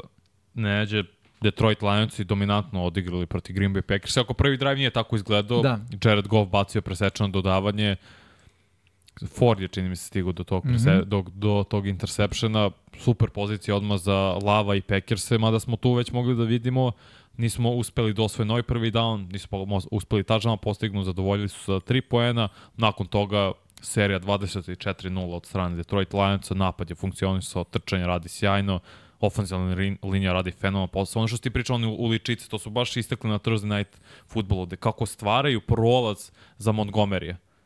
Brane bukvalno, ja ne znam kako se to najbolje objašnjava, po dužini. Videli smo da Deker neko pravi kao roll out, da dodatno izblokira jednog i tako stvara to uličicu za running backa. To možda ti možeš najbolje da objasniš kako, A- koji je to koncept zapravo. I Moram- Ben Johnson, izvini, ofenzivni koordinator, radi fenomenalan posao i ove godine. Moram da priznam da uh, nisam ispratio utakmicu uživo. Jel, petak, radni dan. Dakle, ovako, ovo je kao levi tackle, levi guard. Evo ti peta limenka. Miksa krupan kadar ode na, na sto. Da. Dobro. Ajde ovako, pet ofenzivnih linijaša. Dolazi odavde pritisak. Levi guard, to je mislim da je bio Jackson. U tom momentu ovako počinje da, uh, da blokira. Dobro, a šta Bukval- radi teklo? Tekl je pokupio svog igrača, ovaj kupi još jednog igrača i- to... Double teamuju sa odlaskom na drugi Pa to je onda zona. Mislim, čim Ne znam, ja pokušam ti kažem da te kažem, ti možeš bolje to objasniš. Samo se stvara odjednom tu rupa, centar pokupi svog normalno i stvara se Koliko uličica. ljudi u odbrani je, su ovaj, nastupali Packers? Tri ili četiri? U liniji ili u, U boku? liniji, u liniji. Pa četvoricu. Sa četvoricom. Da, da, uvek četvorica i posle imaju dvojicu ili trojicu u boksu. Mislim, to može se desiti samo ako je tehnika 1 ovde. ali Ako je tehnika 1, onda njega može centar da uzme direktno Mhm. i da ga vozi na tu stranu, da se ovde, da kažem, ne radi, i ne radi u potpunosti taj... Do, dosta često Da, i guard desni odradi, krene zapravo na tu stranu, Mhm. centar odradi svoje pokupe, stvore ovako. Jer gledaj, ako je tehnika Aha. 1 ovde, onda je tehnika 3 tamo. Ako je tamo tehnika 3, njega tekl može Jasno. da ričuje, end se ne blokira jer je zona na ovu vamo stranu, što znači da ono guard samo čvakne trojku, jer a, ovo je nula, ovo je dvojka, trojka stoji tu. Mhm. Ako trojka stoji s polja od garda, njega tekl kaže u može. gapu. Tako je, njega Aha. tekl može da, da reši, što znači da guard i centar idu dalje, s time da guard preuzima čoveka koji je na liniji, a, a centar Videli smo često od centra da ide na, line, na linebackera. Da, da, to je I to. čast, i. Penny Sewell kao desni tackle je često išao i pokupio Kveja Walkera. Zatvori ga, kompletno. Mm -hmm. Tako su i tako stvarali isto ozbiljne Mhm. zo- uličice i da prođe Montgomery, kogod Gibbs. Prošle nedelje sam spomenuo, uh, zonska šema trčanja u napadu mm -hmm. svoje pivo nazad, Ja, je moderni NFL, definitivno. Uh, daje ti mogućnost da koristiš bilo kog running backa, bilo kog. To je sistem koji se igra na koleđu. Što znači da, da ti daje mogućnost da bilo kog running backa sa koleđa vrlo brzo implementiraš u svoje izvinjam se, ofenzivne zamisli. I taj running back samo mora da bude dobar u čitanju leđa, odnosno blokova igrača ofenzivne linije. I to je, kaže, danas je NFL, jer ta ista zona ti otvara play action i ovaj ta ista zona ti ono uz dobrog running backa koji čita, znaš, privlači defanzivce da se spuste dole. Jer baš zato što se ne blokira igrač na backside-u, šta to znači da odbrani jedan igrač manje, de facto. Ako imaš jednog igrača manje na liniji skrimidža, način da to neutrališeš je da a, neću da koristim američke termine, da kažem engageuješ, ali ovaj, e, da vežeš još jednog safety-a da bude, a, da ranije bira da igra trčanje pre nego, nego pas. Što onda otvara pas iza sa play, actionom. Tako, mm -hmm. tako da, to, to je modern futbol, mislim, to, to se danas igra, to pali, to skida i pritisak sa quarterbackova i ovaj, jako teško je za, za braniti iz, iz perspektive odbrana. Naravno, nije nemoguće braniti svaki napad, ima, ima svoj, svoj sistem odbrane kojim to može da se zatvori. Ali ovaj, to ono što se, što se danas viđe, da? Da, Montgomery je bio sjajan, 121 yard, imao je preko 30 nošenja, 3 touchdowna i istrčao odradio sjajan posao tr, i hvatačke opcije za Goffa. Mislim da je njih trojica su imali četiri hvatanja ili više i Saint Brown i Reynolds takođe i Laporta taj ten koji ima Čak 20... i Kalif Raymond. Da, da, i Raymond bio uključen, kaže Laporta 22 hvatanja kroz četiri utakmice, što je najviše za jednog tight enda u istoriji. Radi super posao, pokazuje se kao dobra opcija, super su draftili, što je Miksa već spomenuo i dvojcu u napadu, dvojcu u odbrani. I ofenzivna linija je tu najveća zvezda. Kako oni blokiraju, koliko Goff ima vremena za, za dodavanje protiv dobre odbrane Packersa. Dobar pritisak stvaraju, dobar front seven imaju, ali su bili kompletno neutralisani. Da, da, i to trčanjem pre svega. No, taj povratak Montgomery je se odmah video, Lions i 34 poena, Montgomery preko 100 yardi uh, nošenjem, dva touchdowna, ako se Tri. ne varam. Tri touchdowna, pšiu, ludilo, bukvalno, bukvalno ludilo. Ali to je igra Lions, znaš, i prošle godine su bili uspešni, a, zbog činjenice su imali Swift, Jamal, Williams duo, ove godine je to Montgomery kao taj powerback i Jam, a, Jamir Gibbs kao taj drugi udarac iz, iz backfielda. Tako da ono, me, po meni su Lions i ovo je njihova divizija, mislim, sada. Slažem se, to I smo i to to. pričali. Da. čita u, me, u čitavoj međusezoni. Takođe, napad Green Bay Packers se muče u prvih nekoliko drajvova, nisu mogli da osvoje novi prvi dan, mm. što znači da se odbrana konstantno vraćala na teren, što više vi- odbrana na terenu, to je, će biti umornija koliko god da je dobra odbrana, posustaće i napravit će kiks što se i dešavalo i prvi down su imali nakon greške Lionsa i žute zastavice. Pa su onda tek vezali krajem prvog polovremena zapravo neki ko korektan drive. Green Bay Packers i postigli poene odmah u prvom drive u drugom polovremenu, to je bilo to malte ne od njih. Da, e, mislim, oni će biti e, relevantni u mečevima protiv ekipa gde se napadi muče. Napad Detroit Lionsa nije brutalan, ali je konstantan. I oni su dosledni svom game planu, ne ulaze u panik mod, rade ono što dobro rade uh, tokom cele utakmice, to je trčanje play action, roll out, Jared Goff low to high uh, čitanja i ovaj uh, drže se toga, kažem, konzistentni su, to su dobre vesti, dobre ekipe su konzistentne ekipe, ekipe koje rade iste stvari iz nedelje u nedelju. I ovaj, eh, kažem, odbr, ono, Packersi kao ekipa mogu da pobede Saints, mogu da igraju tesno sa Bucks, znaš, protiv tih napada koji su diskutabilni, eh, ne znači toliko koliko, kakva je odbrana protiv koje oni igraju, će, ukoliko njihova odbrana limitira taj napad koji je, kažem, eh, diskutabilan, onda oni imaju šansu da pobede kao Saints prošle nedelje. Tako da to će biti priča za Packers ove godine, ko što reče Miksu, ovo je rebuild sezona, sasvim respekt i ono. Već imaju dve pobede u četiri da. nedelje, mislim. Imamo Okej. pitanje zašto Detroit ne koristi Gipsa više. Pa to je, Ja bih odgovorio, zato što je, ne, ne Crci. mogu da gledam kameru, ali ovaj, zato što pada na prvi kontakt ili drugi kontakt, trči uglavnom dobro s polja, ne trči jako mali Da. gap za Montgomerya, nepostojeći gap postane gap, to su iskusni running backovi. Znači ti vidiš razmak između dva igrača od jedne stope, ti znaš da će to da se raširi. Mm. Za Gibsa je to beži okolo. To je Tako je. zatvoreno. I, I to je jedan od razloga. U crvenoj zoni ne želiš da gubiš jedan uh, down na running backa koji nema pravu ideju, skočit će s polja, bude oboren za minus 2 jarda, dok imaš drugog beka koji upucava kroz zid i donosi ti 2 do 3 jarda. Uh, vrlo lako. Ne, uh, hvatanja, Gibbs opet juče imao dve situacije, ispušta loptu. Ne možeš ispuštaš loptu kao running back koji je tu kao hvatač running back Da. i onda znaš, gubiš malo po malo. Iskreno, bit će ono potrebno vremena za, za, za loading njegovih kvaliteta u NFL-u. Da je bio dobar na koleđu, da, ali ja stalno pričam koleđ, to su studenti, ovo su profesionalci. Znači, postoji velika razlika između studenta i profesionalaca. Da, Da, da. Ne može svako da postane profesionalac brzo, ne može svako da nauči. Naročito te pozicije koje zahtevaju fizikaliju. To je jako teško, po mom mišljenju. Znači, moraš da, da budeš neko ko nameće svoj stil igre i svoju fizikalnost. To ne može da uradi svako. Montgomery, vidio si kako trči. On je već posle, posle dve četvrtine odbrani pokazao vi da me oborite, nema šanse. Neće da može.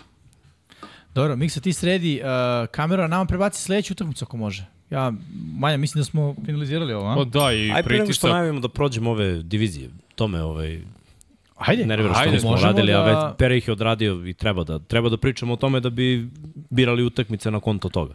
Ajde, Dobro, ajde, pusti. Ako možemo sa nekom pozivom. Evo ga, O, Mikson, ti sad sređuju kameru tamo.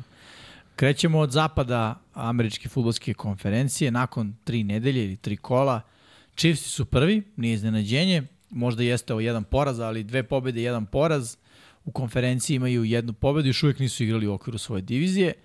A, Raiders je na drugom mestu, uz jednu pobedu i dva poraza. Ne tako efikasna divizija.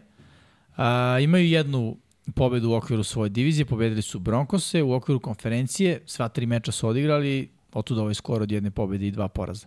Što se Chargersa tiče, nalaze se na trećem mestu, jedna pobeda, dva poraza, nisu igrali u diviziji, slično Kansas City Chiefsima, a u konferenciji za sada nisu uspeli da zabeleže pobedu, odnosno oba poraza su došla protiv rivala iz Tako konferencije. je, Miami i Tennessee.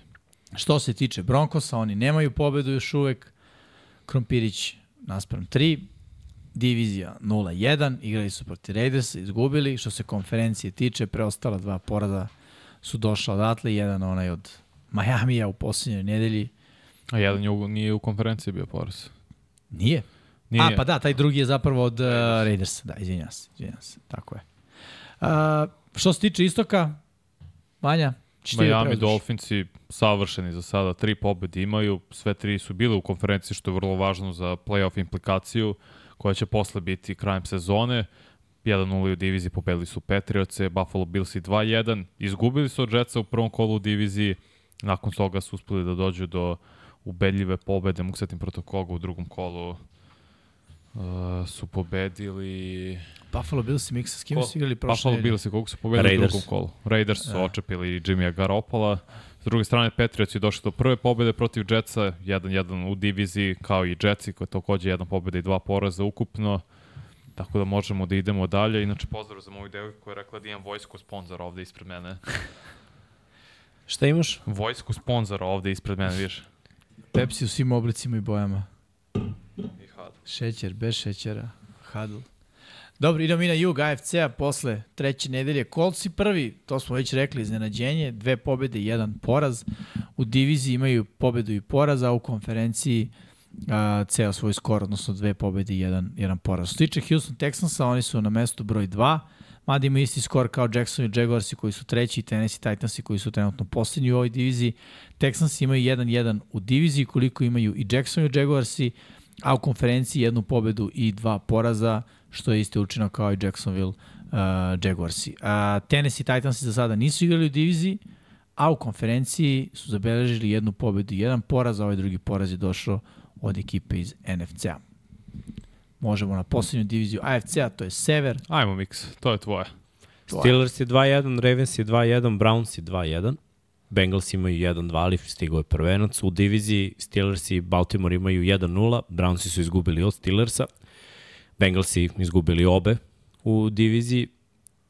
I što se tiče konferencije, Steelers imaju 2-0, zato su i na prvom mestu, Baltimore ima 2-1, izgubili su od Coltsa, Browns imaju 2-1 i 0-2 imaju Cincinnati Bengalsi. Zanimljivo, ali dobro, ja očekujem da će Bengalsi da krenu u, u jednom trenutku bolja i rekli smo da će uglavnom ovde međusobno biti dosta priče i najavit ćemo utakmicu baš između Ravens i Brownsa koja direktno utiče na to ko će biti gde i šta će biti šta, a ajmo malo na NFC pa da krenemo od ovih Jimmyjevih.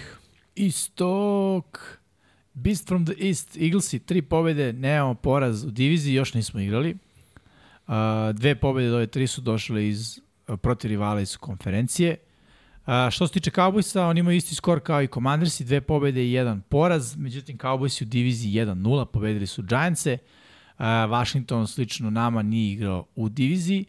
Cowboysi u konferenciji 1-1, Commandersi 1-0, Giantsi jedna pobeda, dva poraza diskutabilna sezona u diviziji, ko što rekoh, izgubili su od Cowboysa, a u konferenciji uh, zapravo sve tri prve utakmice su igrali u okviru NFC-a, tako da je njihov skor jedna pobjeda i dva poraza.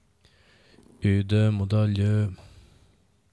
Sledeća divizija je Sever. Samo iznenađenje. NFC-a. Gde su Detroit Lions sinoć pobedili Green Bay Packers i tako došli do treće pobede uz jedan poraz u konferenciji su dobri 2-1 pobedili prvi put u diviziji 1-0 prvu utakmicu inače bilo protiv Packersa u to jest na severu NFC-a Packers su drugi sa 2-2 nije teško biti drugi kad ostale dve ekipe nemaju niti jednu pobedu 2-2 su u konferenciji takođe Green Bay Packers zanimljivo su prvo četiri kola igrali sve u NFC-u dok na čelu su Minnesota Vikings i, i naravno Na čelu Chicago čega, Vanja? Bearsi svega, začelja. čitavo konferencije. A, na čelu sam rekao, izvini, da, na začelju. Na začelju konferencije katastrofa. Pa i lige. Pa i lige. Vi Denver jedini ima 0-3, naravno Pazi, dobro za Minnesota nisu igrali u diviziji. Da, da, Da. igrali su konferenciji dva puta i protiv Chargersa, ali okej, da. I Postoji Tampa, tamo tako. rešenje. Bar da. nešto. Da, da.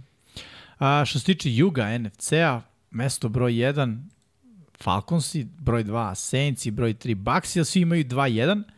A, zašto su Falconsi prvi imaju 2-1 u konferenciji i 1-0 u diviziji? Saints imaju takođe 1-0 u diviziji, ali 1-1 u konferenciji, dokle Bucks još uvek nisu igrali u okviru svoje divizije, a u konferenciji a, zapravo sve tri utakmice su do sada igrali u okviru NFC-a. Carolina Panthersi nemaju pobjede, imaju tri poraza, dva od toga su došla od divizionih rivala, a sva tri od rivala iz uh, NFC-a. To je Iz- bio jug. Za kraj, zapad NFC-a, San Francisco 49ersi, savršen tim, sve tri pobede, jednu diviziji su zabeležili protiv Ramsa, dve u konferenciji, Seattle Seahawks i 2-1 nakon prvog poraza od Ramsa u prvom kolu, vezali dve pobede, igrali mnogo, mnogo kvalitetnije, Rams 1-2, 1-1 u diviziji, samim tim 1-1 u konferenciji. Cardinalsi koji su sve tri utakmice igrali vrlo dobro, iznenađujuću pobedu su zabeležili protiv Dallas Cowboysa i sada imaju 1-2. I bit će težak protivnik za sve. Neće biti toliko laki kao što smo svi mi mislili. Ali dobro, opet sve pohvale i za Dobza i za Jonathana Gannona. Da, nema još utakmicu u okviru divizije, to će biti zanimljivo vidjeti. Kako su se ostali spremili za njih na osnovu ove tri utakmice koje su imali Da, sve tri vide. su igrali protiv istočne divizije u NFC-u. Da. Koja je nezgodna divizija, mislim, ruku na srce nisu... Jeste, bili su blizu i pobede i Giantse i Commanderse 20-16. Ta bila Da. utakmica protiv Commandersa, tako da držali su se baš dobro. Ajmo mi sa najavom trećeg kola, prvi meč odmah pravo u glavu. A što ne, a što ne derbi prvi meč? Pa i ovo je derbi. Pa ti dođi pa ga nađi. Vidi, zašto ovo nije derbi? Brownsi Ovo je derbi, bolja protiv- tekma će bude s tobom. Miami im očepi Bills. Never. Ja mislim će bili si pobediti. Ali dobro, posle toga. Posle o tome. Miksa, ćemo od tebe da počnemo. Ti radi kamera? Op. Test 1, test 2. Malo si, si mutan. mutan, ali A nek, dobro. ne mogu da Sad će. Vanja te popravi. Opravi me Vanja. Ne znam zašto se vraća, gasi se konstantno i kada se vrati, kad se ugasi ovaj poremeti ovaj Fokus, sad fokus, si fokus. Da, to, A, čudne neke, čudne neke situacije se ovde Šta kažeš, dešavaju. Miksa? Stigla je vest, ne igra Bateman, ne igra... Ne igra Odell. Beckham i svi ovi igrači su isto po znakom pitanja. Rani bekovi? Da isto, concussion protokol za Gasa, ne miriše na dobro nikako, mislim da će Brownsi da, da, da ovaj... Jedina nada je zaustavljanje trčanja Brownsa, s obzirom da nema ni čaba, to može da bude, ajde da kažemo, ne, nešto A lakše. Deshaun Watson koji je upitan? Pa, Deshaun Watson mi je uvek znak pitanja. Znaš šta, ja se Koja ovde... druga opcija Ja verujem Brownsi pobeđuju. Ej. Ali, Ravensi su stari brat. Stari brat uvek zna, čak i kad nije na papiru. Foru. Da, da, uvek ima neka fora. Tako da to je, to je, jedan Lamar, bukvalno. Lamar i Tucker. To je, to je način. I odbrana da odradi svoje. Jer Brownsi šta su pokazali ovaj, za sada ofanzivno, kada trčanje nije sjajno, a protivnički napad je neđe ne zna nešto da odradi, da, da bude bar malo relevantan. A s Lamarom je napad bar malo relevantan. Oni rešavaju te stvari. Pritom i ovo što smo pričali protiv uh, Bengalsa, bez obzira na te silne povrede, Lamar je bolji od uh, Bura od kad je on tu u NFL-u, bez obzira što je Buro kompletniji quarterback. I protiv svih quarterbackova Brownsa protiv kojih je igrao takođe ima bolji skor. Tako da ono, sa velikom verom u Lamara postoji šansa. Ali realna slika je ovde da, da Brownsi mogu da dođu do, do pobede. Videli smo malo pre tu situaciju u diviziji koliko je važno ovde steći pobedu. Ravensi su za sada igrali samo jedan meč i pobedili. Ako bi ovde dobili i to na gostujućem terenu, to bi totalno zakomplikovalo ovu diviziju. Mislim da će biti ono, kao i ovo protiv kolca. Tesno, teško za gledanje, onako prava rovska bitka, ti i ja, pošto radimo Red Zone, da. imamo i tekako ovaj, naj, najbolja mesta da vidimo, sam, da vidimo svaki drive. Ja sam kažem, moje očekivanje je da ovo bude ružna utakmica. Baš A, ružno, isto. isto. Baš, baš ružna. Hvala, bo, hvala ovaj Bogu na Red Zone da možemo da, gledamo možemo samo... šaltamo između različitih utakmica. Ovaj, uh, šta znam, mislim, ono, bit će taktičko nadmudrivanje, ove dve ekipe uvek tako radi. Ono, zna se šta radi jedni drugi dobro, to je trčanje, probaj to da zaustaviš, limitirat ćeš protivnika, stavit ćeš ga malo u, neku, u neki mod u kome se ne osjeća konforno i onda, znaš, možeš malo lakše. Sad je to malo nezgodno kad to rade obe ekipe. Onda je pitanje koji će napad imati manje loši, da, mislim loši, nisu to loši napadi, ali uh, tako nekako da igra jedni protiv drugih, odbrane uglavnom, uglavnom dominiraju. Osim onda kad su Browns istračali Boga oca protiv Ravensa. Ali ne igra Chubb. To ne igra Chubb, to je velik. To, to je meni. Chubb i ubica Ravens. Mnogo da. puta bio, ali Hunt nije. Tako je. I ovaj, kad je Chubb bio povređen, Ravensi su rešavali te stvari. Stvarno mislim da mnogo toga ide kroz trčanje. Mislim da je odbrano Brownsa mnogo bolje da će Ravensi on biti jako teško. Ako bude bila pobjeda, eventualno vidim na ono 20 uh, 19. Ali da, da, da, neko ružno. će imati broj pojena postignut koji skreće sa kecom. Pa ne znam kako će imati i 20 Ravens, iskreno. Odbrana Cleveland nije dozvolila niti jedan touchdown u dve utakmice kod kuće. Pa, ali protiv kog su igrali? Protiv Tennessee-a, protiv Pittsburgha? Koje protiv ekipe? Ko je, to, ko je to napad? E, ko je bio prosek postignutih pojena tih ekipa? 6 plus 4, 12 zapravo, pošto je postigao napad 12 uh, Steelersa, znači 18. I prethodne sezone znači, su ti Steelersi znači, bili na tom nekom nivou. Nisu. Tennessee Titans i prošle godine isto kada pogledaš. Ok, nisu ali ovo što su napravili anomaliju protiv Chargersa. U hm? napadu Ravensa, izvini. Pa igra Lamar. Pa dobro, to, to je, to Lamar, je, okay, ali... Od kad je igra... Lamar startni quarterback, Baltimore postiže 28 pojena po utakmici. Pa ne postiže ove tri utakmice poslednje. Činjenica. Da, to je kažem, da. odbrana Brownsa je toliko dobra, toliko dominiraju, kao što se rekao, znači sedam prvih dana u proseku imaju timovi. Prva tri kola kod kuće nisu primili touchdown za sada. Ja ne znam kako će Baltimore postići poene, to je moje pitanje. Sem ako odbrana Baltimore ne bude postizala touchdown defanzivno kao što su radili Steelersi. Vidi, zavisi od toga ko je quarterback Cleveland. Ako to bude bio Deshaun Watson, očigledno da čim se pojavljaju vesti da je, po, da je da pitanje da li će igrati, on neće biti u potpunosti zdrav. Znaš, Ravensi igraju agresivno što se tiče odbrane i pravljenja pritiska. To je uvek nelagodno za kvotoreka, pogotovo neko ko je, ko je povređen. Borba ono, Mali poziciji na terenu, znaš. Da. Gde završiš drive je vrlo važno. Jeste. Jer nije isto kreneš touchback 25 yardi, I ne osvojiš prvi down i pantuješ, lopta je na protivničkih 30-35. I vidi. Dođeš do pola terena, protivnik kreće duboko sa svoje polovine. Ravensi da imaju taj drive od 80 yardi, nema šansa, ali ako dobiju loptu na pola terena, to je field goal. Njima treba jedan prvi down za field goal. Yes. Eto, eto su poeni. Yes. Mislim, to je jako nezahvalno za prognozirati, jer ti ne možeš da prognoziraš ko će gde biti na terenu u kom trenutku, ali sve to čine neke male greške, uh, uspostavljanje trčanja, sigurne opcije quarterbackova, sigurno hvatanja hvatača takođe, game plan, I ofenzivnih ovaj koordinatora. Ovaj big play, znaš. I jedni no. i drugi su ekipe kojima treba big play da bi se pomerili nisu baš toliko konstantni i bit će problem jednima i drugima protiv odbrane jednih odnosno drugih da budu ovaj, u konstantnim osvajanju terena. Tako da će ovo zavisiti od big play-eva i zato je bitno, bitno, bitno da li igra Deshaun Watson ili ne igra. Kao sa druge strane za Ravens da igra Odeli da igra Bateman, no. bilo bi bitno. Ovako kada su limitirani na realno dve hvatačke opcije. Gas je bio u kokašnom protokolu, mislim, on može da izađe iz kokašnom protokola do, do nedelje.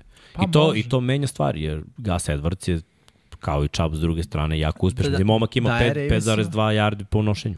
To menja stvari. Da, da. I ako je fokus odbrane da drže, pošto Brownci će tako igrati protiv Lamara, ono što si ti pričao sa dvojicom igrača s polja, široko s polja, to otvara sredinu da je, je bukvalno ovo su moja zaključan da mora da rešava on svako trčanje.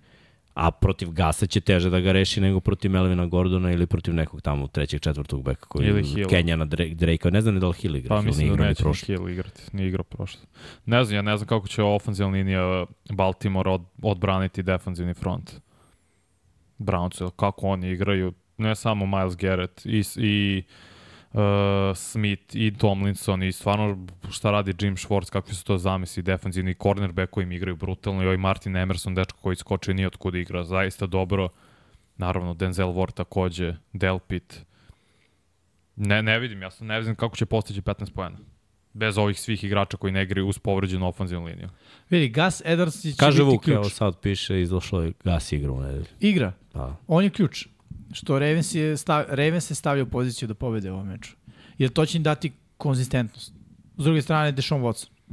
Ako on igra, bit će konzistentni koliko toliko. Ni on no, nije. Ima iskustvo čovek. Znaš. Ima, I da. pritom da. ono što Ravensima ne odgovara jeste kotrbe koji šeta levo da. desno iz džepa, Watson zna da izađe iz džepa i da kompletira.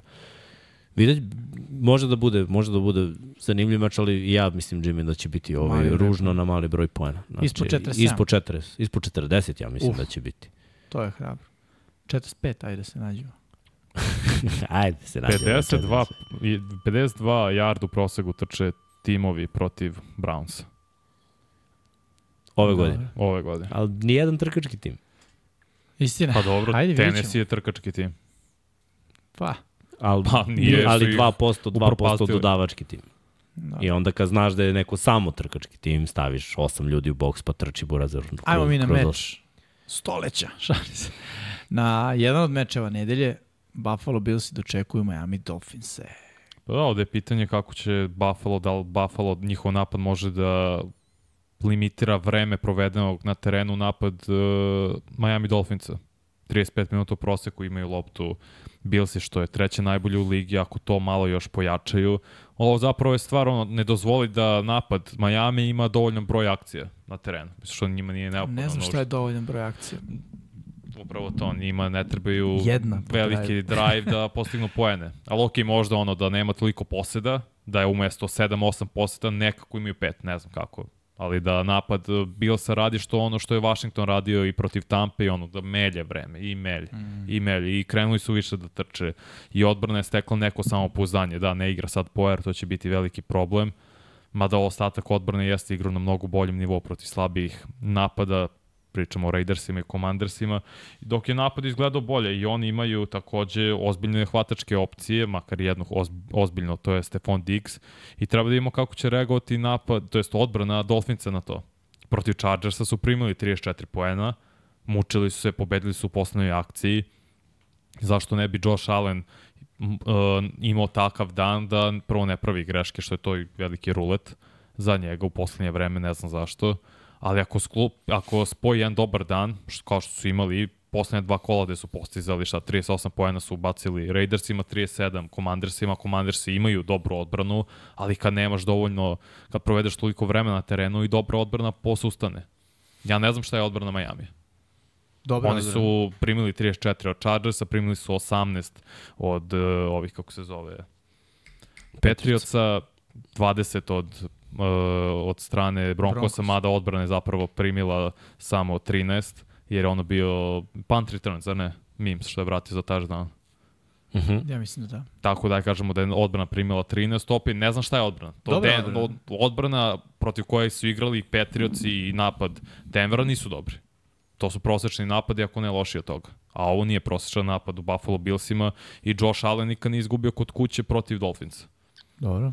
Koliko puta je tu igrao protiv Josh Allena u Buffalo, od kad je Mike McDaniel tu? Ne znam, ali nije puno mogao Dva da igra. puta, ja mislim. Ko U je- Buffalo ko je? jednom. U Buffalo, Buffalo jednom. jednom. Tako je. Ajde da ne govorimo to nikad. Nije igrao jednom protiv ove Da. ekipe. Nije, znači nije jednom. Da, da budemo malo realni. Uh, da budemo isto realni da ekipa koja ima najviše yardi trčanjem ove godine, ekipa Miami, znaš koliko yardi ima trčanje Miami? Po tekmi. Miami ofenzivno ima, ima 550 yardi, ne znam koliko trčanja. Trčanje je vrlo važno ovde, jer ako ih navučeš da brane trčanje, tu a može da se igra. Uh, Miami ima 189 yardi trčanjem po tekmi. Ja ne pamtim koja ekipa, osim ono, Ravensa u MVP sezoni i, one neverovatne sezone Clevelanda kad su imali oko 200 yardi je imala ovu jardažu trčanjem. To je To je, neverovatno. 300, to je 380, to je 570, ali tih 570, 350 je bilo u poslednjem kolu. Ali trčanjem ubijaju od Pa samog da, ne, ali početka. to, samo to kažem, 350 Pritom- od tih 570, znači 220 imaju kroz dve utakmice. To je 110 yardi. Zar nije? Brutalno. Ali, Nema, to, ali to je kliknulo u jednoj utakmici. To nije, ne mogu da izvučem prosek, jedan realan sa jedne utakmice da su izdominirali, Uzmi a trčanje Mostertove- prve dve utakmice je bilo dobro, nije dominiralo. trčanje u prve dve utakmice Dobro. je bilo dovoljno. Zato što Okej. su igrali na pas, jer su to odabrali. To je McDanielova, zamisla. Ja mislim da će birati drugačije protiv Buffalo. Ne isplati se protiv Buffalo, ja mislim toliko prangijati. Već spustiti ih dole da bi se otvorila prangijanja. Vadl nije igrao, tako? Tako je Će Kankašan igrati. Vadl sada. I će izaći iz konkašan zvanično, mislim protokola. da hoće.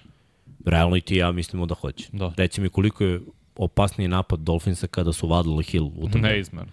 To je čitava poenta njihovog napada. Ako ih spustiš malo dole, da paze na Mosterta koji se razigrao, ofanzivna linija deluje stvarno dobro, Tua pogađa sve što treba da pogađa. Ako spustiš samo malo Milana dole, samo malo treba da ostane i ostaviš cornerbackove i jednog safety-a, ako Pojer ne igra, protiv Terika Hilla i Vadla.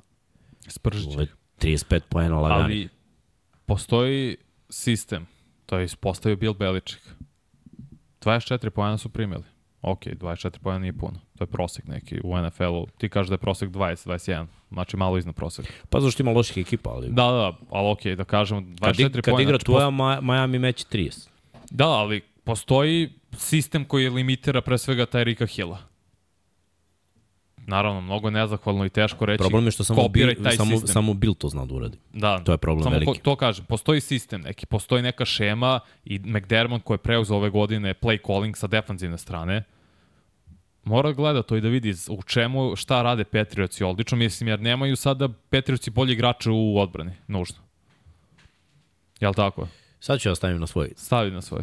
Dođi, Dok dođi. ja tamo kad mi odgovoriš na pitanje. Nemaju pe, Bil, Patriotsi bolji igrače defanzivno od Billsa. Nemaju.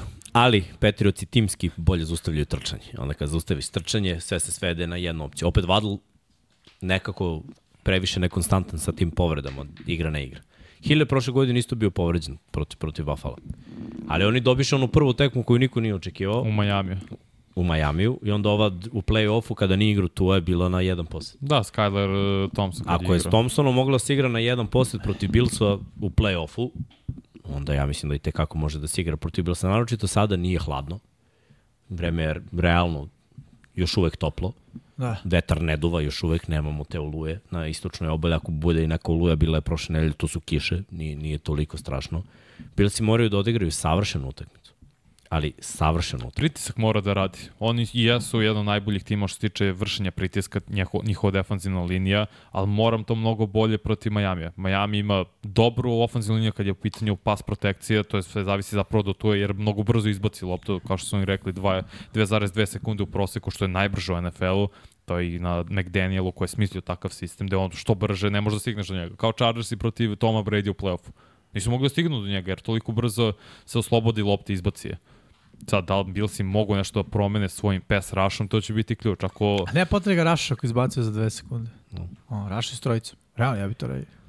Čovjek baca brzo loptu, stavi osam. Znači, mora baci plitko. Ne može za dve sekunde da baci bombu od 50 yardi.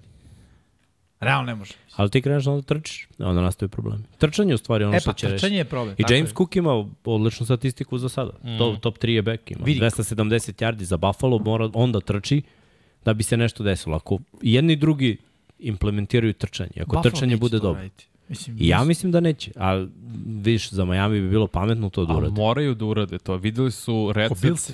Da, Banja, Videli ne mogu su- godinama to da urade. Pa dobro, ali Miami, posljednja dva kola. Zašto? Pa ne znam, to je glavno pitanje zašto.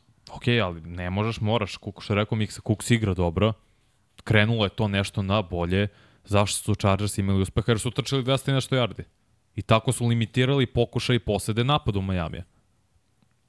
Radi, ono, imaš game plan, igrali su I- protiv jedne do, jednog dobrog napada i dva loša njihova odbrana.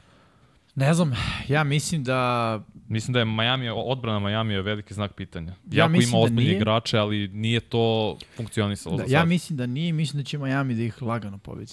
To je, to je moje mišljenje. Jer se sve svodi na napad. Ako Da, biram a- između dva napada, a jedan napad je, mislim, ajmo ovako, ekipe protiv kojih su igrali Billsi. Mislim, ja stvarno volim i Alena i Bills. Uh, godinama pričamo o tome da nisu baš, da nisu opravdali neku ulogu favorita. Prvo kolo Jetsi. Ozbiljna odbrana. 16 poena. Ozbiljno 16 poena. Okay. Playoff ekipa, potencijalni finalista mora da više od 16 poena. Nije bilo dobro. Greške Allen. Uh, greške Alena. Dr drugo kolo, Raidersi. Znači, to je ispod proseka ekipa. Odbrane, ispod proseka, tako je. Baš je bilo loše. Ni napad se nije proslavio na toj utakmici. Ne mislim da pričaš samo o napadu Billsa protiv drugih. Raid, ne, ne, ne, pričamo o protivnicima. Ok, ok. Raidersi, kanta ekipa. Znači, u AFC-u od 16 ekipa, Raidersi su u posljednjih šest, je tako? A u poslednje Da. tri. I onda idemo na Tennessee, Nije Tennessee. Washington. Washington, izvijem. Washington prva dva kola iznenadili i onda opet izgubljene lopte. Odbrana je bilo se odradila posao protiv Jeste protiv neiskusnog kvotrbeka, tako je i iskoristili su maksimalno svaku grešku. Ja ne verujem da će se desiti opet da iskoriste svaku grešku. Tu je i ne pravi mnogo. Mnogo grešaka generalno. On baca na pamet u zone i sve to, ali nije kao Howell koji čeka, čeka, čeka i baci. Znači oni su odradili maksimalno dobar posao, razbili su Washington, razbili su Raiderse, ali Ni, nisu me dovoljno ubedili. I pritom, moram da se vratim na finiš prethodne godine, gde ih je Cincy očepio u play-offu s jednom dominantnom igrom, gde je Miami sa trećim quarterbackom igrao. Sve su mi to utisci. Ista ekipa, ništa se nije promenilo. James Cook igrao prošle godine, Josh Allen igrao prošle godine, Gabe Davis igrao prošle godine, Stephon Diggs igrao prošle godine, Matt Milano igrao prošle godine. O, 90% ekipe je tu. N- nisu mi ubedljivi. Miami je iznenađenje. Ako Billsi dobiju ovo, samo će potvrditi, ok, ipak smo mi ta ekipa, a Miami je mlađi brat. Miami dobio ovo. Miami je na konju osvaja ovu diviziju lagano.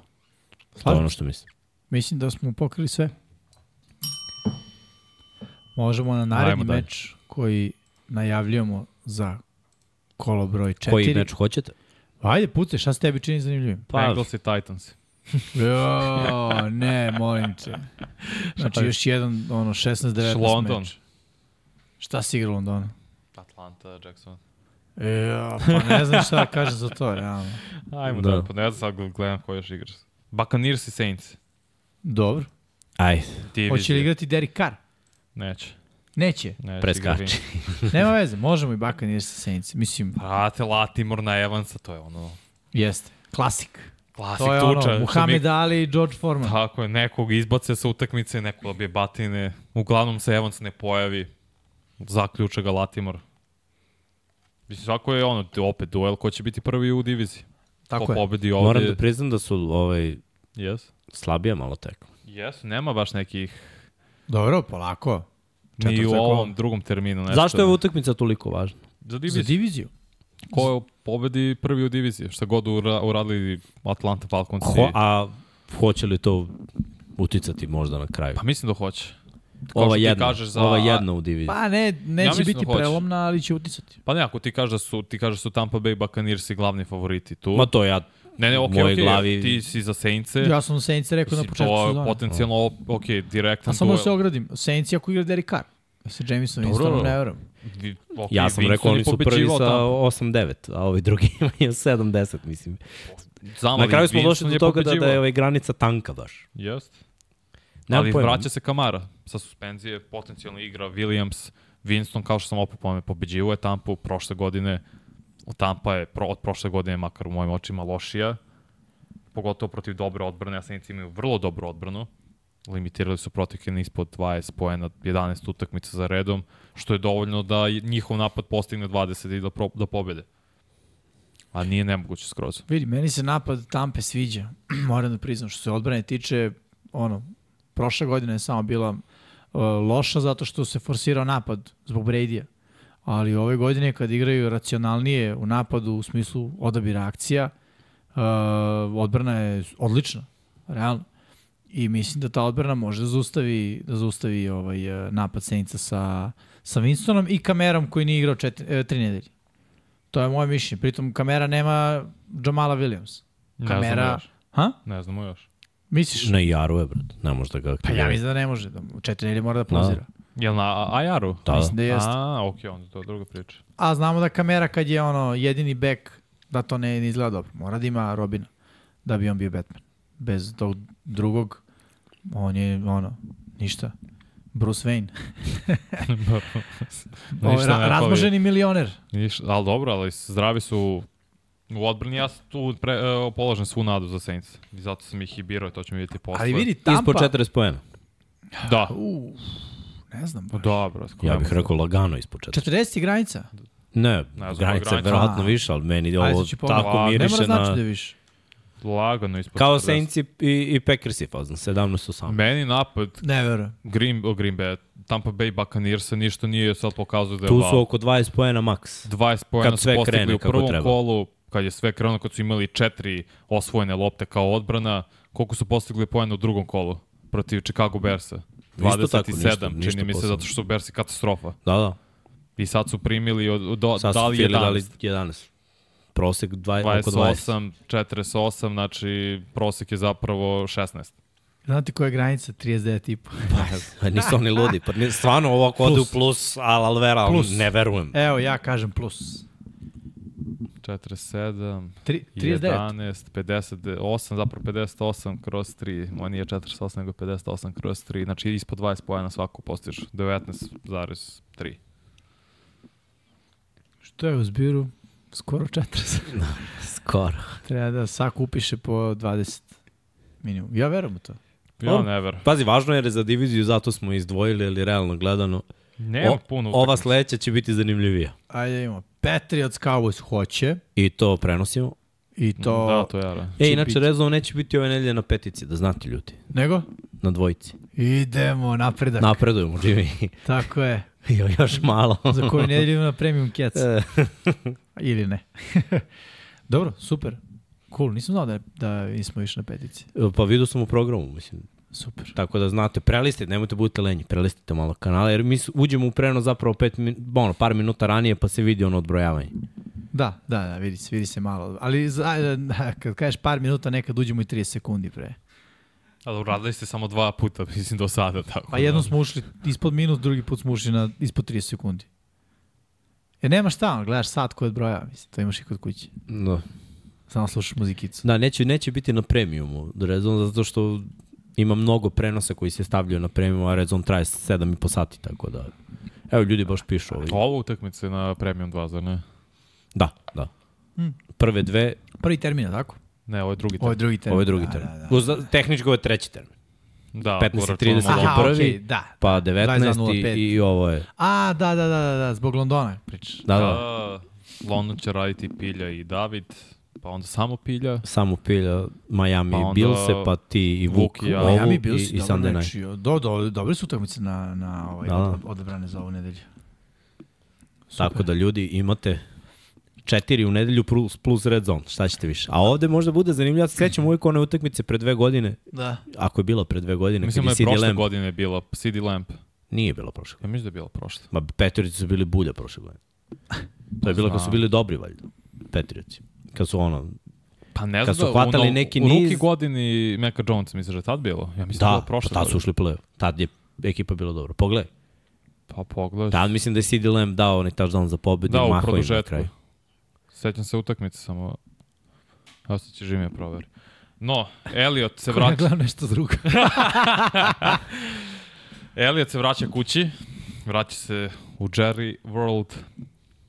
Biće zanimljivo kako će igrati, verujem, sa dodatnom motivacijom nego u ovim prethodnim utakmicama. Im gore Solden u trećem kolu 80 yardi imao čini mi se na 16 nošenja, nešto slično kao Gibbs. Ali ključna stvar ovde će biti napad Dallas Cowboys i njihova efikasnost protiv ozbiljne odbrane New England Patriotsa. Izvini, 2021. Znači, ruki godina Meka Da. Jones. Ma da, prošle godine nisu igrali. 29 za Dallas. Da, da. Prošle godine Petrioci su bili loši. Ove godine se nadaju da bi mogli da budu oni Petrioci te godine kada je Mac Jones stvarno povezivao. Bilo Brian, može da pronađe rupe u ovoj odbrani Dallasa, rupe su na sve strane. Trčanje može To da je se implementira. Bilo Brian protiv Dana Quina, zapravo. Tako je, to je, To to je- to je, to je najveća priča ovde. Znači, koristiti drugu kornera, koristiti safety koji A kasni, je dobar. koristiti Van Der Eša koji ide na pamet gde treba. Znači, samo roke. Znam, ali Bland igra dobro, stvarno. Taj drugi korner. Mada je on više nikl. Ali igra dobro. Će vidimo, brate. To Kao, sve, vidjet ćemo, Da, ako uzmete lovu. ali vidi, zavisi i od Stevensona. Tandem Stevenson, Elio, to će biti ključno na ovoj utakmici. Ništa ne koliko će zavisi od moći, Stevensona, verujem. Ne, ne, koliko će trčanje moći da implementiraju, jer su videli, ok, ako ofenzivna linija pretuče defanzivnu liniju i maltene uh, odvoji Parsonsa da bude neutralisan, imamo šanse u napadu. Odbrana, mislim, Petriovca da će raditi svoj posao, jer Bill imaće svoje ono, načine kako da zaustavi CD Lemba i koga god je neophodno, a Dak Prescott na njemu je da ne padne na fore Bila Beličika i da ne baca glupa presečna dodavanja. Ups, istina. ovo je bilo slučaj. uh, ja mislim da neće zaustaviti CD Lemba, jer Dallas radi sjajan uh, posao u napadu, upošljava CD Lemba na sve moguće i nemoguće načine. Ono. Znaju da je on hvatač broj 1, zapravo on je igrač tog napada, nije više ni Prescott, nije ni Tony Pollard, mora da postoji balans, ali CD Lamb je glavni, glavni lik u, u, u tom napadu. Tak Prescott, izvim da prekinem, sad Mhm. gledam ovo i čitam 6,3 yardi po pokušajima. Što je katastrofa, što je najniže. njegovoj Brate, protiv Petrioca može on ozbiljno da failuje i to da otvori vrata. Failovaće. Ne, ne, on će failovati. Zavisi da li je zdrava ofenzivna linija. I sad baš to i tražim. Jer su svi upitni. I centar, i Zach Martin, i drugi guard, Edoga, i Tyron Smith. Oni su svi upitni za ovu utakmicu.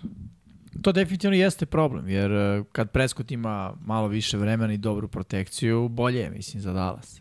Nije on neko ko donosi sporo odluke, ali prosto, ono, baš zato što zna nekada da donese i malo bržu odluku, dobro je da ima dodatnu sekundu ili, ili nešto više da ovaj porazmisli dobro o tome, ono, koja, koja je prava odluka. Ono, Patriots igraju takvu odbranu da ti, znaš, ne, ne znaš šta igraju, mislim, ne možeš dobro da ih Ne možeš dobro se spremiš za njih. Za pet, protiv Patriotsa možeš da budeš kvotrbe koji je spreman da improvizuje i koji to improvizaciji radi dobar posao. Ne znam baš da li je Dak taj lik. Pa ne verujem da jeste, ali Mislim, opet... može protiv loše odbrane da improvizuje, ali Da, inače Trent Brown je najbolji ocenjen tackle, dok s druge strane pričamo o levom tacklu Petirca. Ofenzivna linija Petirca ima najgori ovu pas protekciju ocenjen. Protiv Mike Parsonsa i Lorenza to nikad Baci nije dobro. brzo. Baci brzo i Baci nadaj brzo se da je i neko beži. tu. Da. da, dobro, samo što to nije baš uh, zamisao. Ali ako trčanje bude išlo to. To ja kažem. Dallas je rupa protiv trčanja. To pričam četiri godine, niko me ne sluša. Gazi Dallas da, trčanjem. To jest. treba raditi. Mislim, pa Patriots će gaziti. Slušajte 49ers. ne Daj, da dobro Fortnite. Respekt Ali za Shanahan. vidi. A Shanahan kao gajbi, znaš kao, hmm. Vidi Pa, ovaj aj, aj momci. probam ovo. Šta znači ovo? Da Patriotsima. Patriotsima nedostaje realno pravi running broj 1. Po meni bi bilo bolje da su ono uzeli Latevisa Mareja. Realno. Mm, pa dobro, ajde vidimo Ezekiela. Da li će Elio da se osveti kao Hoće. usi? A, nemam Zamisli-. Baće u gol situaciju, ali ne mislim da Pa. će nešto da ga koriste previše. Vidjet ćemo. Nemoj svako eksplozivne hvatačke opcije pet, Petrioci. Aj po koju reč o ovom. Ajde, najava utakmica četvrtog kola, Lions i Packers i to smo već izanalizirali, Detroit zabeležio pobedu u gostima 34-20. Falcons i Jaguarsi u Londonu neće biti toliko loše, da budem iskren. Znate, neće biti loše ako Arthur Smith prestane da koristi Drakea Londona i Kyla Pitsa kao mamce u napadu, umesto da imaju obojica po 10 targete. Stvarno ne mogu gledam vidi. napad sa toliko ofenzivnih oružja da on koristi njih i pravi se. Ja sam najpametniji, sad neću da ih koristim, a imam ih. Vidi, imaš Brate, najbolju nije. pušku na svetu koju si dao detetu. Mislim, realno, Rider Ne brinite, baš- puška je zakočena. Pa, znaš, dao si Rideru koji ima svoje... Reader ne može da kompletira najobičnije neke rute, a Arthur Smith je ofenzivni genijalac, što ne može da otvori u prostoru A zamišljeno. koje su bile zamisli Artura Smitha u tenisiju? Play action vertikalno ili flood, pa da kotrbe bira. Mislim, Dobro, znaš, okej, ali, to, ali i... ne može Rider vertikalno. Ne može. Zašto ne može? Pa Proba. ne znam. Ne može. Pa Proba. probaće, imaće tri interseptiona i onda neće više proba. Ne mogu, baš je tužno vidjeti godine. to, stvarno. Sinovi, ste bili u Londonu. E, pa nadam se da ćeš nas vodiš za dve nedelje. Ako uzmete kintu.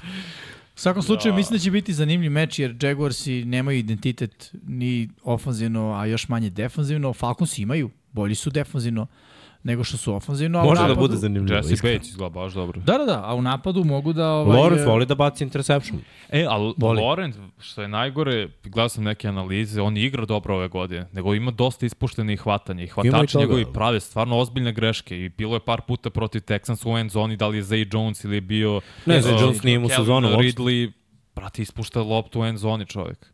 Zay Jones ima nekoliko ispuštenih već. Nije sve na Lorenzu, to hoću da Nije, kažem. Ali vidiš, šta je identitet napada Jaguars? Znaš, Pa ne, Nemamo jasno. ne, nema da. lopta. to ti kažem. Pa, Nema. znaš, to pa nije, pa pazi, oni trčanjem se tijeno bi mogli da, da gaze ko. Ali I ne- online ne radi baš najbolji posao, a odbrana tek ono zna da zakaže i, i tako. Kad krene, u stvari šta je problem kod tih ekipa koji nemaju jasan identitet? Kad krene loše, oni igraju loše, kad krene dobro, oni igraju dobro. Nema ono kao, ej, sad ćemo mi da... Alžir i Robinson treba da trče što više. Mislim da to je formula za... Ajde i njega da zovemo Alžir, pošto je... Alžir, jel da? Dž. Ok, Alžir. I Robinson treba da trče što više, da imaju kombinovan 25 nošenja na ovoj utakmici, ako ne 30. Mislim, vidi, to voli Arthur Smith. A ova Što da Dumpster ne? Fire utakmica A tu nje, nećemo njoj ništa kažem. Koja? 0-3-0-3. Čekaj, čekaj, ajmo idemo redom. Dolphins protiv 0-3, Billsa, 0-3, 0-3, sve mi se vrti. Dolphins protiv Billsa uh, od 19 časova, da neče Falcons i Jaguars, rekli smo, u Londo, igra se u Londonu, 15.30, neče ne zaboravite, navite sat, tamano vreme ručka ili nešto posle, ili pre, zavisi kad ručate, ali ovo je prilika da osetimo kako je to u Americi. Pazi, možete da jedete pre početka svake utakmice, to vam je četiri obroka tamo. Lagano, da. Uglavnom, Dolphins i Billsi, to smo izanalizirali. U istom terminu, Dumpster Fire. Da, da. Broncosi protiv Bersa. Ko pobedi, To će biti nerešeno što ne Neće, biti neće nerešeno. biti nerešeno. Evo, ko je manje lošiji ovde? Ajmo da analiziramo. Ko A ima... Denver je dao bar 30 u jednoj. Znači, Yes, verujem u Denver, a? 33. I napad i odbrana uh, Bersa je primila 106 pojena u tri utakmice, što Dobro, je ovi su primili katastrofa. 70 u jednoj. Jako je, jako je, jako je da, teško birati, znaš. Ovo ti je kao onaj film sa Bruceom Willisom kao on kaže glava ili stomak, pa ti treba da odabereš jedno tada u poslednjem skautu. Nije ovaj dobar izbor ni jedno ni drugo. Boleće gledati ovo, ali ajde. Kako stići do seka, jer Broncosi se i to muče. Ne mogu doći do seka. Pa me, mečke će se postaraju vidi. same. Za, za, ovaj Justin play Fields 5 sekundi jeste. u džepu je. I- mi bi ga I sekovali. dalje ne znam gde će. Da. Mislim, Da li da bacim? Baci, baci. Morali smo nekog da biramo da pobedi ovde, to je najgore. Dobro, moraš, može i nerešeno. Ajmo dalje. Što se tiče ostalih utakmica četvrtog kola, Ravensi protiv Brownsa, to smo najavili, nedelja 19 časova, Bengalsi protiv Titansa, jesmo to najavili? Nismo, Nismo. najavili, to sam spomenuo pa si rekao. Evo šansa za tigriće. Pa dobro, ajmo kratko, da. Koje šansu. šanse ovi ima da ih prebiju? Mislim, ja mislim da će Cincy dobiti, ali opet će Baro biti pod pritiskom konstantno. Ozbiljan front seven, to ti često pričaš i Mike Vrabel defensivno radi sjajan posao, Timi, Demi Kotri, Je, uh, Jeffrey Simmons stvarno rade bruka posao i stvaraće će pritisak i sad ne, isti game plan protiv Ramsa ne može da pali protiv Tennessee Titans jer imaju bolju odbranu i bolji front seven. Ne, može da. Ali mogli bi da trče konačno. Da, ali oni Mixon je se... malo dobio na kašičicu ovde. Pa. Pa da, ali Titansi sjajno zaustavljaju trčanje. O, nema veze. Gledaj, s druge strane, neće ni ti Titansi mnogo u napadu. Neće ništa u daju napadu. 15, daj više od 15 pojena i dobit ćeš. Vidi, odbrana Bengalsa je jači deo ekipe ove godine, Yes. za sada. I mogu da igraju protiv ovog jednodimenzionalnog napada Tennessee Titansa. Tako da ovo je po meni ono, low, low scoring game, ako mene pitaš. A granica mislim da neće biti tako low score, mislim da je neki 40. 47. Pa ne verujem da je 40, 40 je baš malo. Pa, tri poena protiv Brownsa i jedni i drugi. 19 Bengalsi, 27 Titansi protiv Chargersa, 19 protiv Ramsa. Koliko su imali protiv Ravensa? 24. Pa bio je touchdown specijalnog tima, ali da, ajde. Pa da, ajde, znači to je 57, izvini, 24 i 19 je 43 i 3, 46 kroz tri utakmice. Znači 15 i nešto. Malo jače. To ti kažem. Bengals, Titansi, Ništa Koliko bolje. ti kažeš da je granica? 15 protiv Saintsa. 27, 15, 42 i 3, ovde 45. Ništa bolje nije. To ti kažem. 41 i po. Minus. To je, to je super za, za ovako se desi. Remsi kolci, može se desi da bude zanimljivo. Može. E, mislim da će kolci da izdominiraju ovu utakmicu. Ko igra? Zapravo. A, Richardson, rekli smo. Mm, Igra, igra. Dobro. Zavisi. I igrao nedelju i po dana. To je dve nedelje. Kako će de, ofanzivna linija da čuva Stafforda, ovde je ključ. Ako bude defanzivna linija kolca dominirala, ima sav potencijal to da uradi. A Tutu? Puka? Pa tu, tu puka ne može da stigne lopta do njih ako ovaj je sekovan i pod pritiskom. Gde ne može da gleda Leo baci iza sebe? Pa da, i baci side arm u, u, u igrača. Čovek u oko. ni kriv ni dušan došao do presečenog dodavanja. Ah, poklon, Vidi, intercept. ovo će biti jedan od zanimljivih mečeva ove nedelje. To je sve što mogu da kažem. To smo trebali da izdvojimo. Mogli smo, ali okej, nema veze. 1-2-2-1. Ali dobro, idemo, Baksa i Senice pričali smo, idemo na, na ovaj derbi. O, istočne divizije. Malo Čepićevih fila. Komandersi mm. znaju. znaju Komandersi mogu samo da trče 10 minuta po napadu ako To žele su da radili pobedu. prošle godine i pobedili. Ali Sad Fila je sad Cartera. spremna za to. Ok, mi imamo Cartera, ali, Ali oni imaju Howella. to je tačno, to je 12 igrač. ne mora da znači. Howell igra toplo, hladno, prošle nedelje je igrao loše, što bi značilo da ove nedelje treba da igra dobro. Jer on, znaš, koliko da li može biti lošiji od prošle? Ne može. To, je To tačno. ti kažem, to je to problem. ne može, stvarno. Treba je tako da igra ove nedelje. Ali dobro, okej. Okay. biće ovde gnjavljenja i ono, zanimljiv meč samo za fanove jedne i druge ekipe. Da budem iskren, mislim, ono, takav Mm. će biti futbol. Šta znam, i Fila nema ritam ofenzivno, krenu jako, pa ih onda nema. Mislim, u suštini to su radili i prošle godine. Samo što su prošle godine otvarali prva dva drajva poentiranjem, pa ih onda nije bilo, sad već nakon prvog drajva ono, nestanu. Niš da će odbran Washington maksimalno se fokusiran da odbrani trčanje i bit će u fazonu Hurts, ti radiš šta želiš, ne ide ti na početku sezone toliko dodavanjem, Vidi, imaju, reši nas tako. imaju playmakere na edge-u. A ovo što igra Fila, taj uh, zone read ili ti uh, opcija uručenja, što smo Miksa i ja preveli. ovaj, uh, Šta ste, kako ste preveli? pa, Pa, opcija uručenja. Realno, Dobro, da. dobar je prevod. Jeste, super. Niti uključuje zone, niti uključuje read, ali ima smisla. U svakom slučaju, uh, imaju uh, playmakere na edge-u i sa njima mogu da reše to. Znaš, imaju i ovoga uh, Younga i Sveta sa druge strane, koji obojica mogu da odigraju a, da deluje da će ostati iz polja, da napadnu jako unutra i obrnuto da krene da deluje da će da su već ušli unutra, da se vrate s polja. Još imaju dvojicu Ima i dvojicu. no- razbijača unutra. Pa, da, da, da, još tako uz tu dvojicu Alena i razbijača. Payne-a. I taj čvrst futbol koji komandersi generalno igraju, igraju defanzivno. Znaš, bit će ovde problemi za Eaglesa. Ali vi imate jače razbijače u toj defensivnoj liniji. Pa dobro, okej, ali oni u napadu u ofenzivnoj liniji imaju ono jumbo paket na sve strane. Mislim, tako igraju sa taj tendom gotovo u svakoj akciji, ako se, ako se ne varam. Kao tim dodatnim blokerom, trčanje, play action. Ne, neće ovo biti lako za Filadelfiju, nema šanse. Ajmo dalje, nedelja Ja bih isti- rekao dva touchdowna razlike lagani. Uuu, dobro, hvala. Mislim, nisam pitao za koga, ali... Mislim da ću čak i da zategnem hendikep. Opa. Dobro. Vikings i Panthersi, evo stiže prva pobjeda. Za Da, da. Vikings. Kirk Tako Cousins, deluje. 1075 yardi u prvoj utakmici, rekord je inače franšize Minnesota. Vikingsa, verujem da može protiv ove odbrane koja ima probleme sa povredama, da ima po oko 300 yardi. I interception. Pa da, interception je na dobar dan. Mada ima samo dva u tri utakmice. Dobro, Devet- gubi lopte na drugi način. Da, Da, fumble. izgubio protiv File, ono kad su ga pretukli.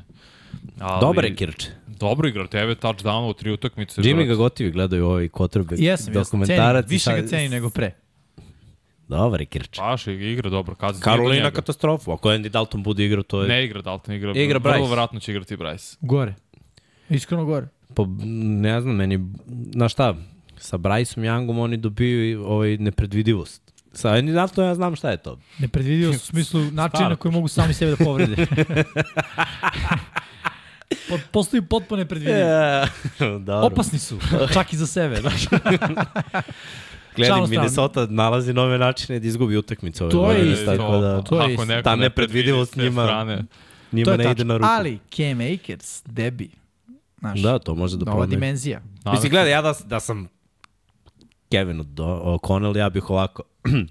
Prva akcija, otvaramo JJ. Druga akcija, mogli bi da trčimo, ali JJ. Treća akcija, A, Nek izgleda Hawkinson. kao trčanje, ali JJ. Akcija, se crvene prva zoni. Hawkinson neka bude JJ ipak. Da. Mislim, realno gledamo, Čovek prima 459 yardi kroz tri utakmice hvatanja. Malo. dodajmo loptu, ono, šta izmišljate toplu vodu. bre. Kakvi bre- 159, 150, 149. Kakvi Osborni. Edison i Hawkinson i 458. dajmo loptu i to je to. Jeste. Živimo od JJ-a. Ne bi bili ni prva ni posljednja ekipa koja je to radila. Steelers i Texansi može biti Zanimljivo zanimljivije. Će biti, iskreno. Biće. Igra se u Houstonu, da je Miko dobio prvu, Steelersi se muču, na, ali znaš šta, iskreno, mislim da se ovde hajpo Strauta gasi. jer će da ga umlate, znači ima da bude Ajvar. Dobro, ali vidi. a, Čekaj, moram i da li igraju svi ofenzivni linijaši. Šta? Mislim da će Tansil kažem, moram da vidim igra, da li ima Ajvar u tekstu. Jones ne igra, Howard ne igra, uf pa kao, batine, batine, jaucu. U, ja, ubiće ga, brat, samleće ga. Ovo ima dva seka po tekmi, Highsmith isto igra na, na visokom nivou, ja ne znam kako će oni da zaustave. bukvalno. rat. Trčat će Texansi. Ma nema, nema trčanja protiv Steelersa toliko. Pa dobro, probaj. A i Mike Texansi ne trče baš dobro ove godine. To mi je čudo. Da, Pierce ne Trebalo a da zato što je ofenzivna linija povređen. Pa Oba moguće. startna tekla su povređeni, backup tekla je povređen. Pierce ne izgleda ni blizu onog momka. Povrede, prošle povrede ofenzivne Dobro linije. vidi, novi trener je nova filozofija. Mislim, znaš. Pazi, to je Mike Tomlin protiv rookie quarterbackova, 23 pobjede, 4 poraza. Kako god da je Pickett, mislim da ne može da uprska ovo. Iskreno. Dobro. A igra zaista loše. Mali Će broj ga, poena. će ga utepaju. Raiders i Chargersi. 22.05. Lagano rešavamo. Uživo Los Angeles. Pazi, ako se Jimmy G, pazi, koliko god Chargersi bili favoriti, svake godine znaju da uprskaju bar jednu protiv Raidersa. Uprskaće i ovo. Uprskali smo već dve prve, ne, to se odražava tako. Misliš, a? A ja se nadam. Ne znam. Jimmy.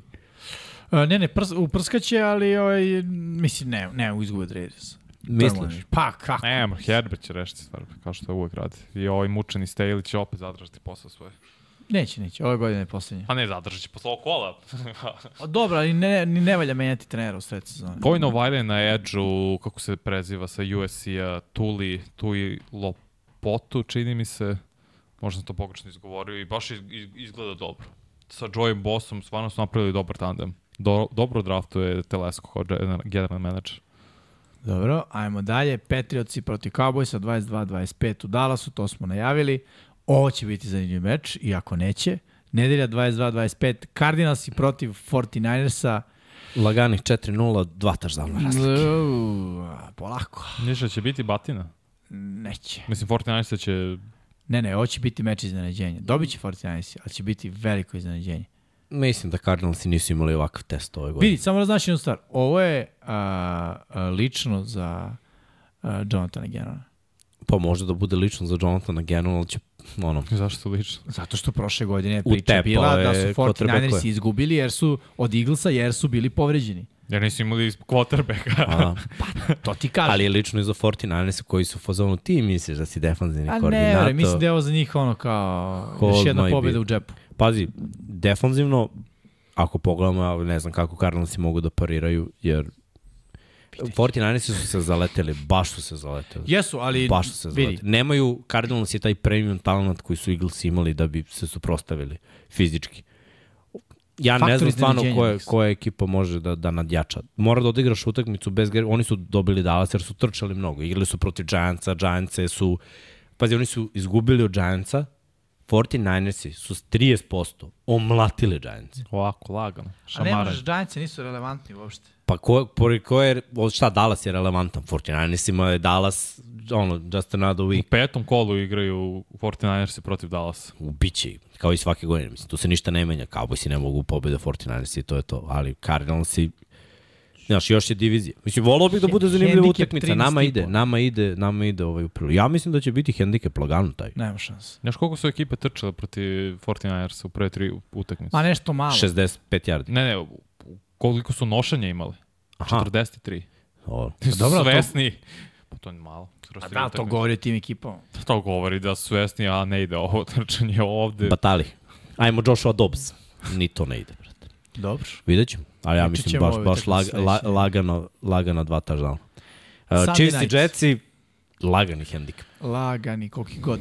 Da, pričali smo ovdje da NFL mogu da pomeri utakmicu Dolfinca i Billsa da stave na Sunday night umesto ovoga jer su to i radili. Nema veze, pre- lakše ću da spavam, da budem iskren. U, Da, to je Pa ja neću, ja radim. E, to mi jeste žao da budem iskren, ali... Ja. Ovaj, otići ću na spavanje mirne duše. Pa, to Znajući da ništa nisam propustio. Bukvalno. A Seahawks i Giantsi Pa ni to imali nade. Imali nade Za za, Giantse? Adamsa. Vidi, nade ima. Ovo je meč nade za njih. Mislim, ako nekog mogu i treba da pobede, to je Seattle. Ne što je Da, Seattle Adams se loš, nego zato što to je način da pokažeš da možeš da igraš. Boje oni nego 49ers. Njih ne mogu pobede. Igraju na što MetLife-u. Inače, opet se obe utakmice igraju na MetLife. Da, To je ovo Sunday mi je imamo. vratno kako... E vidi, tu jedino može bude problem, o- ovo prva utakmica može biti interesantna ako se neko povredi, mislim daleko bilo. Znaš ti da je- zbog MetLife. Daniel Jones čak i prevazišao Kirk Cousinsa u prime time-u, brate. Jedan od 11. Jedan, Kirk nula. 11 pobjeda i 11 poraza, izvini. Ne, Kirk ima pobedu. Ja mislim da je Cousins 1-9, fazno. Da. Čini mi O, se. jedan je jedan. 11 11. Jedan, jedan. Je su. playoff, Jel da? prime time. Dobro, Ne znam. Trebalo bi da se računa i to, brate. sa, sa ovim smo Najavili... najavili... kirčete da mi dirate. Jedini su pobedili Commanderse u 15. kolu. Daniel Jones. Prime time. Malo li? Jeste. Na ovo skupoću. Sa ovim smo najavili sve utakmice četvrtog kola. Mislim da je sada miksa vreme da prođemo kroz naše prognoze vezane za kolo broj 4. Jedan meč je već odigran. Pogodili Znam smo. da je jedan čovjek promašio. Da. Zove se Srđan Veliki. i veliki je. A, voliki. Ja moram po redu ili mogu ove dve Kako prve što su već automatski ubačene? Ajde, Pa baci ko šta god želiš. Koji ti paš. Pomenut ćemo sve. Ajde, Vanja, ti opet bolje vidiš nego ja. Patriotsi protiv Dallas Cowboysa. Patriotsi su birali i Jimmy i veliki Srđan. Obrazloži, obrazloži pardon, zašto, jer smo svi ostali birali Dallas. Pa, brate, ja ovim... Dallas tanko, tanko, tanko, tanko, Mhm. tanko. Isto, pa ne, Verujem više u Malo više u Meka Jonesa da verujem stavio bi ovde, nego on mi je protiv Parsonsa malo znak pitanja. Dobro, vidjet će se. San Francisco protiv Arizone. Svi San Francisco, nema to. Ja sam rekao da će hendikep da zatvori Arizona, nisam rekao da će Da. da. pobedi. Jetsi protiv Chiefsa, samo svo, Srđan Erceg veruje u svoje Jetse, to poštojem i cenim, svi New York- smo ostali, da, A birali. Erceg vo- veruje u New York ove nedelje. A, veruje New York, a bože, katastrofa, veruje Daniel Jones. I on je jedini birao Giants protiv Seattle, greota. Dobro, Dobro, morat će se smijati posle. može, dešavalo se da tako, on pogodi sve, mi ništa. Washington, Fila, svi u Filu, u, ovo je sve jednoglasno. Mm. Minnesota, Carolina, svi u Minnesota, Pittsburgh, Houston, svi u Pittsburgh, Raiderse u- i Chargersi, svi u Chargerse. Dobro, i prošli Verujemo. put je bila jedna, pa su nam je bilo pola. Je sve crveno i sve zeleno. Detroit, Green Bay, svi smo birali Detroit sem Srđana Ercega i Srđana Velikog, Petkovića. Greota za njih dvojicu. Atlanta, Jacksonville. Evo ovde već zanimljivo. Miksa, ja i Pablo smo birali Atlantu. Jimmy i Ben Srđanovih su birali Jacksonville. Jimmy i dva srđana. Jimmy, Dva Srđana. Srđana. Dva srđana i Jimmy.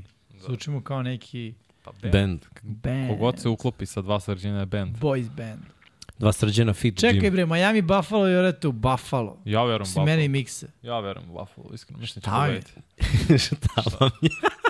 Ovi daju 500 pojena po utakmici. Pa ti, Buffalo je dao 38 i 37 poslednje dva. Kome? Pa to kome su ovi dali 70 Denveru, koji muče. Pa Buffalo nema tim. Buffalo? A Gozdena Cevanica, Met Milano Jeste. Ja se ono kaže cevajica. Gozdana Ruka, Josh i Allen. veliki se Sean McDermott. A? Šta ćemo s njim? Denver protiv Chicago, Chicago bira Erceg i Pablo, A, mi svi dobro, ostali ovo je- biramo Denver. Dobro, mislim, Ovo je isto moguće. upitno što smo birali Denver, iskreno. Bog sveti zna.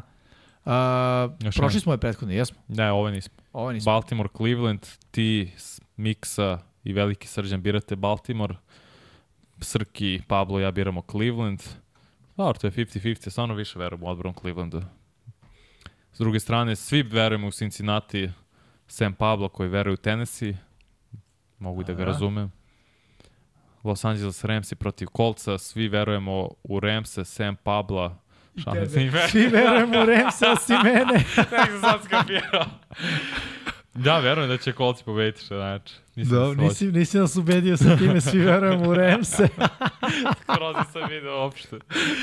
Znaš, Tampa Bay, New Orleans, ovde su podeljeni 3-3, u Saintse verujemo Pablo Srki i ja, Jimmy Mixa i veliki Srki u Tampa Bay.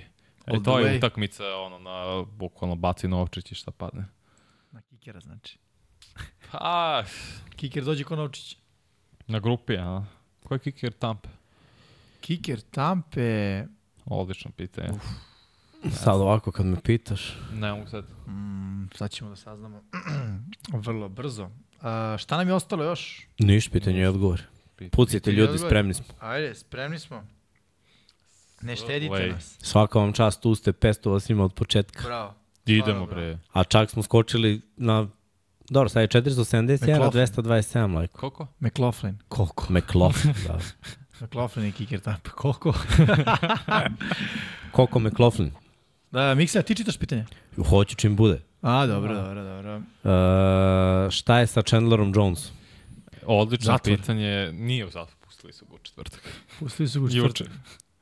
Ne znam, baš je ružna situacija, iskreno. Ne znam da li je do nekih mentalnih problema ili govori istinu, stvarno ne znam. Baš čudno. A šta govori uopšte? Prvo je rekao da ga je policija, to je da su ga, ga je vatrogasna služba zadržala i dala neke lekiće. Ja se izvinjam. Bez- Šta treba se desiti da te zadrži vatrogasna služba, Ne znam, a da nije umešan požar i ti kao sumničan? ne znam, ne znam, stvarno, a druga stvar što... Šta radi vatrogasna služba? Kao šeta ulicu? Momak, dođi vamo. dođi vamo, te Da, nešto što sumnjivo. priupitamo. Možda je palio vatru. A? Možda. Možda je palio vatru. Ima znaš, je kako, neki... znaš onu reklamu njihove kad se oni meda pojavi? Kao, Ja, Nemojte paliti neodgovorno vatru. Znam, ali vidi, vatrogasci nije kao da šetaju ulicom u dosade i kao, šta se dešava, vidi ga ovaj momak, sumislim, dođi vamo. Možda je bio Goji A Roštilja u bio je Central Parku. uhapšen i u Vegasu, to jeste, u ali... Vegasu kad te uhapse, to ne mora nužno da znači da si nešto A skrivio. juče, pa da, danas je bio uhapšen, jutros. Pa da, to A sam ja juče su ga pustili vatrogasci. Čekaj, danas je uhapšen, a juče je pušten. Nešto tu ne zvuči Imao kako je neki, treba. ne znam, imao i neki video na Instagramu gde je baš bio ono, šta se to? zapita čovek, pa pričao je neke, mislim... Teorije zavere, šta? Pa da, mislim, teoriju, tu teoriju zavere zapravo su pričali i drugi, i Ike Taylor i još neki igrači. O čemu? Da postoji O- scenarij u Ne, ne, ne, da ga Aaron Hernandez nije izvršio samoubistvo. Da oni veruju da on nije takav tip, da ko zna šta se tu desilo, to je ovaj sad isto pričao. A otkud ta tema, mislim, odjedno? Mislim, zaista Ne znam, on je to da. pričao, ne znam zašto je to potegnuo, onda je neko na Twitteru našao, ne znam ko je još pričao uz Taylora, još neki igrači, njih trojica, četvorica, su pričali da isto veruju to, kao da nije on izvršio samo bistvo. Nego, ali u, o tome je pričao, pa je počeo da plače u tom video snimku, tako da, baš je jeziva situacija sa, na Instagram. Na live, da. Čekaj, on ima beše priču sa ugovorom ili nema? Ne. Njegova priča je nisu mi dali da uđem u teretanu. Da, i od tada se iznervirao na Raiders. Dobro, mislim, legitimno. To je Ne, kao da ti ne radi kartica, hoćeš da u firmu. Da. I kao oni svi se prave ludi. No. Kao, da, čekaj, ko si ti? Pita liko iz obizbeđenja. Da, odveli su ga u bolnicu protiv njegove volje i to vatrogasci Las Vidi. Vegas. Vrlo je lako kad te neko ne voli da te nabije da si lud. Pa da. Realno, e, ti iz besa radiš sve što rade, mislim, ono, ljudi koji nisu baš pri U vinkli. Pa da. Dobro, ajmo da sledeće pitanje, viš da. Da. smo i mi sad otišli. Je li ovo rekord po broju ljudi u live-u? Mislim da nije. Mm. Uh, Nije, nije. znali se gde i šta radi Khalil Mack? Dobro pitanje. Pa ništa, Blay u Chargersima ne igra, igra katastrofa ove godine, eto to radi. Ništa ne radi. Odrađuje. Ovaj, dobro, no, ljudi, ne ovaj, može- no, ovaj Novajda igra bolje od njega. Ljudi, ne može onda igra, Ne, mislim, može. najbolje. Ovo je deseta sezona. Ha, Pa mislim, dobro, igra u i liniji. Demarcus Ware je igrao Bruku u 13. 14. sezoni. Zar To ne? je Demarcus Ver. Dobri Khalil Mack. je bio DeMarcus defensivni igrač godine. Ali on je Meka, Ver je zver. Aha. Aha, i šta, ajde, ajde. Sad kaži nešto. Je li bio Demarcus Ware defensivni igrač godine? Ja mislim da jeste sa Cowboysima. Ne mogu se setiti. Nisam siguran. Nisam siguran da. Bio je ono par godina da je bio. Tad je bilo teško, ovaj, Mm. Harrison Bila je bio era. 2008. James Harrison. Bio je Ray, bio To je je Ed bio Reed. s- era kad si mogu zaista udarcima da postaneš relevantan, a sad ne. To Najbolje biti- pitanje, šta će Jimmy u laptop? To je bravo, odlično pitanje. Ja sam to postavio jer sam mislio da To je neće biti režija. Da. Kao dres, o, ono malo laptop, kao da deluje da tu nešto tražim neke informacije po laptopu. A zapravo, jeste, sve vreme, troši bateriju i silnu struju. Kaže, bacite like da ispuštujete Srkija. Eto, E, nije bio defensivni igrač nikada, viš, Pa. pa. Markus Vera. Šta ga briga za Super Bowl? na kraju? Uzi, devet puta pro bowler. 7 puta all pro. Mm. Ali već Khalil Mack je bio. Najviši fiks po vama ovog vikenda. Chiefs i plus. Koliko god da je touchdownu. Dobro, zanimljivo. Meni je plus na Arizonu. 13,5. Da ispoštuju hendike. Pa ne, ne, mislim da neće biti 13 razlike. Pa to to. To je moje mišljenje. Da ne računam ovu zadnju utakmicu, ali zašto Watsonu toliko dugo treba da se vrati u vrhunsku formu u kojoj je bio u Houstonu? Ja mogu da vam kažem još jedan fiks, barem gledajući tamo neku, neke kvote. Miami Raiders. 2.21 protiv Buffalo. Da, da. Ja bi zategao tih 2.21. I vrlo verovatno ću. Bez problema. A šta je pitanje, izvini? Zašto, Zašto toliko vremena treba Watsonu da se vrati Houston form? Brate, nije igrao godinu i po dana futbol. Ljudi ne samo Pa da nije igrao, su- nego da. cela priča je bila, mislim, naša ono. Ajde da se stavimo u drugu situaciju. Šta ako je sve to nije bilo tačno? Baš je teško. Zamisli, slušaš Da. o sebi priče i laži, ideš na sud i, znaš, i karijera ti propada. Ma, nije lako iz perspektive. Ta informacija Ljudskog bića. te- Prekidam je iskočila nakon što se pokačio sa vlastikom Texans. I ja zaista verujem da to nije slučajno. Mislim, ono, Isto, nema teorije. već zvuči kao Chandler Jones, ali ono. I pričali smo, nema šta zvuči, što smo jasno makar rekao odmah, to nije slučajno. Mislim, i Antonio Brown priča je krenula nakon što se posvađao sa Raidersima, ako se sećate. Ima nešto u tome kad se svađaš sa vlasnicima NFL ekipe. Mislim, Dobro, su... Antonio Brown je posle još nekim primjerima Ma on dokazao. je krenuo od Pa Steelers. dobro, znam, ali, znaš, Da. ti ga malo još Jest. dogurneš, onako. A, Ima jeste- toga, apsolutno. Da, jeste li videli Instagram objavu JJ-a za Piket? Kaže, Mix možda nije vidio, ali Vanja moguće da jeste. A, da bi vidio teo da mu, dže, da mu Pickett bude kao quarterback. Ja sam ne znam da li je to istina, lako je photoshopirati. Ja sam otišao odmah sat vremena nakon toga njegov profil, nisam video taj story. Mislim da je to lažno, zato što se on, o, o, ovaj, ja sam pročitao neku vez da se on ogradio od toga i rekao kako, o čemu pričate, kakav trade, kao... Neću Kakav ja. Pickett pre svega, govore Kazinca koji baca koliko hoćeš lopti. Realno, Kazins je veliki razlog zašto njegova karijera tako. Pitanje povezano da li Minnesota treba da traduje Cousins. Pa ne. Ne. Radiš sledeće godine iz početka. Ma, I nije iskori- Kazins problem. Da, ja Vidi, mislim da nije. Ja sam u fazonu uzmem u dušu. Mislim, dokle je spreman da igra, neka igra. bude Kazins, brate, igra vrlo dobro. Tako je. Trčanje ne postoji. Jeste. Odbrana igra mislim, prima mnogo poena hvatači, drugi sem JJ-a i JJ ima izgubljenu loptu, ali isto drugi ofenzivni igrači su gubili lopte. Kazins je bio katastrofa u prvoj utakmici. I jer je imao mnogo izgubljenih lopti. Ali nije ovo na njemu što Ali opet oni... drži ekipu u igri uvek, to je, Da. to je kvalitet. A, da li mislite da je greška Majamija što ne tempiraju formu? Svake godine Kansas City krene mlako pa završi jako, a Miami deluje da će pregoreti do kraja. E, to nije Ja istina. mislim da neće pregoreti. Chiefs su kretali jako... Chiefs uvijek na- u septembru ubijaju ljude. Da, tek su skoro imali poraz u septembru. da. Mahomes prvi put kao starter imao poraz u septembru ove godine. Protiv protiv Detroita. Detroita, na otvaranju. Ima još jedna stvar, jako bitna. Uh, velika razlika kad si mlada ekipa u usponu koja je gladna. Ofensi su gladni, mislim. Nema ni šta da tempiraju formu. Da. Realno. Oni moraju da igraju, igraju dobro. Pritom, uh, ja ne vidim da se oni nešto pretarano troše. Mislim, oni Igrali stvarno... su i dobro prošle godine, ali povreda tu je njih zapravo... Ok, povreda svakog Tako je. startnog quarterbacka te vrati Tako nazad. je, tako Osim je. ako nisi Eaglesi u sezoni kad smo osvojili sa Folsom Super Bowl. Oni koji tempiraju formu i koliko, koji su to stalno radili su Patriotsi. Tako je. Septembar im uvek bude, ah, da vidimo šta funkcioniše, onda polako sredinom oktobra, novembra, da. Bill Belichick, Brady era, to je tako funkcionisalo. Pa tako bili u Tampi. Da. Jeste. Ali to, ja mislim da treba iskusan kube za to. A ovo, udri, brate, dok ide Ljudi- i udri. Oni se zabavljaju. Da, Znaš, oni se baš zabavljaju. se baš zabavljaju. Ti kad se zabavljaš, ti se ne umaraš. Mislim, bravo. Jimmy, šta misliš o Joe Berryu i zašto je pobogu još uvijek DC? Joe Berry. Ne znam ko je Joe Berry. Ne, ozbiljno, ko je Joe Berry?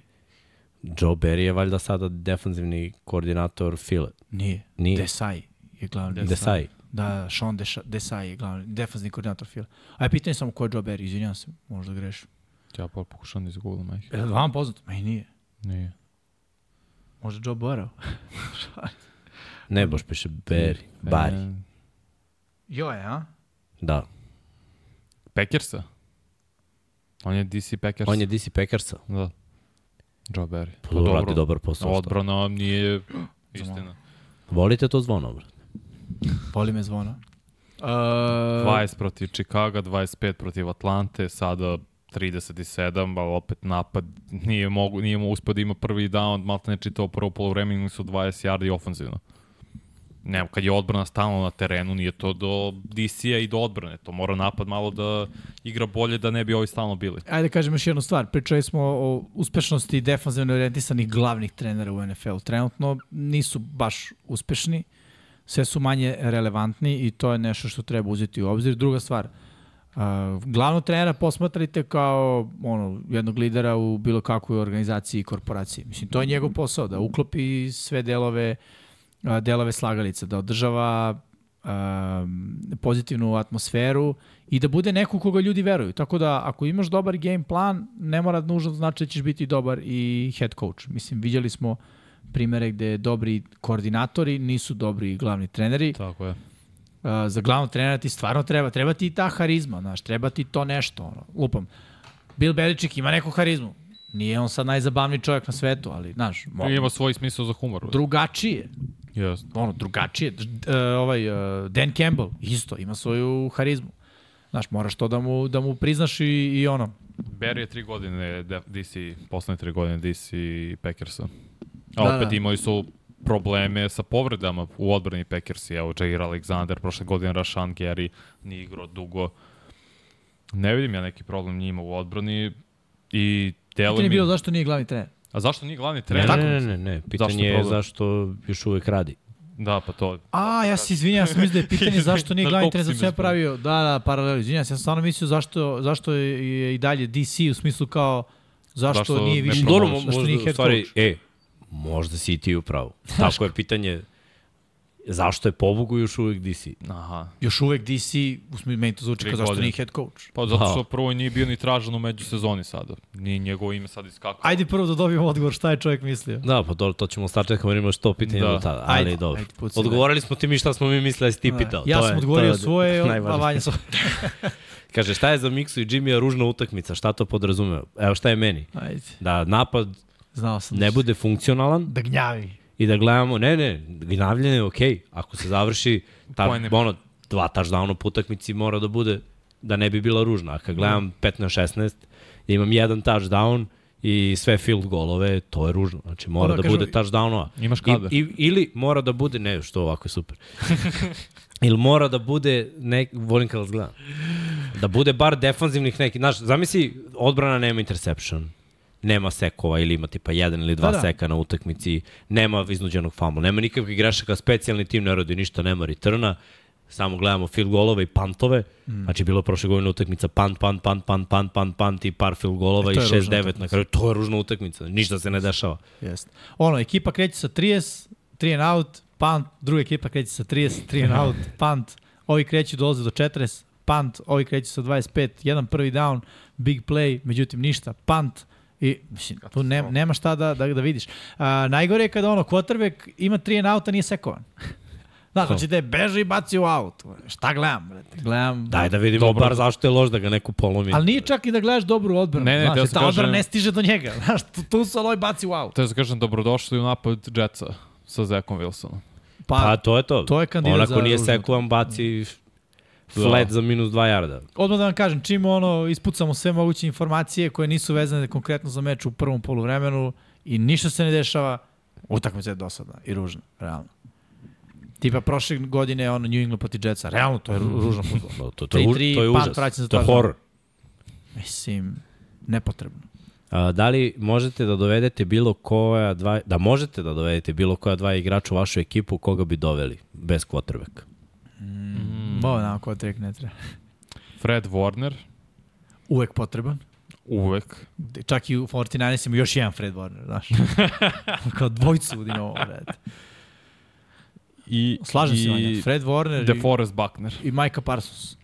Ja bih dao Majku Parsonsa i Freda Warnera u ekipu. Pa imam kao edge već. Pa ali i, želim nekog u sredini. Imamo. Hasona Redika, ali ne, nemamo još uvijek Da, ja bi produktivnost. lagano doveo Milesa Garretta i to ne treba mi niko više.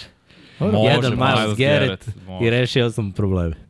Dobro. Čovjek će da bude udvojen Treba i imaće trkač, 15 ja. sekova po sezoni, to je Pazi bombonica. kad Baltimore traduje za Jonathan Taylor. Jonathan Taylora, to bi volao da vidim, da budem iskren. Pa, brate, Jonathan Taylor i Lamar, to je 2500 yardi po Znate, to sezoni. prezime Taylor je ove godine ono fora. Da. Inače, Baltimore je ponovo top 5, ima 160 nešto yardi trčanjem po utakmici, što, mislim, s obzirom da opet nemaš tri running backa Da, da. i imaš Lamar, skroz ok. Znači, zamisli šta bi bilo da neko je tu i da igra sve vreme. A zamisli, ovaj, kako se zove, uh, da Taylor dođe u filu i onda imaju running back Taylor Swift, brate. Da, ti si opčinjen. brate, Kelsey bi poludio. Inače, sad Kaže- mi Blago Jačevski poslao u proseku quarterbackovi su sekovani 2,6 puta po utakmici, što je najviše od 97. Znači, batine stižu, brate. A ja znam zašto je tako. Zašto su uglavnom najveći atlete u odbrani igrači defanzivne linije i to je edge, edge igrači. Da. Realno. A zašto? Zato što safety više nisu plaćeni jer ne mogu da biju. Ovaj, moraju da budu žrtve ovaj, ere napada, ali ovi nisu, ovi su cool. Naučili Oni su i da cornerbackovi, to su najplaćenije pozicije u odbrani. Da, zato što se više igra na hvatače i onda cornerbackovi, znaš. Moraš da imaš. E, Previše gleda kamera, jer zapravo kamera snija hvatače onda slučajno. Pazi sad, ti- imamo debatu ovde, Ajde. da li izgledamo dobro u odelima ili ne. Neki kažu ne, a? Kaže, zašto ste onoliko smešni u odelima? Ovo kaže da je Jimmy kao rođen u odelu. Ja, pa to mi ni majka nije rekla. Pitaju Vanju, gde ti je odelo? Gde ti je odelo? Vanja ima... e, Samo jedan i jedan od tela nosim. Vanja ima i leptir mašnu i maramicu, uklapaš. Motivisao si me, ja sam kupio za jednu svadbu sad na kojoj sam bio leptir mašnu i maramicu. Nice. Da, da. Nisam još spreman da je nosim ovaj, na televiziji, Treba. ali ovaj, ok, možda se, možda se okuražim. Pa dobro ljudi, bolje da smo u delima na televiziji nego da dolazimo obučeni kao da smo krenuli na pijac, mislim, realno. Ja uvek gledam ono kad si na televiziji, Mora ipak budeš moraš budeš fresh, reprezent. Pa jeste, mislim, Moraš. Realno, mislim, ja ne volim kad upalim TV i šaltam kanale i vidim ljude obučene kao da su, a nije serija i film. mislim, ono, da moraš budeš reprezent. Ja volim tu staru školu. Stvarno, meni je to okej. Okay. Kad si na televiziji, na televi, Te, televiziji, telefisi. Či izađem na televizor. ej, game. Šta kažete za ovonedeljni trač Justin Fields glava za glavu za Zeka Wilsona? Gde si video taj trač? Nigde to, To je baš glava za to je glavu. ono. To niko ne zna Jetsi ko. ne dobiju ništa i Bersi ne dobiju ništa. Jetsi makar bi dobili trčanje. Čije? Pa ajde, pa Fields. Ma Tr... de, viš da Fields ne želi da trči. A želi nego viš da je zbunjen, dečko. Ne znam gde će pre. Ne znam, ja mislim da bi to bukvalno bilo ono, Mislim da bi Jetsi što najgore bili bolji u to, jer onda Zach Wilson nema ovde trčanje u Chicagu, ne znam šta će pre. Ovde makar ima potencijalno trčanje u Jetsima. ode nam navija Chiefs. Vidimo, Chiefs. Ajde. Uživaj. Ćao, brale. Go Chiefs! Go Chiefs. Chiefs Kingdom. Nemojte, brate, Jetse da ne dobijete dva touchdowna razlike, zapalit ću te. Sledeće. Aj, Co, srećan eto, put. sinovac, momak ide u London, brate. Bravo, A ti nas ne vodiš. Uh, a, r, r, r. Zašto je odbrambena linija Green Bay toliko loša? Je li problem u coaching ili šemi ili odabiru osoblja? Devonte. Wyatt je pik prve runde, ali nema telo za zaustavljanje. A nije to Probijanje. istina, to vam je ostao utisak protiv brutalne ofenzivne linije Detroit Lionsa. Nije to, nije to baš tako, iskreno. Oni su i sekovali Goffa dva puta, mislim, protiv te ofenzivne linije sekovati Goffa dva puta je uspeh. Vidi bre, Detroit igra sa skoro ono, uvek jednim tight endom, a vrlo često i sa dva u formaciji. Ljudi, to je maksimalna protekcija. Uz play action, uz trčanje, mislim, to je 7 ljudi na liniji skrimidža. Nećete doći do Goffa. Ne samo to, trčanje, je, mislim, lakše je, lakše je da trčiš kad imaš mnogo ljudi na liniji skrimidža. Prosto, ono, jednostavno, je, ni- nije to toliko loša odbrana, stvarno nije loša odbrana. Čekaj, pa, znaš koga nismo videli na utakmici? Kenija Clarka. Pa nismo. Mislim da on nije, onda nije igrao, ja ne mogu setiti da smo omradim sad. Nismo ga prokomentarisali. Nije. Nije. Niti jednom. Solidan je non-faktor. On Cijeli je ozbiljan de, nose tackle. Pa, Pa ne znam da li je igrao sinoć. Ne mogu da se setim jer ga nisam Nismo zapadao. Gore ga pomenuli nijednom. Pitaju Jimmy, tebi i mene, zašto nema više akcija kao ova Chargers Vikings screen za hvatača koji baci dalje. Zato Pa što, zato što zašto kad uglavnom, failuje, onda je smešno. Da, u, Mislim, realno. obično je providno. I onda kad se desi Da. ovako na ovaj I, način. ajde da kažem još jednu stvar. Uh, trik akcije moraš da nameštaš. Znaš, moraš da nameštaš, nameštaš, nameštaš, nameštaš, da bi odbrana verovala da, da to nije trik akcije. Tipa hvatači moraju u prethodne dve utakmice nekoliko puta da dobiju taj swing i da trče, da bi oni kažu, aha, ovo smo videli već, Da. to su radili prošle nedelje, ovaj će Jest. da trči, da krenu i onda ti uzmeš Ajde da kažem još jednu stvar. Da je Palmer bio igrač u motionu, ne, Ne bi sva trojica zagriza dole. Kad No. Keenan Allen dobije loptu, brate, hoćeš da ga sprečiš. Znaš. Ili Mike Williams. Realno. Igra, Ali, Ovde je sve bilo, izvini, dobro namešteno, jer su upravo ispred njega bili Palmer i Williams, koji su krupni hvatači. Deluje da su dobri blokeri. Da, Znaš, kad imaš njih dvojicu ispred Keenan Allen pozadi, deluje kao neki kick-off return akcija da će njih dvojica da blokiraju, a onda nađe, da nađe ovaj, uh, rupu gde da prođe. Loša reakcija odbrane svakako, ali uh, ima razlog zašto se trik akcije zovu trik akcije. Mislim, ako želite gledati trik akcije u svakom playu, gledajte flag football. To je Igrao je Kenny Clark, inače, ali kao da nije. Je bukvalno ništa živo nije uradio. Zanima kako je snapu odigrao, to moram proverim sad. To je ovde ključna stvar. Miks, imamo još pitanja. Imamo kako hoćeš. Ajde. Ajde. Ko igra najlepše po vama ove godine? Pa, Meni Dolph- Miami. pa Dolphins igraju najlepše. Miami pa Cisco. Da. Cisco onako.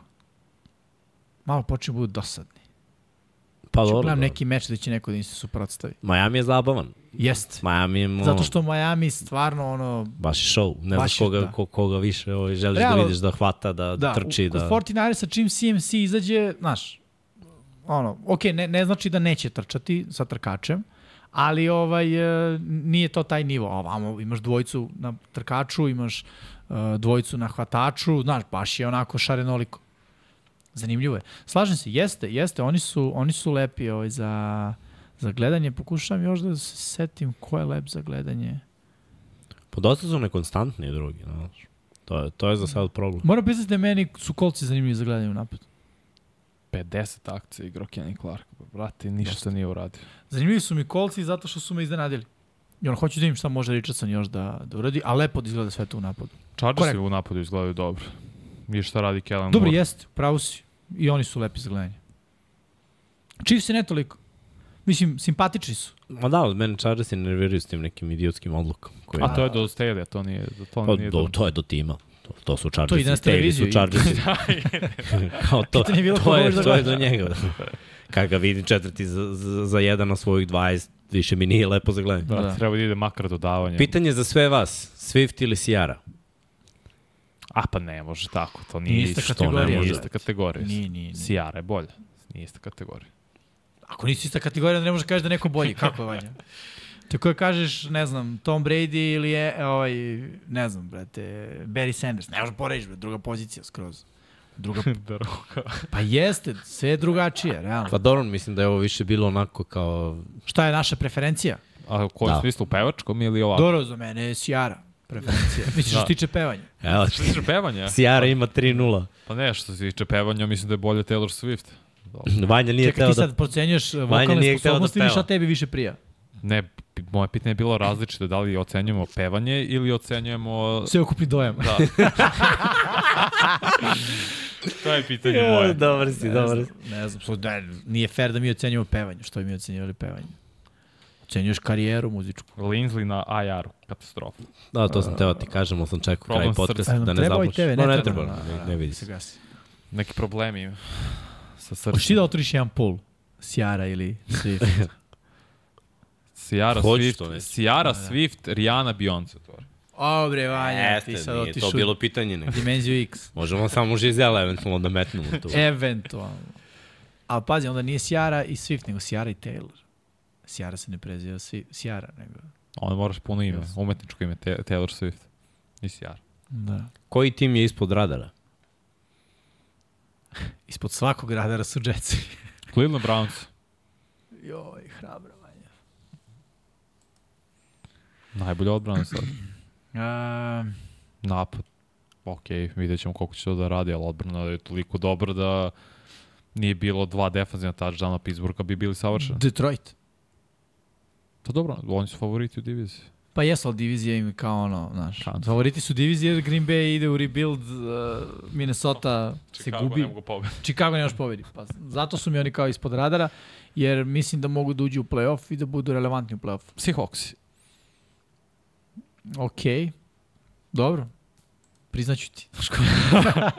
Proved. Čekaj bre, Arizona je ispod radara.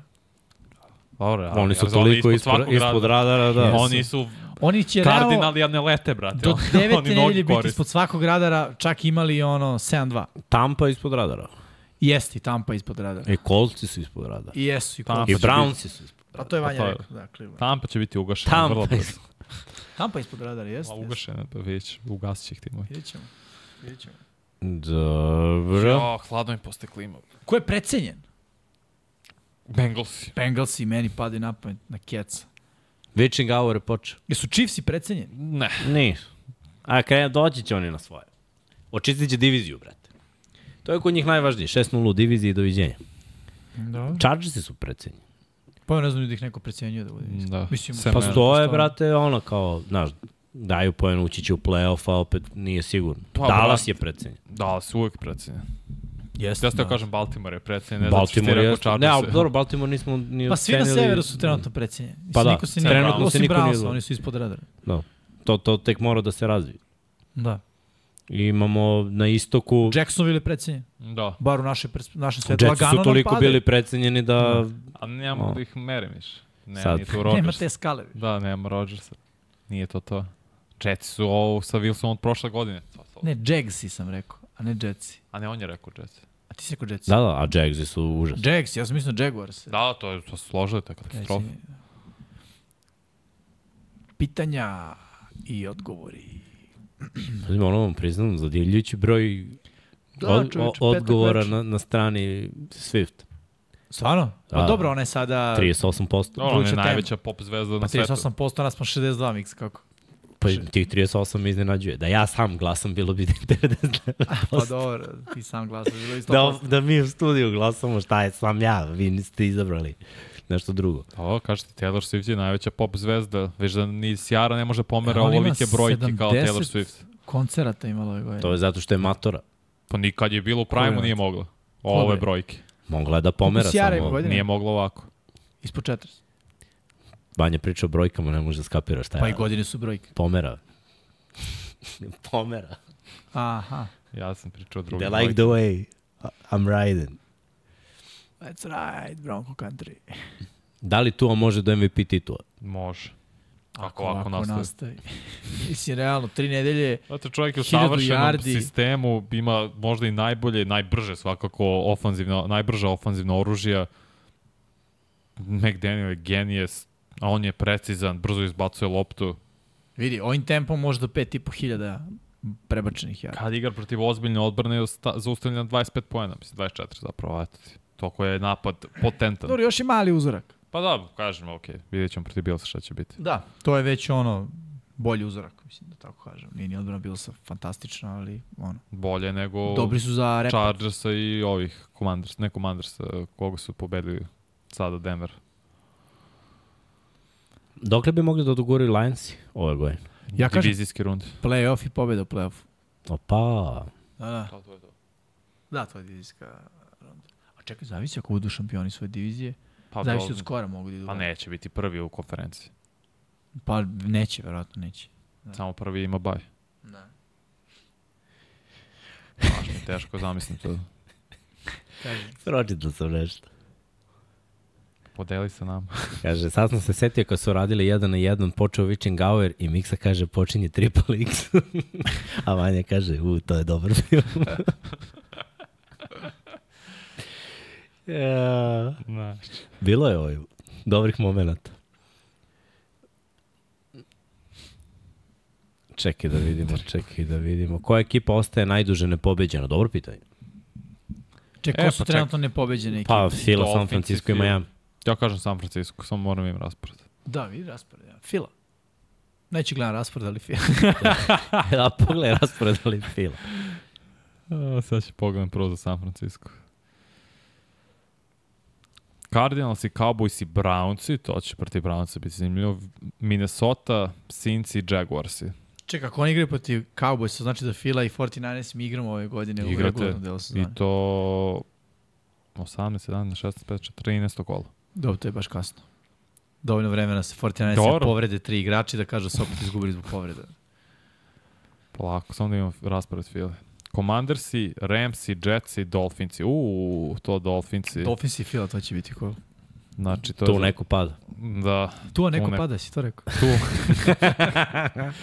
Imamo Ja. Dolphinse.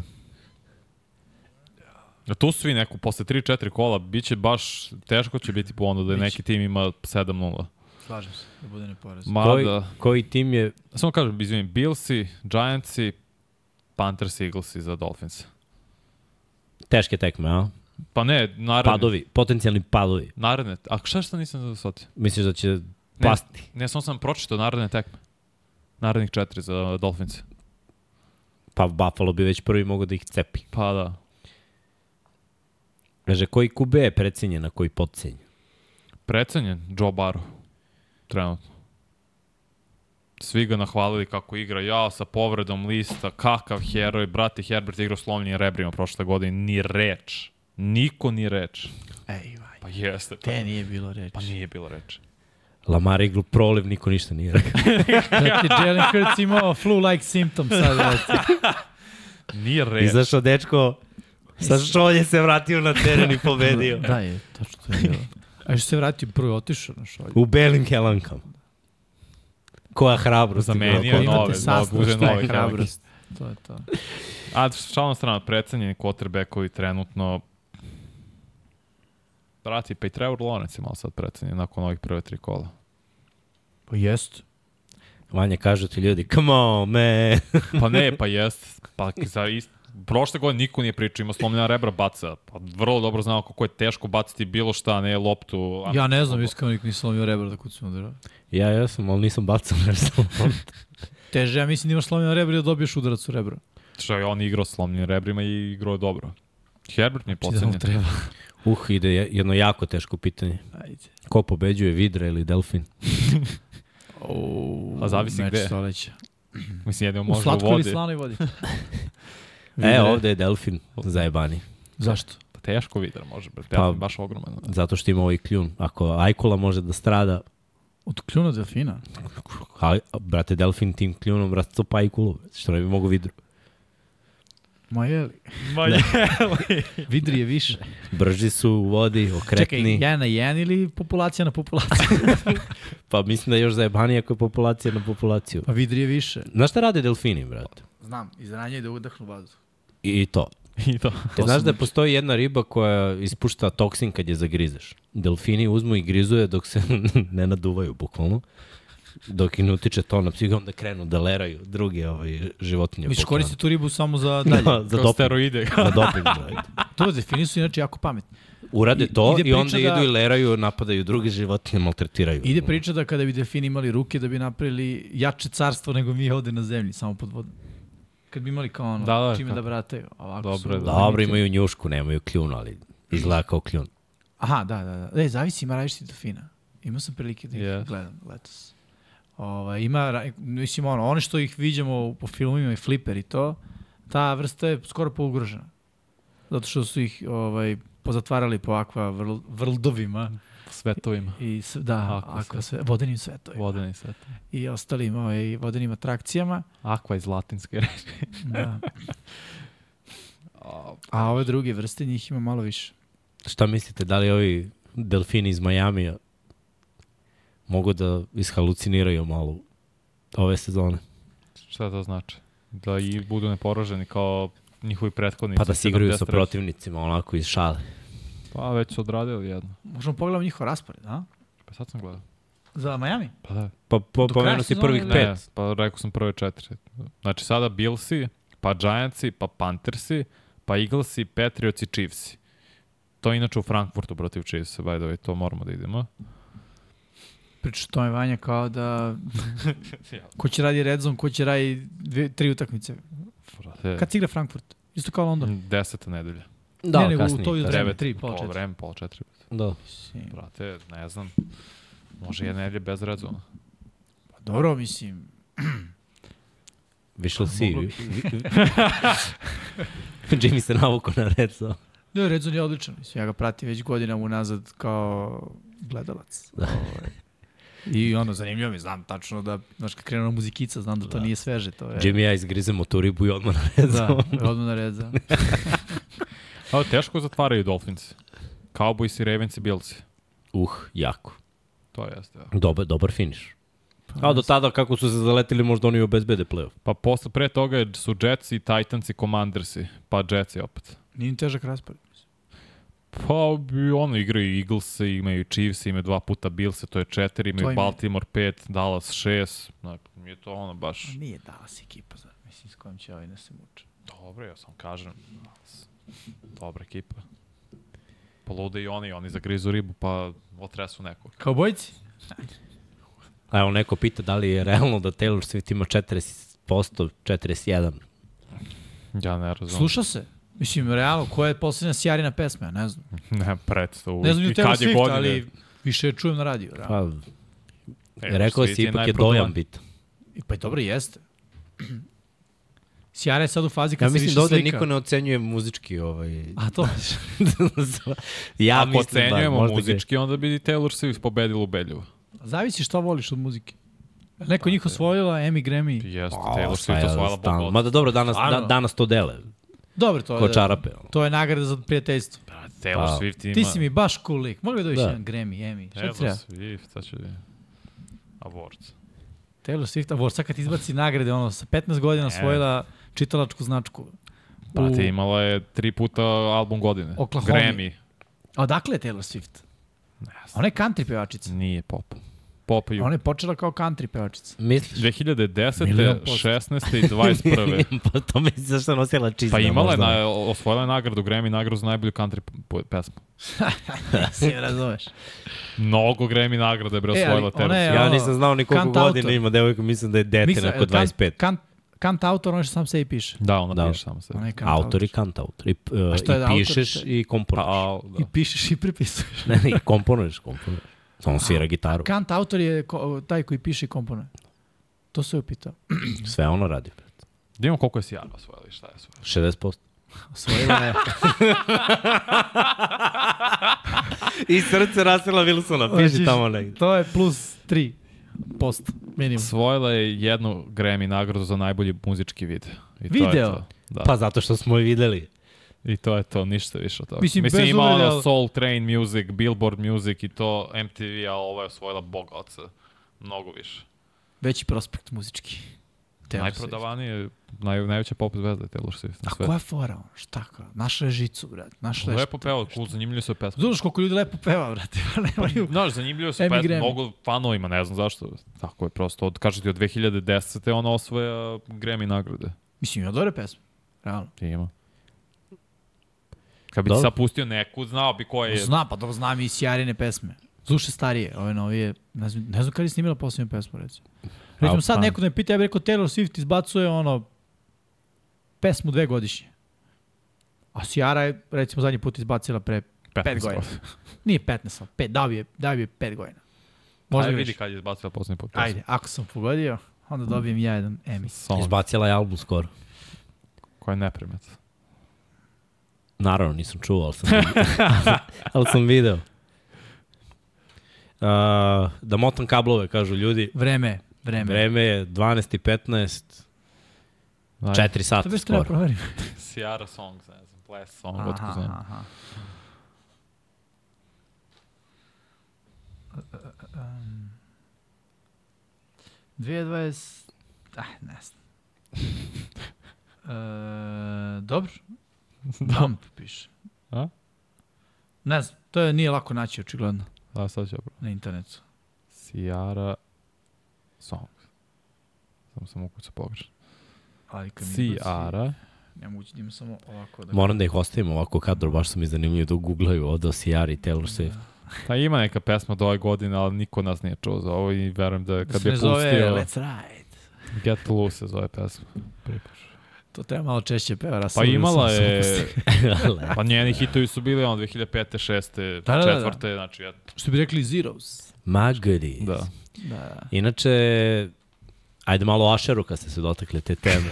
Ne, pa što... Pa, Zašto nije Enrique Iglesias ima i sa njim ovaj... Uh, Nastupa, šta, priča Aša nastupa na Super Bowlu. a to si misli. Ja mislio što si Jara peva sa Ašerom. A Jimmy je tamo krenuo. Nisam, sa- nisam u toku. Da, da, nastup. Asher peva. Asher Asher, peva. osam puta osvajač Grammy-a peva. Znači, Las ono, Vegas. sledeći Taylor Swift. Bili fora peva Taylor Swift, Trebalo je prošle godine, kad je Rihanna. a da, a što onda je bila plan B? Ne, ne, ne, Taylor Swift je probitno trebala, prihvatila iz nekog razloga, nije se desilo. Nije se pojavila kao. Ne, Te samo Taylor, te Taylor, ne znam kao tu je ova Rijana, kao daj nju. samo jedno kao, e, ne nastupa Rihanna. Možda zbog sponzora. Pa ima Apple je bio, Apple Music je bio sponsor. Da. Ko zna? Dobro, ne znam, šta da mislimo o Asheru i nastupu? Biće dobar, mislim, Asher ima kinte, on će to da isfinansira. Kao kad Jeste. je ovaj The Weeknd. Kad je mislim. vikend uleteo koji milion da to ispadne... Ti je dao 7 miliona čovjek. Dobro, Ašer će da džuska, bro. A to ti kažem, ja bolje. Kad je Asher poslednji put izbacio će biti Asher i prijatelj ili Asher sam? Pa, Ne, uvek, Uvek budu neki prijatelji. realno. To, to, On ima je- jaki prijatelj. Da, Realno. Da, mislim dođe Lil Dobro. Jana je bila sama. Dobro, ja ne bila sama. A dobro, ona je morala da se dokaže. Dobro, Da. zašto Dugo se nije, da? pe, pa dugo nije pevala. On je naj, jedna od najvećih super zvezdi. Ne, ne, jeste. dugo ali nije imala nastup. Dugo nije imala nastup.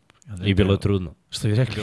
Znaš kad kažu, dobit će, treba im, tako njoj treba, da je Super Bowl. E, samo da, Da se znaš, pojavi. sa tom taktikom treba mi dvocifreni broj pogođenih po kolu, pa ti vidiš. Vidiš? Trebali smo to, ovde nisam primenio dobro. Pazi, Jašer nema dugu pesmu i njemu treba. Ali on će se, po... mislim da će to biti jako dobar nastup, da budem iskren.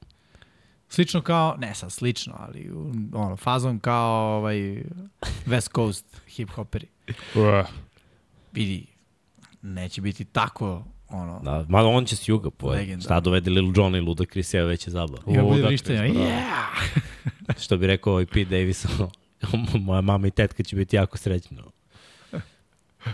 Dolaze, ovo, i sad je neko napisao, kucamo na vrata zaboravljenih hasova.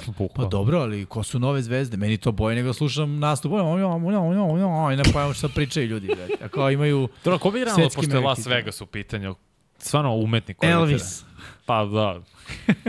znači da uzmu 100 Elvisa i...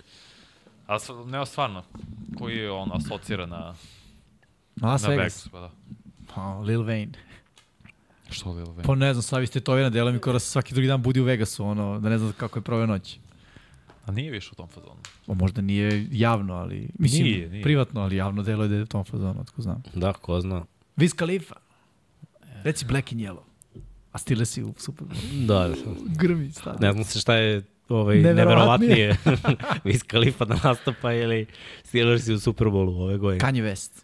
To bi bilo. Kanye bi da, napravio ovaj, čudo A sigurno. to mora bude istočna obava. Ne bi on putovao na zapad. Što ne bi... Pa Pa, ne znam. to je Kanye, on je, Mora Posebno. Ko zna, može se tripa. ko zna šta bi to bilo. Dobro, Miksa, motaj kablove, vrate, Motam nećemo kablove. stati do preksutra. Nikad nismo zaustavili podcast samo da ugasim, da ništa ne kažem. Ćao, ćao. Ide da probamo prvi put. Nećemo, ajde. Gauer. Hoćeš ti, Miksa, da nas izvedeš? Ajde. Ajde, vodit ću, Salko uzmete kintu. Sad Izgleda da neće. Izgleda da nećeš. Ova, Ajde. ova kamera je odlučila da me ovaj, Ajde danas... Šta ja? Pa šta ti, ajde imao si jedno otvaranje vreme da imaš i zatvaranje. Ajde. Pa dobro. Šta treba kažem?